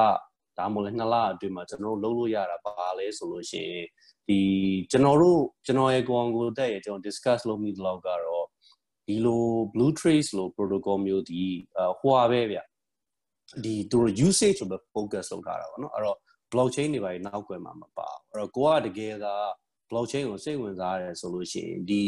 အဲ data storage ကိုကျွန်တော်တို့ကဒီ blockchain နဲ့ပေါ့နော်အဲ့တော့ကျွန်တော်ကတော့ familiar ဖြစ်တာကတော့ multi chain ဆိုတဲ့ blockchain framework ကို familiar ဖြစ်တယ်အဲကျွန်တော်မိတ်ဆွေတချို့ကတော့ hyperledger ဆိုတဲ့ဒီ IB အရင်တော့ IBM စခဲ့တာเนาะအခုတော့သူ့အတူတော့ရက်တည်နေတယ် hyperledger ဆိုတဲ့ဒီ blockchain framework တခုကိုကိုကသုံးလို့ရတယ်အဲ့တော့ multi chain တော့တော်တော်လွယ်တယ်အဲ့တော့ပြောရမလို့ဒီနေ့စနေတင်းဝင်ပေါ့နော်နှစ်ရက်လောက်အချိန်ပေးလိုက်မယ်ဆိုလို့ရှိရင် project အသေးလေးတခုကိုကျွန်တော်တို့ကဒီ working prototype အနေနဲ့တော့ထုတ်ပြလို့ရတယ်ပေါ့နော်အဲ့တော့ပေါ့ပါပါရှိအဲ့တော့ ဒီအခုသူကိုကသူများယူပြီးသားသူများလုပ်ပြီးသားဒီ product ကိုယူပြီးတော့ဒီ blockchain ဟို implement လုပ်လိုက်မယ်ဆိုလို့ရှိရင်ဒါကကျွန်တော်တို့ဒီအဲကိုကျွမ်းနေမှုမှာတော့မူတည်မယ်အဲ2 to 4 weeks ဆိုတာနှစ်ပတ်တစ်လဒါမှမဟုတ်လည်းနှစ်နှစ်လလလောက်ထိဒါတွေကိုကျွန်တော်တို့ကကြာကောင်းကြာမယ်ဒါပေမဲ့ like it, it is it makes sense ပေါ့နော်အဲ့တော့ဘာကြောင့်ကျွန်တော် technology ကိုတန်းသွားရတာလဲဆိုတော့ကျွန်တော်တို့ဆွေးနွေးတိုင်ပင်နဲ့အလျောက်မှာဆိုလို့ရှိရင် blockchain ရဲ့အားသာချက်တစ်ခုကအရန်အရန်ထင်သာမြင်သာရှိ အဲ့ဒါကြတော့ဘာလဲဆိုတော့ကျွန်တော်တို့ကဒီအာဒီ blockchain ရဲ့ဒီခုနအပေါင်းကိုတက်ပြောလို့ပေါ့ပြောလို့ပေါ့နော်ဘယ်သူပိုင်လဲဘယ်သူ run လို့ရလဲဘယ်သူ administer လုပ်မှာလဲဆိုတဲ့ကိစ္စတွေရဲ့နောက်ွယ်မှာဒါကို support လုပ်ပေးတဲ့ဒီ arrangement တွေရှိအဲကျွန်တော်တို့ကအာဒီ smart contract တို့ပြီးလို့ရှိရင် data တွေကိုဟိုကျွန်တော်တို့ကတင်းလိုက်ပြီဆိုလို့ရှိရင်ဒါတွေကဟိုတိတ်ငင်းလို့မရတော့ဘူး အာတိတ်လဲဟိုဖျောက်ဖျက်လို့မရတော့ဘူး cryptographically ဒါတွေကိုထိမ့်သိမ်းထားတာပေါ့နော်နောက်ွယ်မှာအဲ့တော့ဘာကောင်းလဲဆိုတော့ကျွန်တော်တို့ကအခု trace လုပ်တဲ့ information ကိုကျွန်တော် database တစ်ခုထဲမှာတင်လိုက်မယ်ဆိုရိုး database တစ်ခုမှာတင်လိုက်မယ်ဆိုလို့ရှိရင်ဒါအငင်းပွားလို့ရသေးတယ်ဟုတ်ပါတယ်မဟုတ်ပါဘူးဘာညာတာတကာတွေပြောလို့ရတယ်ပေါ့နော်အဲ့တော့ blockchain မှာသာထားလိုက်မယ်ဆိုလို့ရှိရင်ဒါကဒီအငင်းပွားခြင်းကိစ္စကကျွန်တော်တို့တော်ရှင်းသွားမယ်ဒါကကြတော့ကျွန်တော်ကငင်းတဲ့ကိစ္စကိုပဲကျွန်တော်ကရှုထောင့်အောင်ပဲကြည့် တခြားရှုထောင့်တွေကျွန်တော်တို့ကကြည့်လို့ရခုနကကိုအောင်ကုန်သက်ပြောသလိုပဲဒီ data ဒီဒီနိုင်ငံကဟိုပေါ့နော်ဒီဒီနိုင်ငံကဒီဟိုပေါ့တက်ဆိုင်ရာလူကြီးဌာနဆိုင်ရာကလူကြီးတွေပဲ access ပေးမှာလားဒါမှမဟုတ်လို့ရှိရင်ကျွန်တော်တို့ဒီကျွန်တော်တို့အာယူမလေးရှားစင်ကာပူအဲ့လိုဒီအာဆီယံရဲ့အဖွဲ့အစည်းတစ်ခုကို ဒီ information တွေပေးချင်လားဆိုလို့ရှိရင်ဒါ blockchain နဲ့ဒါကျွန်တော်တို့ကတိစောက်ထားမယ်ဆိုလို့ရှိရင်ဒါတွေကတော်တော်အာ it is very natural ပေါ့နော်တကယ်လည်းအဓိပ္ပာယ်လည်းရှိတယ်ဒီဥစ္စာကြီးကဟိုဟိုအဲ့ဘောင်းဝင်အောင်ကျွန်တော်အများကြီးစူးစမ်းစရာမလိုတော့အဲဒါဟိုမှကျွန်တော်တို့ကနည်းနည်းကြီးကြဲကြဲလေးပြောမယ်ဆိုလို့ရှိရင်ကိုတနိုင်ငံနေလားကိုအရှိတောင်အာရှဒီနိုင်ငံတွေအာဆီယံနိုင်ငံတွေပဲလားဒါမှမဟုတ်လို့ရှိရင်ကျွန်တော် WHO လို့ international အဖွဲ့အစည်းတွေဒါမှမဟုတ်လို့ရှိရင် Apple တို့ Google တို့လို့ international ပုဂ္ဂလိကအဖွဲ့အစည်းတွေနဲ့ကျွန်တော်တို့ကဒါတွေကိုအာဘယ်လိုပြောရမလဲအာတယောက်နဲ့တယောက်နဲ့တန်တိုင်းမင်မင်နဲ့ဒီ data sharing တွေလုပ်မယ်ဆိုလို့ရှိရင်ဒါကိုပွင့်ပွင့်လင်းလင်းနဲ့ protocol level ကလုပ်မယ်ဆိုလို့ရှိရင်ဒီ blockchain ကတော့အမတန်အောင်သင့်တော်တယ်လို့ကျွန်တော်တို့ယူဆရတယ်ပေါ့နော်အဲ့တော့ဒါဟိုဒါကကျတော့နည်းနည်းကျွန်တော်ဟို one ဟိုပမာလိုပဲကျွန်တော်တို့ဟိုကာလကိုသုံးသပ်မယ်ဆိုရင်ရေရိုရေရှည်ရှိမယ်ဆိုရေလက်ပေါ့နော်အဲ့တော့ဒီ3 4 5 6လအတွင်းဒီလိုဟာတွေကို ရှေ့ဆက်ပြီးလုပ်ဖို့လိုမယ်ဆိုဆိုခဲ့ရင်ဒါကကျတော့ data ဆိုတာထိမ့်သိမ့်မိ share ရတော့မှာလေဘယ်သူ access ရှိတယ်ဆိုတော့ကျွန်တော်တို့ permission တွေထိန်းရတော့မှာဆိုလို့ရှိရင်ဒါကဒီ open trace လို့ protocol ကိုပဲ version 2ပေါ့နော် open trace version 2ဆိုပြီးတော့ကိုယ့်ဘက်ကိုကိုကတော့ပြန်ပြီး open source လုပ်လိုက်လို့ရသေးတယ်ဒါကိုဒီနောက်ွယ်မှာထိန်းသိမ်းတဲ့ database ဒီ blockchain based blockchain ကိုအခြေခံထားတဲ့ database တော့ဖြစ်သွားတာပေါ့နော်အဲ့တော့ ဒီရေဒိုအနေနဲ့ကတော့ကျွန်တော်တို့ရှင်းတယ် software တွေရေးရတာကြားတဲ့အတွက်ကြောင့်မို့သူများရှိတဲ့ဟာကိုယူသုံးလိုက်ပြီးလို့ရှိရင်ကိုက change ရင်တစ်ဖက်ဆိုလို့ရှိရင်ကိုယ့်ဘက်ကိုပဲ blockchain ကိုယူသုံးပြီး change လိုက်အဲ့တော့ဒီဒီ mid mid range ပေါ့နော်အဲ့တော့ရေလက်နဲ့ရေရှည်ပေါ့ဟိုပေါ့နည်းနည်းကြာမယ်ဆိုလို့ရှိရင်ဒါတွေကိုကျွန်တော်စနစ်ကျချင်းကပ်ချင်တယ်ဆိုလို့ရှိရင်ဒီ open trace လို့ဟာ protocol ကိုပဲကျွန်တော်တို့ကဒီ blockchain သုံးထားတဲ့ protocol အနေနဲ့အသွင်ပြောင်းပြီးတော့ကျွန်တော်တို့က open source အောင် ပြန် share လို့ရတယ်ဒါကျွန်တော်တို့ရဲ့ standard ပါဒါကိုသုံးမယ်ဆိုလို့ရှိရင်ကျွန်တော်တို့က data တွေကို interoperate လုပ်လို့ရတယ်ဆိုတဲ့သဘောပေါ့နော်ကြောင်းကျွန်တော်ဖလှယ်လို့ရတယ်ပြီးရင်ဖလှယ်တာကလည်းစီးစနစ်တကျနဲ့အာ privacy ကိုကျွန်တော်တို့အလေးပေးတဲ့ shoot down တွေကျွန်တော်တို့ဖလှယ်လို့ရတယ်ပြီးရင်တယောက်နဲ့တယောက်နဲ့ဟောပေါ့နော်ဒီဟိုပြဿနာရှာမှာမတမာမှုတွေလုံးမှာဟိုကိုမကင်တဲ့ဟာတွေသွားကင်တကူမယူတဲ့ဟာတွေသွားယူတာအာအဲ့ဒါမျိုးတွေပေါ့နော်ဟိုပေါ့ကျွန်တော်တို့တိတ်အများကြီးပူစရာမလိုတော့ data level မှာဟိုကျွန်တော်တို့က protocol ရှိသွားတာပေါ့နော်ခုနကကွန်ကိုသက်ပြောတယ်ဘယ်သူပိုင်မှာလဲဘယ်သူ run မှာလဲဘယ်သူ access ရှိလဲဘယ်သူပြင်ခွင့်ရှိလဲအဲ့လိုဟာမျိုးတွေက it's already built in ပေါ့နော်ဒါကတော့ကျွန်တော်ဒီတပတ်နှစ်ပတ်နဲ့တစ်လအတွင်းရယ်အဲနှစ်လသုံးလအတွင်းဒါမှမဟုတ်ရှင် more than ၄၅6လပေါ့နော်အဲ့ဒါမျိုးဆိုလို့ရှိရင်ကျွန်တော်အချိန်လေးပို့ပေးနိုင်မယ်ဆိုလို့ရှိရင် protocol level update လုပ်လို့ရတဲ့အဆင့်ကြီးတော့ကျွန်တော်ကတော့မြင်ပြီးတယ်ခင်ဗျ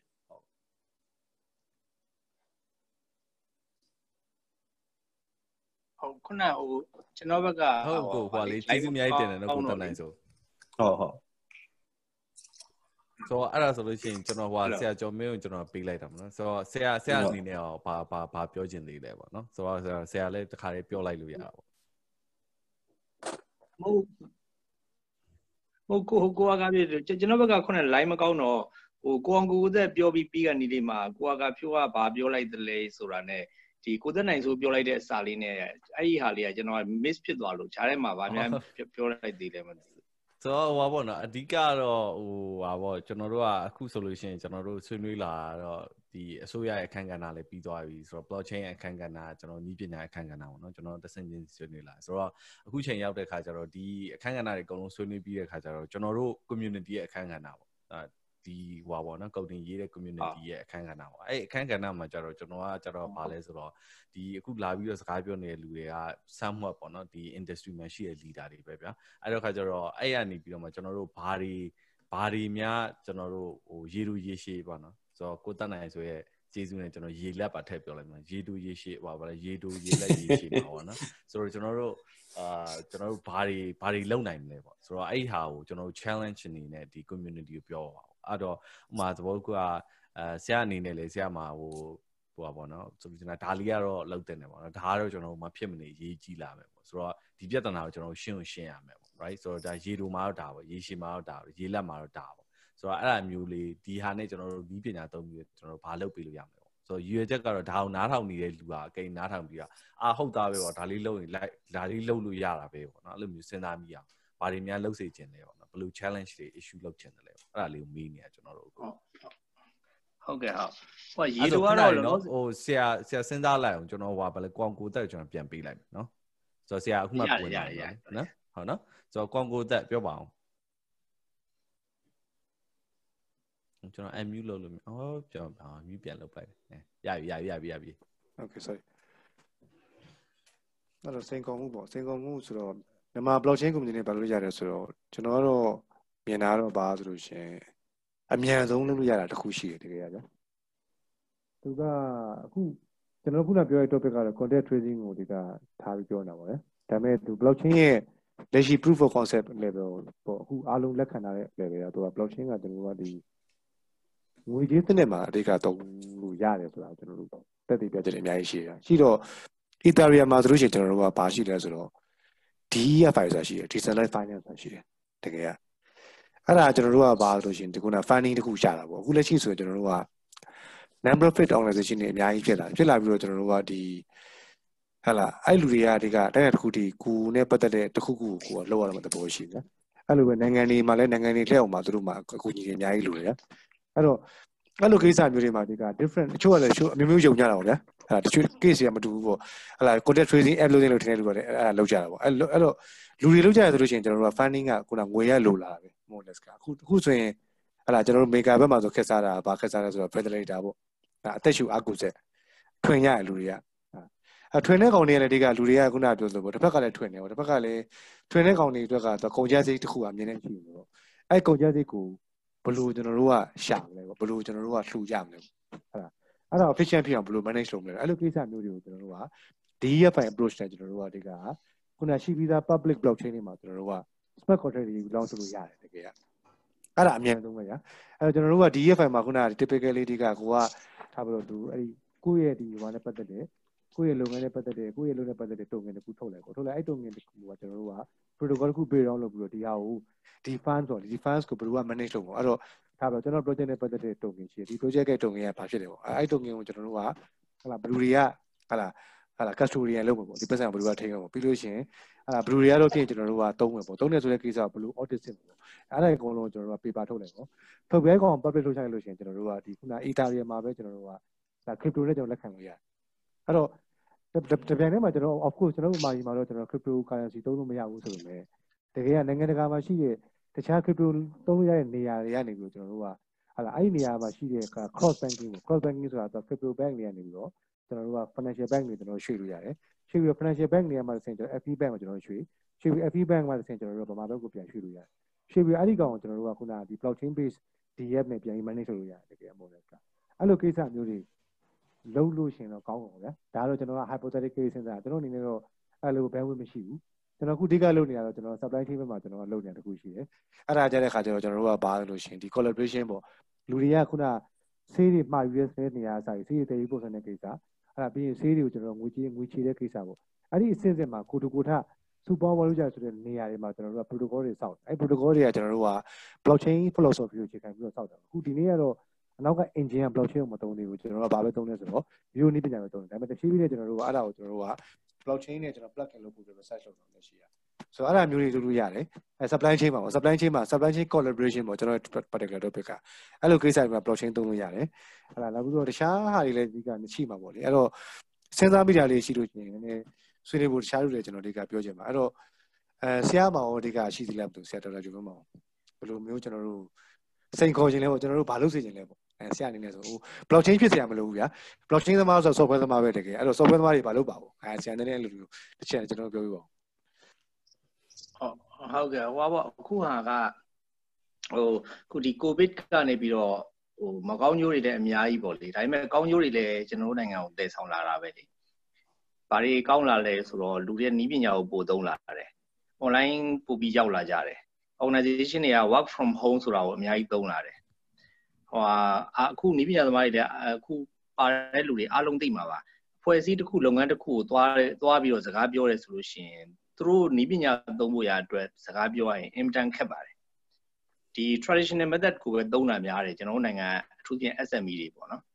ဒါပေမဲ့အခုလူတော်တော်များများက online နဲ့ပတ်သက်ပြီးတော့ online meeting တွေ online နဲ့လုပ်လို့ရသမျှဟာအကုန်လုံး online ကိုရွှေ့မယ်ဆိုတော့ awareness တစ်ခုနဲ့တကယ်တချို့ဆိုစရွှေ့ရတယ်ဒါတွေကဖြစ်လာပြီပေါ့ နောက်က logistic ဘိုင်းနဲ့တက်လာပြီစသဖြင့်ပေါ့အဲ့တော့ paradigm တစ်ခုကဒီ covid အပြီးပြီးမှာကျွန်တော်နိုင်ငံမှာမဟုတ်ဘူးကမ္ဘာမှာလည်းပြောင်းတယ်လို့ကျွန်တော်နိုင်ငံမှာလည်းစီးပွားရေးရောလူတွေရဲ့လုပ်ပုံကိုင်ပုံရော paradigm တစ်ခုလုံးကပြောင်းတော့မှာပြောင်းတော့ industry အားလုံးမှာပဲ paradigm ကပြောင်းမှာပဲအဲ့တော့အဲ့ပြောင်းတဲ့ထဲမှာအကောင့်ဘက်မှာပါတာတခုကပါလို့ဒီ technology ကိုပို့ပြီးတော့အားလုံးကပို့သုံးလာတော့မှာဒါကတော့သိကြတဲ့ဟာပေါ့နော်ဆိုတော့အဲ့ဒါနေမှာ အခုရေလိုရေလက်ရေရှည်ဆိုတဲ့ကိစ္စတွေမှာဟိုရေလက်ရေရှည်ရေလိုတော့မပြောတတ်ဘူးပေါ့နော်ရေလိုကတော့လောလောဆယ်ကျွန်တော်တို့ဒါ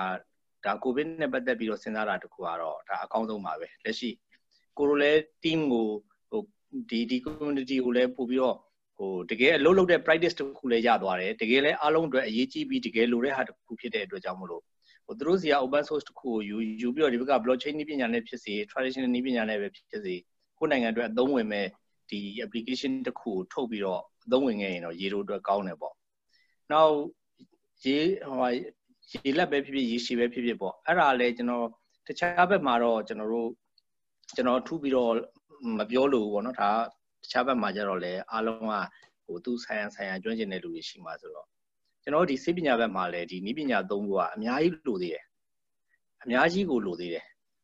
လိုတဲ့အတွက်ကြောင့်မလို့အခုချိန်မှာကျွန်တော်တို့ကတကယ်ကောင်းမွန်တဲ့ တချို့သောအချက်လက်တွေကိုကျွန်တော်တို့ကသုံးချနိုင်မယ်ဆိုရင်ဒီဆေးရုံတွေကိုကျွန်တော်တို့ကဆွဲဆောင်လို့ရလာပြီဒီနည်းပညာသုံးဖို့ရအတွက်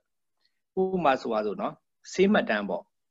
ဆေးမှတ်တမ်းဆိုလို့ရှိရင်ဟိုတော်တော်လေးပြဿနာတက်တယ်ဆေးမှတ်တမ်းဆေးမှတ်တမ်းကဘယ်မှာထားမှာလဲအဲဆေးမှတ်တမ်းကို ID နဲ့ဘယ်လို link လုပ်မှာလဲအခုကျွန်တော်တို့နိုင်ငံမှာ national ID ကဒီ digital ID မဖြစ်သေးတဲ့အခါကျတော့ဆေးမှတ်တမ်းတွေအကုန်လုံးကအားလုံးကပြန့်ကျဲနေတာ GBC မှာဆေးမှတ်တမ်းရှိမယ် နောက်တစ်ခါအထူးတယောက်စီမှာဆေးမှတ်တမ်းတစ်ခုရှိမယ်ဆေးုံတရုံမှာဆေးမှတ်တမ်းတစ်ခုရှိမယ်အဲ့ဒါတွေအကုန်လုံးကို IT တစ်ခုနဲ့ link ပြီးတော့ပေါင်းစုဖို့ဆိုတာလက်တလုံးမှာမဖြစ်နိုင်သေးဘူးအဲ့တော့ဒီ blockchain နည်းပညာနဲ့ medical record ကိုထားမယ်ဆိုလို့ရှိရင်ကျွန်တော်တို့နိုင်ငံရဲ့ဒီကျန်းမာရေး medical record ထားတဲ့စနစ်ကိုဒီပုံစံနဲ့ကျွန်တော်တို့ကထားထားဖို့ကြိုးစားမယ်ဆိုရင်ဒါနိုင်ငံအစိုးရစေယုံနေရောပုဂ္ဂလိကစေယုံနေရော electronic medical record ကိုသုံးမယ်ဆိုရင်ဒီနည်းပညာနဲ့ဒီလိုသုံးလိုက်လို့ရှိရင်အဲအလုံး secure ဖြစ်မယ်ပေါ့ဥမာထားပါတော့လူနာကလည်းသူ့မှတ်တမ်းကိုသူ့ဖုန်းထဲမှာပဲထားခြင်းလည်းသူ့ဖုန်းထဲသူရီမဟုတ်ဆေးရုံကဒီကွန်ပျူတာထဲမှာထားရဲဆိုလဲဒီကွန်ပျူတာထဲမှာအစိုးရလိုချင်လည်းအလွယ်တကူပေါင်းဆက်လို့ရမယ်ဆွဲယူလို့ရမယ်ဆိုတော့အဲ့ဒီ electronic medical record နဲ့ဆေးပညာမှာဟိုဆေးရုံတွေမှာသုံးတဲ့ဟာကျန်းမာရေးစောင့်ရှောက်မှုမှာသုံးတဲ့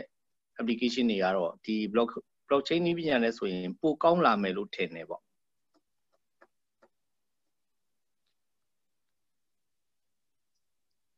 ဆိုတော့ဟုတ်ကျေးဇူးအများကြီးတင်ပါတယ်ဆိုတော့ဒီဟိုပေါ့နော်ကျွန်တော်တို့နှစ်နိုင်လဲခွဲတော့မယ်ဆိုတဲ့အခါကျတော့ကျွန်တော်တို့ဘာလုပ်တော့မလဲဆိုတော့ကျွန်တော် wrap up လုပ်တော့မယ်ပေါ့နော်ဆိုတော့ကျွန်တော်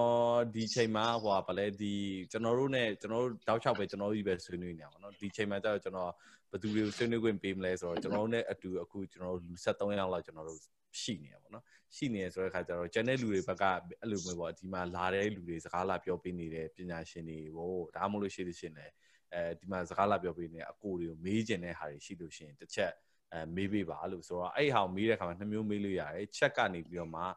ဟိုပါဘောနော် chat ဆိုတာရှိရဲအဲ့ chat ဆိုတဲ့ဟာနေပြီးတော့မှမေးလို့ရတယ်ဆိုတော့ကဲကွန်ပျူတာသုံးနေဆိုရင် auto h နှိပ်လိုက်လို့ရှိလို့ရှိရင် chat ဆိုတဲ့ဟာပေါ်လာလိမ့်မယ်အဲ့ကနေပြီးတော့မေးလို့ရတယ်ဒါပုံစံတစ်မျိုးနဲ့မေးလို့ရတယ်နောက်တစ်မျိုးကကျတော့ဗာလဲဆိုလို့ရှိရင်ရတယ်ကို mic ကိုကို unmute လုပ်လိုက်ပြီးတော့မှကျွန်တော်တို့တိုက်ရိုက်မေးလို့ရပါတော့ဆိုတော့ကျွန်တော်မေးခွန်းတစ်ခုနှစ်ခုလောက်ကျွန်တော်တို့မေးလိုက်မယ်ပေါ့ နော်ဆိုတော့ဟာမေးစရာမေးခွန်းရှိသေးလားဗျ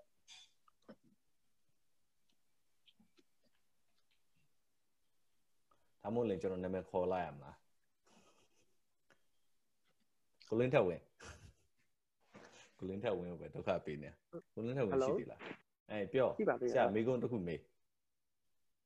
အစအနေနဲ့ဟုတ်ကဲ့ဟုတ်အာအားလုံးပဲမင်္ဂလာပါဟုတ်ကျွန်တော်လင်းထက်ဝင်ပါခင်ဗျ အာပြီးခဲ့တဲ့အပတ်ကတော့ပြီးခဲ့တဲ့အပတ်ကတော့ကျွန်တော် data privacy နဲ့ပတ်သက်ပြီးတော့ကျွန်တော်ဝင်ပြီးဆွေးနွေးပြခဲ့တယ်ပေါ့နော်အာဒီ data privacy ကိုလည်းကျွန်တော်အဓိကဆွေးနွေးခဲ့ရခြင်းရတယ်ဒီဟိုကျွန်တော်အဓိကတော့ကျွန်တော်ဒီ blockchain blockchain ရဲ့ဒီ decentralized နေမှာ privacy ကိုပို့ပြီးတော့အာအကာအကွယ်ပေးနိုင်မယ်လို့ဒါကျွန်တော်ဘက်ကယုံကြည်တဲ့အတွက်ကြောင့်ပေါ့နော်ကျွန်တော်လည်းဒီဟာကိုအဓိကထားပြီးကျွန်တော် ပြောပြခဲ့တာပေါ့အဲ့တော့ဒီနေ့ဒီဆွေးနွေးခဲ့တဲ့ဟာတွေကိုကျွန်တော်နားထောင်ပြီးတဲ့အခါမှာကျွန်တော်ဘက်ကဒီဖြစ်လာတဲ့မေးခွန်းကကျတော့ကျွန်တော်ခုနကတော့ပြောသလိုပေါ့နော်ဒီ user တွေအနေနဲ့ဟိုကိုယ်တိုင်ကိုကြဒီလိုလိုချင်းချင်းနဲ့ data သွင်းနေဆိုတဲ့ဒီဒီ game theory အကြောင်းကိုဆွေးနွေးသွားခဲ့တဲ့အခါကျတော့ကျွန်တော်တို့ဒီလက်ရှိမှာရောအစိုးရဘက်ကဒီပေးနေတဲ့ပုံစံနဲ့အော် အခုဒီ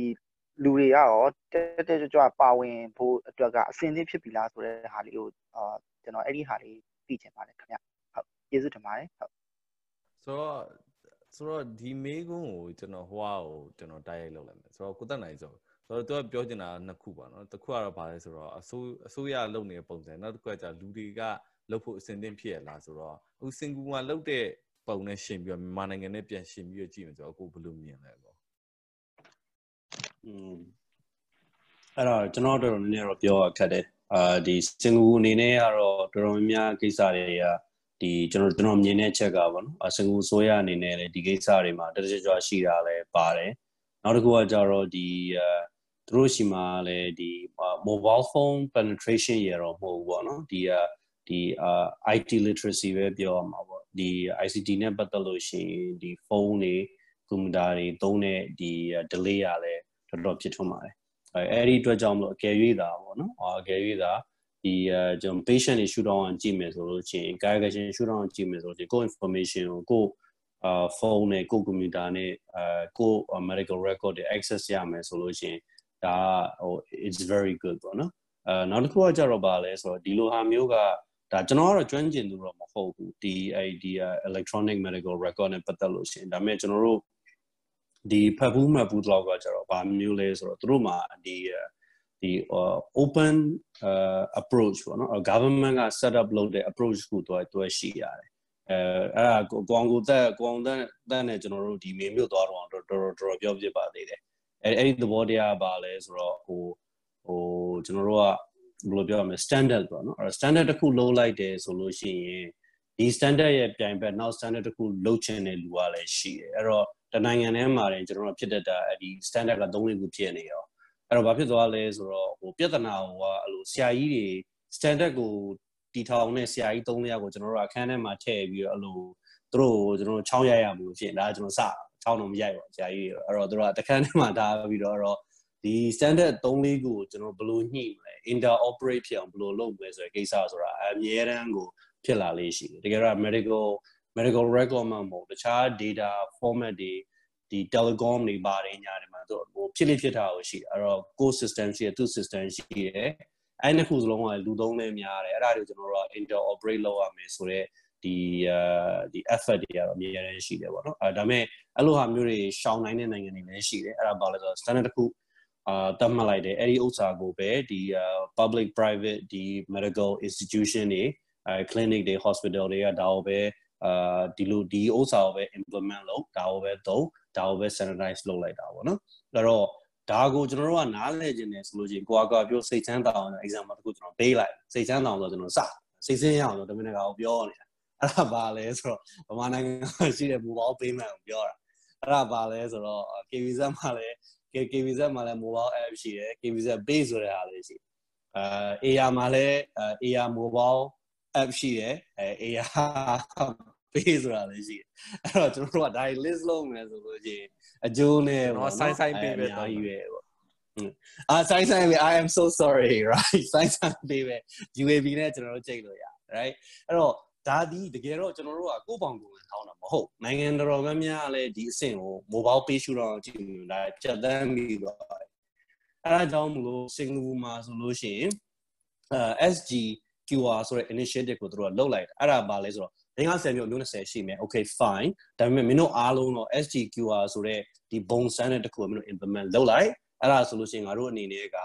ဒီပါဝင်ပတ်သက်တဲ့ဒီဘယ်လိုခေါ်လဲကျွန်တော်တို့ဒီပေါ့နော်ဒီအာ ecosystem ထဲမှာရှိတဲ့ဒီ user တွေကအဆင်ပြေသွားအဲ့ဒါအဲ့ဒါဘာလဲဆိုတော့ကျွန်တော်တို့မှာအာဒီ merchant တွေရှိမယ်အဲပြီးလို့ရှိရင်ကျွန်တော်တို့ agent တွေရှိမယ် ပြီးလို့ရှိရင်စားသုံးသူရှိမယ်ပြီးလို့ရှိရင်ဒီ implement လုပ်တဲ့ company ရှိမယ်ပြီးရင် government body တွေရှိမယ်အဲ့လိုပေါ့နော်ကျွန်တော်တို့က key stakeholder တွေဆွဲထုတ်ပြီးပြီဆိုလို့ရှိရင်အဲ့ဒီ key stakeholder တစ်ခုစီဒီအဲ့လို standard တစ်ခုဒီဘုံဘုံ standard တစ်ခုရှိတဲ့အတွက်ကြောင့်တော်တော်ကိုအဆင်ပြေသွား example customer တယောက်ဆိုလို့ရှိရင်ကျွန်တော်က SG ဟိုပေါ့ QR implement လုပ်ပြီးနောက်ပိုင်းမှာလာကျွန်တော်က mobile payment လုပ်ချင်တယ်ဆိုလို့ရှိရင်ကျွန်တော်တို့က very smooth ဖြစ်သွားအဲ့တော့ကျွန်တော် ဒီပေါ့နော်4-5ဒေါ်လာ chicken rice ပဲစားခြင်းစားခြင်းအဲ့တော့အသီးနှံတစ်ခုကိုကျွန်တော်ပြားချစ်နဲ့ဝယ်ခြင်းဝယ်ခြင်းဒါမှမဟုတ်ရှင်လည်းကျွန်တော်အဲ့လိုပေါ့နော် higher value purchase ဒေါ်လာ100 1000 1000ဟာပဲဝယ်ခြင်းဝယ်ကျွန်တော်တို့က is is a very very very smooth process ပြီးလို့ရှိရင်ဒါတွေက same process ဖြစ်သွားတယ်အဲကျွန်တော်ကဘယ်ဘန်မဲသုံးသုံးဘယ်ပေးဘန်မဲသုံးသုံးကျွန်တော်တို့ okay သွားတယ်ပေါ့နော်အဲအဲ့ဒါမျိုးလေးရှိအဲ့တော့ကျွန်တော်တို့က medical shoot down နဲ့ဒါတွေကြည့်မယ်ဆိုလို့ရှိရင်အာဒီလိုဟာမျိုးတော့ကျွန်တော်တို့က အနေနဲ့အများတော့ကြုံတွေ့ရမှာကျွန်တော်တိတ်လောလို့တော့မရဘူးနော်ဆန္ဒစောလို့မရဘူးဒါတွေကတော့ very natural ဟိုတကယ်ဟိုကျွန်တော်တို့က step by step ကိုသွားမယ်သဘောတော့ရှိတယ်ပေါ့နော်အဲ့တော့ကျွန်တော်စတာပါစိတ်ချမ်းသာအောင်ပြောရဆိုတကယ်တော့ဟိုအများကြီးကျွန်တော်တို့ကဒီပေါ့နော်စူးစမ်းအောင်အဲ့ဒါတွေအချိန်လေးတော့ပေးရဆိုဟုတ်ကျေးဇူးပါဆိုတော့တခြား panelist တွေရောဘာထပ်ဖြည့်ပြီးတော့ပြောချင်သေးလဲ အဲကိုကိုသက်နိုင်ဆိုပြောတာမှန်ပါတယ်တော်တော်ကိုဟိုအထူးဖြင့်ဒီကျွန်တော်နိုင်ငံက medical record ကပိုဆိုးတယ်သူများထဲကိုပိုဆိုးတယ်အားလုံးဆိုတော့ဟိုဆေးရုံတွေကလည်းစံနှုံးမတူသလိုဆရာဝန်တွေကလည်းတယောက်နဲ့တယောက်က cooperation ရောနောက်မာနပြိုင်တာရောငါသာလင်းဆရာကြီးလောက်တာတွေရောဆိုတော့အင်တန်ခက်ပါတယ်အရင်အသေးထူးဆရာဝန်ကြီးဟိုဒေါက်တာဦးတန်စင်မကွဲလုံငင်ကလေးကဒါ तू ကအဲ့ဒါတွေဖြစ်စီခြင်းတယ်ပေါ့ electronic medical record အဲကျွန်တော်ကိုကျော်မင်းလောက်ပါဗျာတဲ့ခင်ဗျလောက်နိုင်ဆိုဟိုဘလို့မှပဝန်းကျင်ကဘလို့မှအဆင်သင့်မဖြစ်သေးတော့အဲ့ဒီအချိန်ကကျွန်တော်တို့2017 12အဲ့လိုဝင်ကျင်ပေါ့2012လောက်ဝင်ကျင်ဘလို့မှလုံးလို့မရဘူးပေါ့အဲ့တော့စောစောကဟာလည်းပြောလို့သာပြောတာပါကိုသက်နိုင်ဆိုပြောသလိုမလွယ်သေးဘူးမလွယ်သေးဘူးဟုတ်ဒါပေမဲ့ဟိုခုဒီတော့ဒီဟာရဲ့အစာပိုင်းဆွေးနွေးတဲ့အခါမှာ ဟိုကကိုအာကာဖြိုးပြောတာတခုရှိတယ်ဟိုက AI လေ artificial intelligence သုံးပြီးတော့ကျွန်တော်ဒီ rheologist ရဲ့နေရာမှာအစားထိုးတာတော့မဟုတ်ဘူးအကူညီရဖို့ရအတွက်ဒါဒါတွေကိုဖြတ်တယ်ဖြစ်တယ်ဆိုတာအဲ့ဒီဟာနဲ့ပတ်သက်တော့ကျွန်တော်ကဟိုတော်တော်လေးစိတ်ဝင်စားမှုရှိတယ် AI ကအခုဒီ hacker နဲ့ပတ်သက်ပြီးတော့လည်းနိုင်ငံတကာမှာအများကြီးသုံးလာကြပြီ တကယ်လည်းပဲတချို့နေရာက AI သုံးလို့ရှိရင်ပိုကောက်နိုင်တဲ့အနေအထားတွေလည်းရှိတယ်အဲအထူးသဖြင့်အဲ့လို radiology မှာခုနကဟို chest x-ray ဆို chest x-ray ကိုပြပြီးတော့ဒီဒီယောဂဒီယောဂဒီယောဂဆိုတော့ AI နဲ့အများကြီး train လုပ်ပေးလိုက်လို့ရှိရင်ပိုတောင်တိကျတယ်ဆိုတဲ့ဟာတွေလည်းရှိတယ်ပေါ့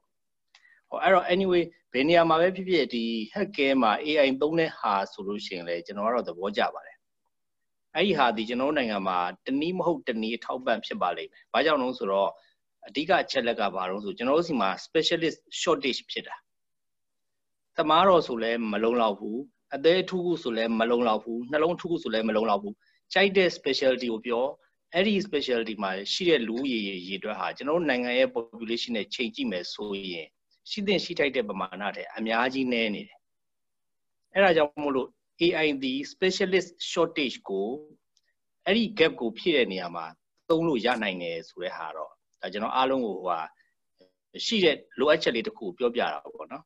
အဲ့ဒီအကြောင်းကိုလည်းကြုံရင်တသက်ဆွေးနွေးခြင်းပါသေးတယ် medical မှာသုံးတဲ့ AI ပေါ့နော်ဟုတ်ကဲ့ပါဟိုဆိုတော့ဟိုနောက်ပိုင်းတက်လို့ရှိရင်တော့ဟိုကွန်ဂိုတက်ကိုကပ်ပါလို့နော်ဆိုတော့ तू ကဒါ digital transformation healthcare industry နဲ့ပတ်သက်ပြီးလုပ်နေတာဆိုတော့အာဟိုဆရာဆရာကဆရာပါလို့နော်ဆိုတော့ဆရာဘာဘာတွေထပ်ပေါင်းထည့်ပြောခြင်းနေလဲခုန little မေကုန်းကိုပြန်ကောက်ရင် ready ဖြစ်ပါမလားပေါ့ အဲ့တော့ ready ကဘယ်တော့မှဖြစ်ဘူးကြ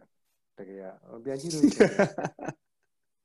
အဲ့ဒါမှရင်တော့ကလည်းဟလာဆက်စားရလက်စစ်မီကိုစထွင်တဲ့နေရာစကြည့်လို့ရှိရင်လက်စစ်မီစထွင်တော့အဲ့ဒီစင်ရထွင်ဟာသူလေးတွေကတဖြည်းဖြည်းနဲ့တကယ်သုံးလို့ရအောင်အကြာကြီးလုပ်ခဲ့တကယ်ကအဲ့လိုပဲတွေကဟလာဆက်စားချင်းဟလာဂျင်းနဲ့အဲဂျင်းနဲ့တယ်လီဖုန်းဖြစ်ဒါဘယ်တော့မြန်လာပေါ့လေအဲအဲ့တော့ဘယ်တော့မှမလွယ်ခဲ့ဘူးတကယ်တော့ဒီကိစ္စတွေကအဲ့တော့ question က ခုနအုံနာပေါ့တာဝန်ယူမဲ့လူဘယ်လိုဘယ်လိုရှိလဲအဲ့တော့ဟလာဟိုကျွန်တော်စိတ်ဝင်စားရင်တော့ကျွန်တော်ကဒါကိုအုံးလို့ရတာဥပမာကျွန်တော်ကအခုဒီ supply chain နဲ့ပတ်သက်လို့ဒါ coordination ကိုကျွန်တော်စိတ်ဝင်စားဆိုတော့ဒါလို့၅နှစ်လောက်ရှိအဲ့တော့အဲ့လိုပဲအဓိကကကိုစိတ်ဝင်စားတဲ့နေရာမှာကိုတာဝန်ယူပြီးတော့လုပ်ချင်တဲ့သူတွေရှိတာလေတကယ်ကအဲ့ဒီနေရာမှာတိုးတက်ပြောင်းလဲမှုဖြစ်မှာပဲကျွန်တော်မြင်တာတော့ ဘာဆိုအဲ့အဲ့ဒါဆို drive ဆိုတာအဲ့တော့ကျွန်တော်ဒါကျွန်တော်ယုံကြည်မှုလို့ကျွန်တော်ယုံကြည်မှုကဘာဆိုတော့ entrepreneur လို့ခေါ်တယ်စိုးလုပ်ငန်းရှင်ဆိုတဲ့လူကသူကသူ့ရဲ့ပတ်ဝန်းကျင်မှာသူက change ကိုသူကောင်ကသူက push forward လုပ်တယ်သူကဟိုဖော်ဆောင်ပေးတယ်ပေါ့လေပြောင်းလဲမှုလည်းရှိတယ်အဲ့တော့ခုနမေခွန်းရဲ့အဖြေကတော့ကိုယ့်ရဲ့ပတ်ဝန်းကျင်မှာရှိတဲ့ဟာ change တစ်ခုခုကို opportunity တွေက dedication တစ်ခုနဲ့ဖော်ဆောင်ပေးမဲ့အတိတ်က company လေးတွေလုပ်ငန်းလေးတွေ entrepreneur လေးတွေအဲ technical tech လေးတွေအများကြီးထွက်လာရင် ဟာကျွန်တော်တို့ကဟာဒါမျိုးတွေဖြစ်ဖို့လာလာပို့ပြီးတော့မြန်လာမယ်ကျွန်တော်တို့အတိတ်ကခုနအားလုံးက central ရစာလို့ကျွန်တော်မယုံကြည်ဘူးတချို့ကိစ္စလေးတွေတကယ်ကိုလူကိုထိုက်လည်းလုပ်လို့ရတယ်ဗျာလုပ်နေနေတကယ် proof ရလာပြီဆိုလို့ရှိရင်ကျွန်တဲ့ကောင်တွေ adopt လုပ်ကြတာတကယ် amoles ကဟာလို့ okay ဒေါ်လာတကယ် wallet ဆိုတာကြည့် wallet ကစတာ okay ဒေါ်လာကစတဘောတစ်ခုရအဲ့လိုပြောလို့ရတယ်ဗျာအဲ့လိုကလောတော်မရှိဘူးအပိုင်းမှာဟုတ်တယ်အစလောင်းကိုစရတာအဲစရတော့နောက်ကျတော့လူတွေတအားလဲသုံးတာဟိုဒီကလောမထုတ်လို့မရဘူးလောက legislation နောက်ကလိုက်ရတာလည်းရှိရ အဲလိုကိစ္စမျိုးတွေရှိတယ်အဲ့လိုပဲဒီကခုနအားကောင်းဆုံးကောင်ရှေ့ဆောင်တော့ဗျာဟလာ search engine ဆို၄၅6ခုရှိတယ် Google ရဲ့ရှေ့မှာဖြစ်အဲလိုပဲဒီကတော့ဟလာခုန protocol ဆိုလည်း၄၅6ခါထုတ်သဘောတစ်ခုရအဲ့မှာသူက adoption မြင့်တဲ့ကောင်ကအားဦးဆောင်ပါလက်ရှိရနောက်ပိုင်းစနစ်ကအခုကျွန်တော်တို့က democracy စနစ်ပေါ်လာဆိုတဲ့အချိန်မှာအခုနောက်ပိုင်းဟုတ်လားကျွန်တော်ကျွန်တော်တို့လုပ်နေဆိုတဲ့အချိန်မှာဒီလူအများက adopt လုပ်တယ်ဆိုတော့ system ကတော့ကြာလို့ရှိရင် prepare ဖြစ်မှာပါတကယ်အဲကျွန်တော် system စောက်တဲ့ကောင်တွေလည်းပါဆိုတော့ဟာငါ system မင်းသုံးကွာဆိုတဲ့ဟာလည်းမစင်စားပဲနဲ့ အဓိကဘာဆိုလို့ရှိရင်လူများအတွက်ကိုလွယ်ကူချုံးမွေ့အောင်ဘယ်လိုလုပ်မလဲဆိုတဲ့ခုနဟာလေးကိုထည့်စဉ်းစားနိုင်ရင်ကျွန်တော်အဲ့ system တော့ရှိရပြီမှာအဲကျန်တဲ့ကောင်တွေကတော့နောက်မှကျန်ခဲ့မှာဆိုတော့ဒါကတော့ခုနခက်ကြီးပြောင်းလာတာတော့ပြောတာဗျာခက်ကြီးကရှေ့ခေတ်တော့ဆိုလို့ရှိရင်ကျွန်တော်တို့က software က software နေရာမှာနေတယ်လူတွေက software ကိုလေ့လာပြီးသုံးရတယ်အခုခေတ်မှာအခုအရင်ခေတ်မှာပြောတာအခုခေတ်မှာလည်းကြာအောင်ကျွန်တော်တို့ကဘာဆိုတော့ software က software နေရာမှာနေတော့ Facebook ကကျွန်တော်တို့အိမ်ရောက်လာလက်ရှိကအခုဆိုကျွန်တော်တို့မဖြစ်မနေ Zoom သုံးနေရတယ် အခုကျွန်တော် Zoom သုံးကျွန်တော်က Zoom ဆိုတာဘာကြီးမှမသိဘူးပေါ့ညာအခု Zoom သုံးသုံးတတ်လာလက်ရှိကဆိုတော့ software တွေကဒီကတဖြည်းဖြည်းနဲ့လွယ်လာတယ်အဲ့တော့ခုနကအဲ့လိုပဲဒီက protocol တွေပဲကျွန်တော် software တွေပဲခုနအများနဲ့ဆိုင်တဲ့ protocol တွေခုနနေစနစ်တွေဥပဒေတွေစီးပြီးနေတယ်အဲ့ဒါကျွန်တော်တို့ကဟလာ comfortable ဖြစ်လာအောင်ကျွန်တော်တို့ wide win လုပ်ဆောင်ရအဓိကဆိုးရထုတ်လို့ရှိရင်ကျွန်တော်တို့ကအဆိုးရကိုကျွန်တော်တို့ကကန့်ကွက်လို့ရတယ်တကယ်အဲကျွန်တော်တို့ခုနကဟလာ lobby လုပ်လို့ရတယ်တကယ်ကျွန်တော်ခုယုံကြည်လို့သွားပြီးတော့အစိုးရဌာနတွေသွားရှင်းပြလို့ရတယ်တခါရွေးဘယ်သူမှနားထောင်မှာမဟုတ်10က15ကရှင်းပြ အဲ့လိုလို့သုံးဖို့သူတို့ရဲ့အဓိကပေးပွဲတစ်ခုထောက်ပြီးတော့ကျွန်တော်တို့ဝင်သွားလို့ရတယ်ဆိုတော့ဒါလေးတွေအဓိကဟို entrepreneur တယောက်လို့မဟုတ်ဒီကခုနဒီ technology ကိုဒီကလိုက်စားလူတယောက်နေနေတာကျွန်တော်ကဒါကျွန်တော်တို့ရဲ့တာဝန်လို့ကျွန်တော်မြင်ဟုတ်လားအစင်းနဲ့ဖြစ်သေးဘူးလို့စဉ်းစားလို့ရှိရင်ဘယ်တော့မှစဉ်းစားမဖြစ်ဘူးအဲ့တော့ကို passion ဖြစ်တဲ့ဆိုတဲ့နေရာမှာ low hanging fruit ပေါ့ခုန short term မှာချက်ချင်းလူတွေလူနေတာပါတယ်အဲ့ဒါကို solution ပေးလိုက်အဲပေးပြီးတော့မှနောက်တစ်ဆင့်ပါဖြစ်မလဲအခုကျွန်တော်တို့လုပ်နေဒေါက်တာကိုကိုဆိုတဲ့ project ဆိုတာပဲ အဲ့ဒါ P Cuba လို့ခေါ်တယ်ကျွန်တော်ရဲ့ investor အရှိတော်အချက်မှာလုပ်နေတဲ့ project ကတော့ဘာဆိုတော့ head record ကိုဆို head record နေတော့မတော်ဘူးတော့ Q&A ရစအဲ COVID ဖြစ်တယ် COVID ဖြစ်တဲ့အခါ Q&A လေးတစ်ခုကိုပေးလိုက်တယ်ပေးလိုက်ပြီးတော့မှ Q&A ကိုကြိုက်တော့မှနောက်ထပ်အဲ့လို series of data solution တွေတွေ့လာတယ်အခုကျွန်တော်တို့ Facebook မှာ game ဆော့တယ်လို့ပေါ့အဲ့ဒါအဲ့ဒါအလုံးပြီးတော့မှကဲဟုတ်ပြီအဲ့ဒါ main data တွေအကုန်လုံးငါသိမ့်မယ်သဘောတူလား open လုပ်ပါအဲသဘောတူတယ်ဆို data ဖြစ်သွားအောင်လက်ရှိရ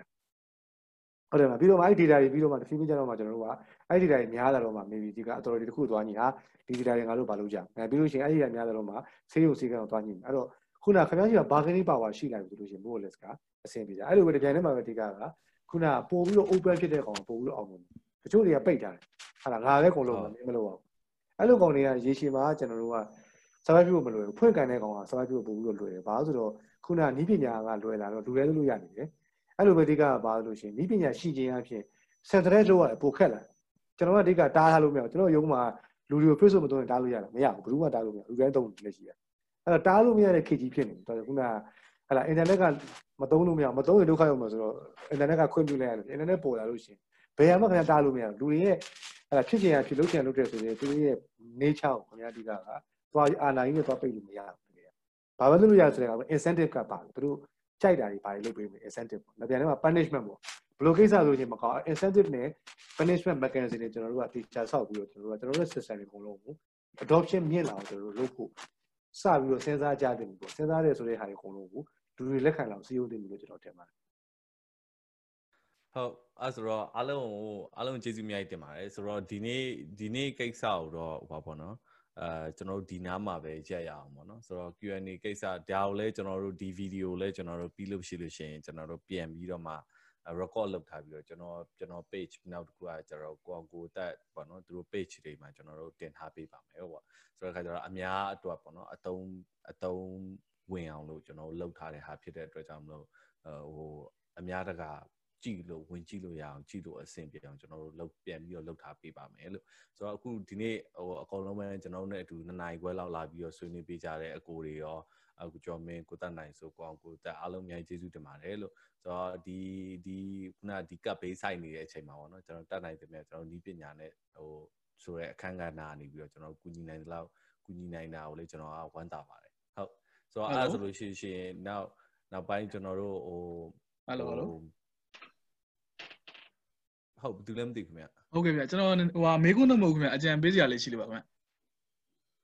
အော်ကျွန်တော်မနိုင်ပါဟုတ်မသိဘူးကျွန်တော်အော်ဟုတ်ဟုတ်ပြောပါဦးဟုတ်ကဲ့ဗျအကြံပေးစရာလေးဟိုကျွန်တော်တို့ဒီအကိုတို့ဒီဟို blue trace လိုမျိုးလေးလုပ်ဖို့ဟာလေးဆိုတော့လေကျွန်တော်တို့မြန်မြန်စစေချင်တယ်ပေါ့နော်စစေချင် government authority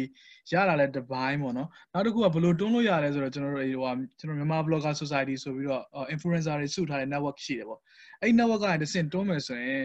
လူသိန်းနဲ့ချီပြီး အာတွန်းလို့ရမယ်လို့ယုံကြည်တယ်ပေါ့နော်သူတို့တယောက်ချင်းစီမှာလည်း followers တွေများတာဆိုတော့လေတယောက်ချင်းစီမှာ followers တွေသိန်းနဲ့ချီပြီးရှိတာဆိုတော့ဒီမြန်မာ blogger society ကနေမြန်မာ blogger communities ကနေတဆင့်အာတွန်းမယ်တခြားနီးလန်းပေါ့နော်အခုကကျွန်တော်တို့လူတိုင်းကလည်း influencer သဘောမျိုးဖြစ်နေတာကျွန်တော်ဆိုအခုတို့ဆွေးနွေးတာလည်းအရင်စိတ်ဝင်စားတယ်သဘောကျကျွန်တော်တော့မှပဲ follower အထောင်ကနန်းရှိတယ်ပေါ့နော်အဲ့လိုမျိုးဆိုတော့ဟိုတယောက်ချင်းစီကလည်း Facebook ဟို ဟုတ်ကဲ့ဘာလုပ်နေဆိုတာဒီနောက်ဘယ်လိုကျွန်တော်လားဟုတ်ကဲ့ဘယ်လိုမြန်မာ blogger society နဲ့ပတ်သက်ဟိုနည်းနည်းလေးနည်းနည်းမိတ်ဆက်ပေါ့ရုပ်တရက် contest ကကျွန်တော်ရုပ်တရက် catch ရလို့မရဘူးဟုတ်ကဲ့ခင်ဗျဟိုပါပေါ့ကျွန်တော်တို့မြန်မာ blogger community ဆိုပြီးတော့ကျွန်တော် social influencers တွေကိုစုထားတဲ့ network ရှိတယ်ဗျအဲ့တော့ Facebook မှာပဲရှာကြည့်လိုက်ရင်သိမှာပါကိုတို့လည်းသိမှတယ်ကို LS တို့ကို sign လူရှာတို့အဲသူတို့ initiative လုပ်တယ်ကျန်တဲ့ blogger တွေ food blogger တွေပါတယ်ဟို level အသီးသီးက blogger တွေပေါ့နော်အဲစုထားတဲ့ network ဆိုတော့တယောက်ချင်းစီမှာလည်း follower သိန်းကနန်းနီးပါးရှိတယ်ဆိုတော့ အဲသူတို့အားလုံးစုလိုက်ရင် follower တော်တော်များတယ်ပေါ့လေအဲ့လိုမျိုးဆိုတော့ဟိုအကိုတို့စီစဉ်လေးကသူတို့လည်းစိတ်ဝင်စားမှာပါဗောနော်သူတို့လည်းစိတ်ဝင်စားမှာဆိုတော့သူတို့ဆိုကျော်မင်းနိုင်အောင်အဲ့ဒီမှာဟိုဟာဘယ်လိုလုပ်နေလဲရှိရအဲကျွန်တော်ကတော့ direct တော့ဟိုပါတာမရှိဘူးအဲသို့တော့ initiative လုပ်တဲ့ကို LS တို့ကို sign လို့ရှာနေတော့ personally တော်တော်ရင်းနှီးတယ်အဲအကိုတို့လုပ်မယ်ဆိုရင်ကျွန်တော်တို့ဟိုဒီလိုလုပ်လေကျွန်တော်တို့တို့ဒီကလို့ဖိတ်လို့ရလားထားပါတော့ထားပါတော့ဟုတ်ကဲ့ရတယ်ဖိတ်လို့ရတယ် အခုကျွန်တော်လုပ်လိုက်မယ်နိအဲ့ဒါဆိုလို့ရှိရင်ပို့ပြီးတော့ဒီကဟုတ်တယ်အဲ့ဒါသူတို့သူတို့သူတို့ပါတယ်ဆိုလို့ရှိရင်ဗျာသူတို့ရဲ့ follower တွေပါလာပါအဲ့တော့အဲ့ဒီကိစ္စကိုကျွန်တော်တို့သူတို့ကဖိတ်ပြီးတော့ blue trade အကြောင်းပြောဖို့ဟုတ်လားဟုတ်ကဲ့ဟုတ်ကဲ့ဒါဆိုလို့ရှိရင်အခုလုပ်ချင်တာလားအခုတော့မဟုတ်ပါဘူးကျွန်တော်ကျွန်တော်ကနောက်တစ်ခေါက်စီစဉ်အဲ့တော့ကိုကျော်ဟုတ်မကဲ့င်းဟုတ်ကဲ့နဲ့ကျွန်တော်ကျွန်တော် email လေးချက်ကျွန်တော်တို့ share ပေးပါလားခုနကကိုက email သူ့မို့ဒီက Facebook ဟိုဟာဖြစ်ဖြစ် contact လေးပေါ့လေတကယ်ရဟုတ်ဟုတ်ဟုတ်ကျွန်တော်ကျွန်တော်ကျွန်တော်ဟိုဟာ ကျွန်တော်ဒီဟိုမှာချက်ချက်ထဲမှာ share လို့ရပါတယ်ချက်ထဲမှာဟုတ်ကျွန်တော် email share လိုက်ရပါဟုတ်ဟုတ်ဟုတ်ကိုကပြူးနဲ့ကျွန်တော်နဲ့မှတ်ထားလိုက်ပါမယ်အကောင်ဟုတ်ဆိုတော့ကျေးဇူးအများကြီးတင်တယ်ဆိုတော့ share ပေးတာပေါ့နော်ဆိုတော့ဟိုကျွန်တော်တို့ဟိုလောက်လိုက်မယ်ဟိုကျွန်တော်ထင်တဲ့လောက်ကတော့ဒီ contact tracing နဲ့ပတ်သက်တဲ့လောက်ကတော့ဒီခုကျွန်တော်တို့ကအခုက explore လုပ်တာပေါ့နော်ဆိုတော့ဘာတွေကိုကျွန်တော်တို့ဘယ်လိုကူညီလို့ရမလဲ explore လုပ်ရင်လုပ်ရင်ကျွန်တော်တို့သိလာတဲ့လောက်ကတော့ contact tracing ကတော့ uh maybe like ကျွန်တော်တို့ဒီ community ဘက်ကနေပြီးတော့ကူလို့ရတဲ့ငယ်အပိုင်းမျိုးမှာရှိနေတာမျိုးလေးတော့တွေ့ရတယ်ပေါ့နော်တခြားဟာတွေတော့ကျွန်တော်မသိဘူးခုနပြောသလိုမျိုး fundraising and crowd sourcing နဲ့ဘာဟိုပါလဲဟိုပါလဲအဲ crowd funding နဲ့ဘာပါလဲကျွန်တော်တိတ်မတွေ့ဘူးပေါ့နော်ဆိုတော့ဟိုမဆိုးတော့မဆိုးဘူးဆိုတော့ ကျွန်တော်တို့ဒီတစ်ခုကတော့ကျွန်တော်လုပ်လို့ရတဲ့ထဲမှာပါတယ်ပေါ့နော်ဆိုတော့အဲ့တော့ကျွန်တော်တို့ဒါကတော့ကျွန်တော်ဆက်ပြီး explore လုပ်မယ်ဆိုတော့ဟိုကိုကျော်မင်းနိုင်အနေနဲ့လည်းအခုလိုမျိုးကျွန်တော်တို့ဟိုလာပြီးတော့ပြောပြပြတဲ့အတွက်ကျေးဇူးတင်တယ်ပေါ့နော်အကြံပေးတဲ့အတွက်ကျေးဇူးတင်တယ်ဟုတ်ပြီဒါဆိုလို့ရှိရင်ကျွန်တော်ကျွန်တော်ပြောနေဘယ်ရောက်သွားလဲဆိုတော့ဟုတ်ပြီအဲ့ဆိုအားလုံးပဲပေါ့နော်ကျေးဇူးအများကြီးတင်တယ်ဆိုတော့ကျွန်တော်ဟိုပါပေါ့နော်နောက်နောက်ပတ်ကျွန်တော်လုပ်ဖြစ်တယ်ဆိုရင်အားလုံးကျွန်တော်ပြန်ဖိတ်ပါမယ်လို့ကျွန်တော်တို့ဒီ digital health ဟိုပါလဲမြန်မာအာ health uh sorry uh ကိုဟိုပါလဲမြန်မာ blockchain community ပေါ့နော်မြန်မာ blockchain community ဟိုပါမြန်မာ blockchain meetup ပေါ့နော်ဒီ meetup ကိုဥဆောင်နေတဲ့အဲဟိုဟိုကျွန်တော်တို့အဲ့ဒီမြန်မာ blockchain meetup ဆိုတဲ့နေရာမှာလည်းကျွန်တော်ဒီဟာကိုတင်ထားပေးမယ်ပြီးတော့ကျွန်တော်ရဲ့ arca ဆိုတဲ့ page မှာလည်းဒီ video ကျွန်တော်ပြန်တင်ထားပေးပါမယ်နော်ဆိုတော့အဲ့ဒါလေးကိုချက်ပြောပေးရပါဟောအဲ့ဒါဆိုကျွန်တော် meeting ကျွန်တော်ဒီမှာပဲရက်လိုက်တော့မယ်နော်ရရတင်တယ်လားအားလုံးဟိုလုတ်ပြီးသွားပြီဆိုတော့ဟုတ်ကဲ့အားလုံးကျေးဇူးအများကြီးတင်ပါတယ်ခုလိုမျိုးလာပြီးတော့အားပေးကြ ဟုတ်ကဲ့အားလုံးကျေးဇူးတင်ပါတယ်အားလုံးခုနိုင်ပါဟုတ်ကဲ့ပါခုနိုင်ပါခုနိုင်ပါနော် see you ဟုတ် bye